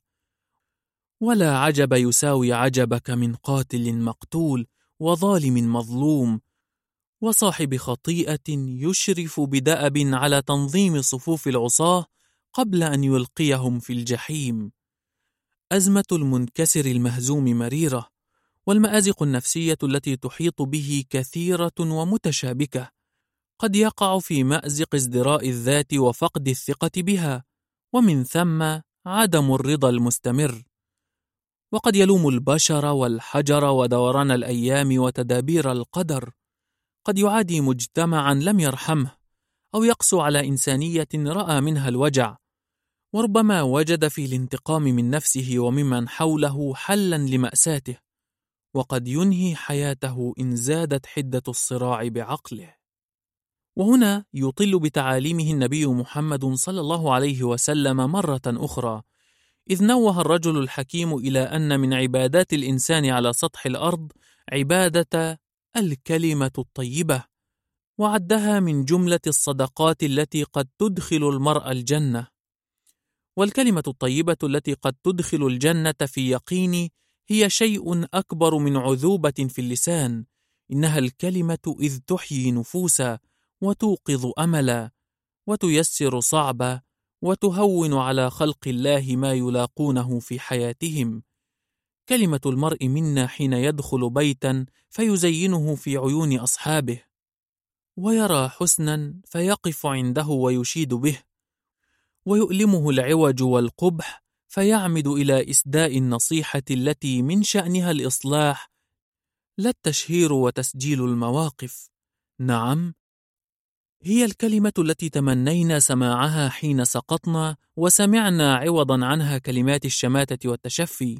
وانتظرناها حين بدأنا برسم أمانينا فصدمتنا عبارات الإحباط وتثبيط الهمة وحلمنا بها حين عبرنا عن مشاعرنا ومخاوفنا بصدق وجدية وكانت بديلتها عبارات التخويف ونصائح التعقل والدوران في الفلك القائم الذي لا نرضى عنه.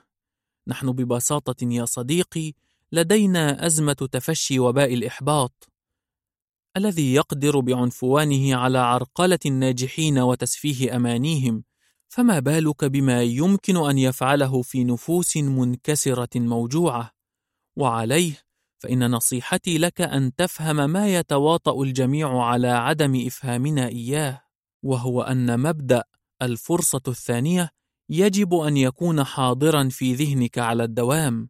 فكرة أن كل حمولتك الثقيلة من المخاوف والذنوب والأخطاء والعثرات التي قمت بها يمكن أن تكون ماضيا في أي لحظة. مهما كان حجم الفوضى وثقل إرثك المخزي، فإن ربا تسامح مع فكرة أن يتطهر قاتل تحاصر مخيلته صور ضحاياه المئة لباعث على أن نكفر بأي فكرة أو رأي أو إحساس كاذب بأن هناك أخطاء يمكنها أن تنهي موقفنا في الحياة. الله ليس عصبيا مثلنا حاشاه، لديه جل وعلا حساباته الخاصة في التعامل معنا، رحمته دائما تسبق عدله فضلا عن غضبه، وحلمه على الضالين من عباده يفوق قدرتنا البشرية على الفهم. لا شيء في صفات هذا الإله يمكنها أن تربكك وتخيفك. عذابه وانتقامه وجبروته ليست هي أصل صفاته التي يتعامل بها مع عبيده وإلا لما وجدت على أرضه من يكفر به على أقل تقدير. الأمر أعظم شأنا من هذا بلا شك. أنت مأمور بأن تكمل السباق لآخره. لا يوجد داع لليأس. عش كل أحوالك النفسية. ابك لو أحببت. احزن لو شئت. تألم من وجعك. واركن لخلوتك لبعض الوقت ثم احذر أن تكون هذه هي أيامك كلها وديدنك المستمر. افتح نوافذ حياتك ليوم جديد وفرصة جديدة ومحاولة إضافية. اسخر من ضعفك وسذاجتك وعدم توفيقك. ليست سخرية ازدراء واستخفاف وإنما سخرية الحكيم إذ يتعجب من التدابير ويرى في كل وجه ملاحظة للتأمل وعبرة للقادم وضحكة تخفف بها أنين الوجع وإلحاحه. احترم ضعفك الإنساني. الناس يتفاضلون برصيد الستر أكثر من تفاضلهم بأرصدة البنوك. الستر يرفع حين يغطي بردائه إنسانا ويذل ويكسر حين يرفع عن تعيس. وما دام الأمر كذلك وما دمنا جميعا عبيد ستره علينا فلنفهم إذا أن ضعفنا هو ضعف نعرفه وقد ننظر إلى أنفسنا من خلاله ونقيم ذواتنا به وهذا خطأ طالما وقعنا فيه. ضعفك يا صاحبي ليس أكثر من دليل على إنسانيتك ومقاومتك وكفاحك ومجاهدتك لهذا الضعف دليل على سمو إنسانيتك تلك ورقيها. إياك أن تقارن نفسك التي تخبرها وتعلم مواطن ضعفها بنفوس الناس التي لا تعرف عنها إلا ما سمحوا لك بأن تعرفه.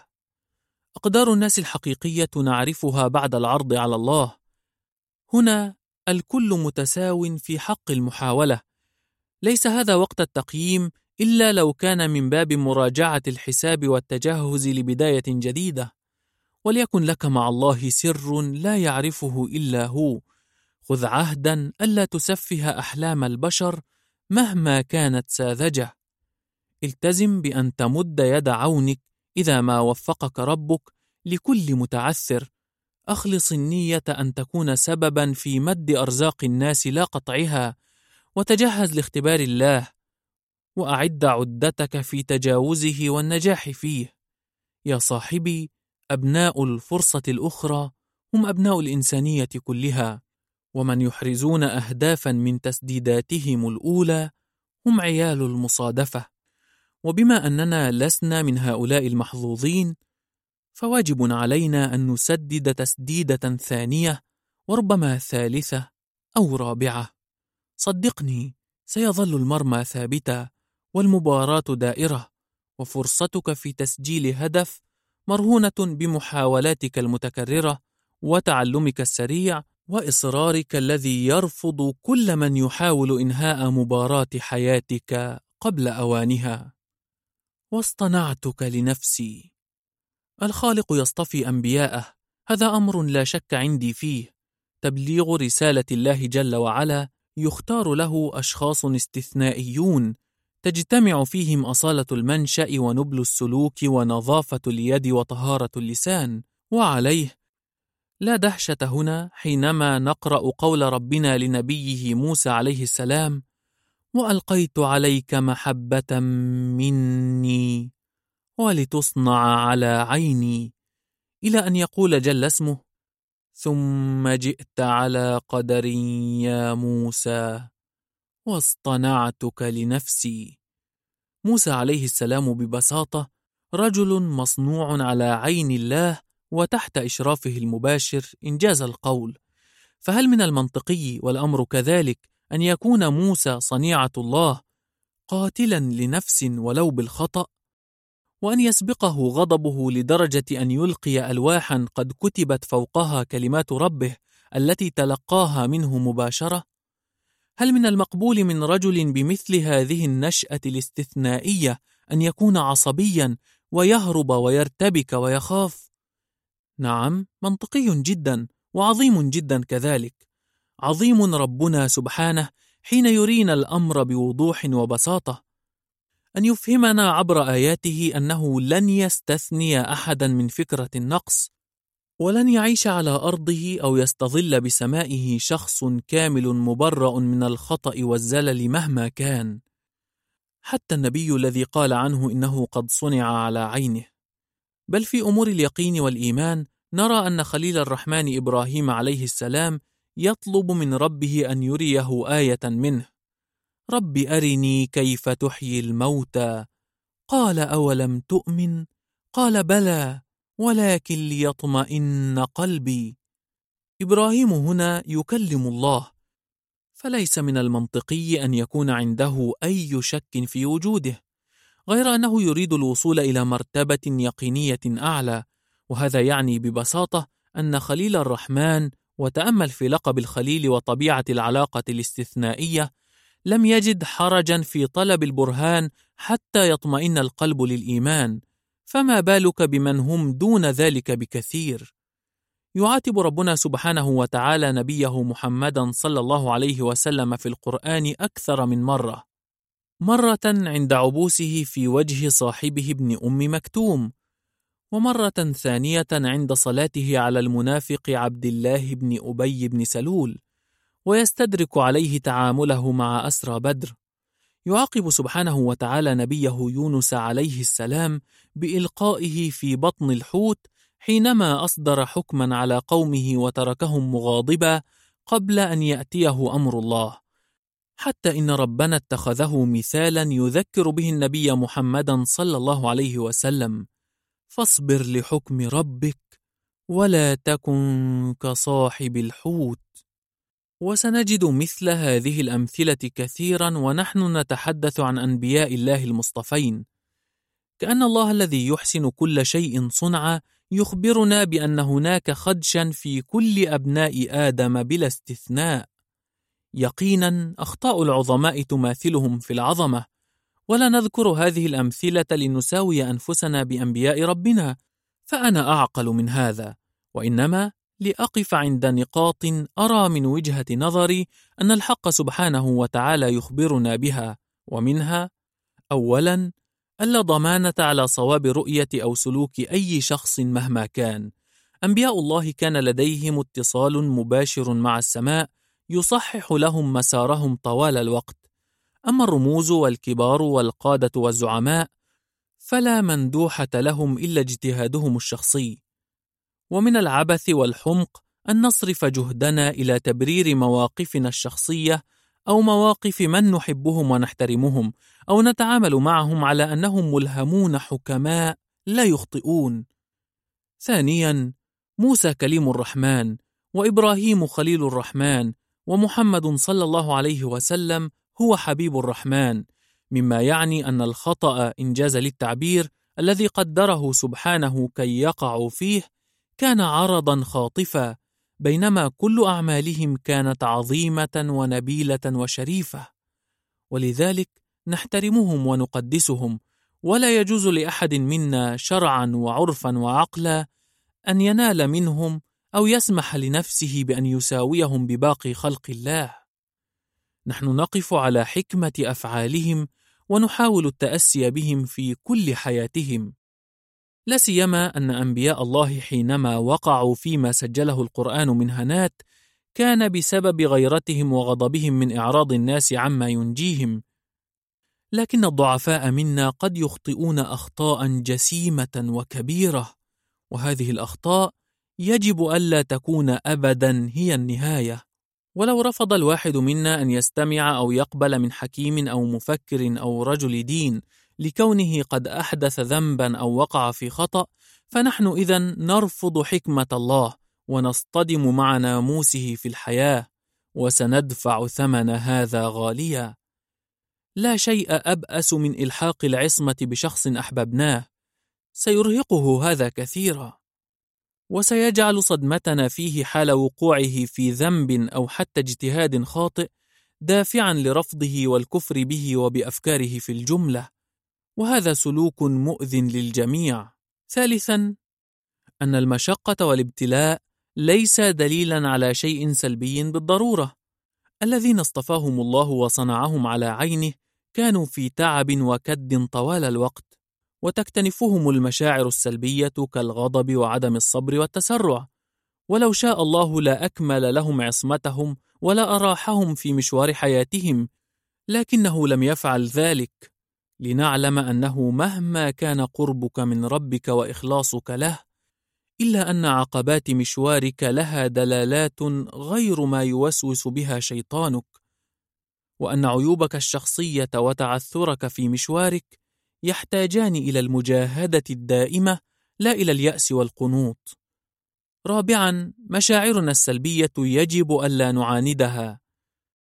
موسى عليه السلام وإذ قتل نفسا بالخطأ كشف الله لنا خبيئة مشاعره فخرج منها خائفا يترقب ثم دعا الله أن ينجيه من القوم الظالمين كي يطمئن قلبه ويرتاح أهل التخصص من علماء النفس يرون أنه حتى المشاعر السلبية تحمل بداخلها قيمة إيجابية لو أحسنا فهمها.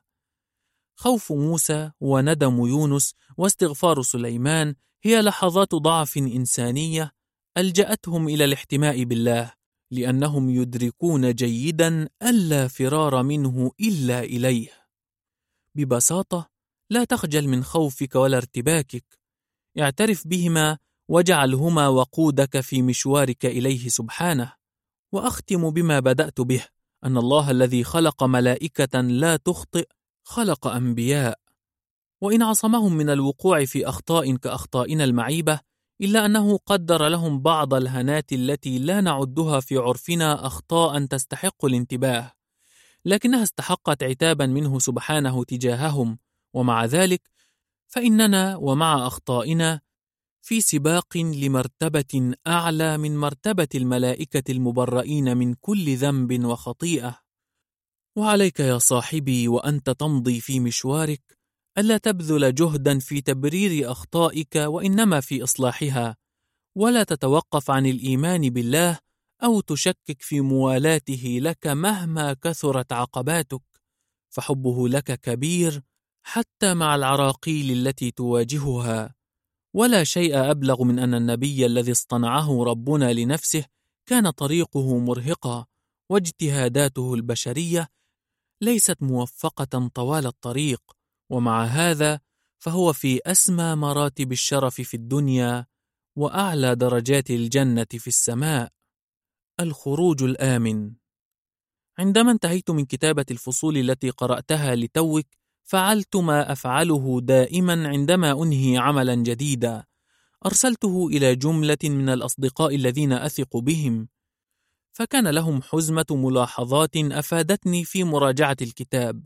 فالشكر لهم بعد الله سبحانه وتعالى غير أنهم أجمعوا على نقطة واحدة وهي الشفقة علي وخوفهم من أن يتم فهم هذا الكلام بشكل خاطئ وأن تعرضي لأفكار بنيوية تحكم أفكار جمهور كبير يمكن أن يطالني من ورائه أذى نفسي ومعنوي وربما أكثر من ذلك. لا سيما أنني أدفع ثمن أفكاري طوال السنوات الماضية بشكل طال رزقي وأمني الشخصي على الرغم من كوني كاتبا أدعي أن ما أقوله ليس كبيرا ولا عبقريا ولا جديدا على الناس أنا شخص أؤمن بأهمية الأسئلة أكثر من إيماني بأهمية الإجابات عنها.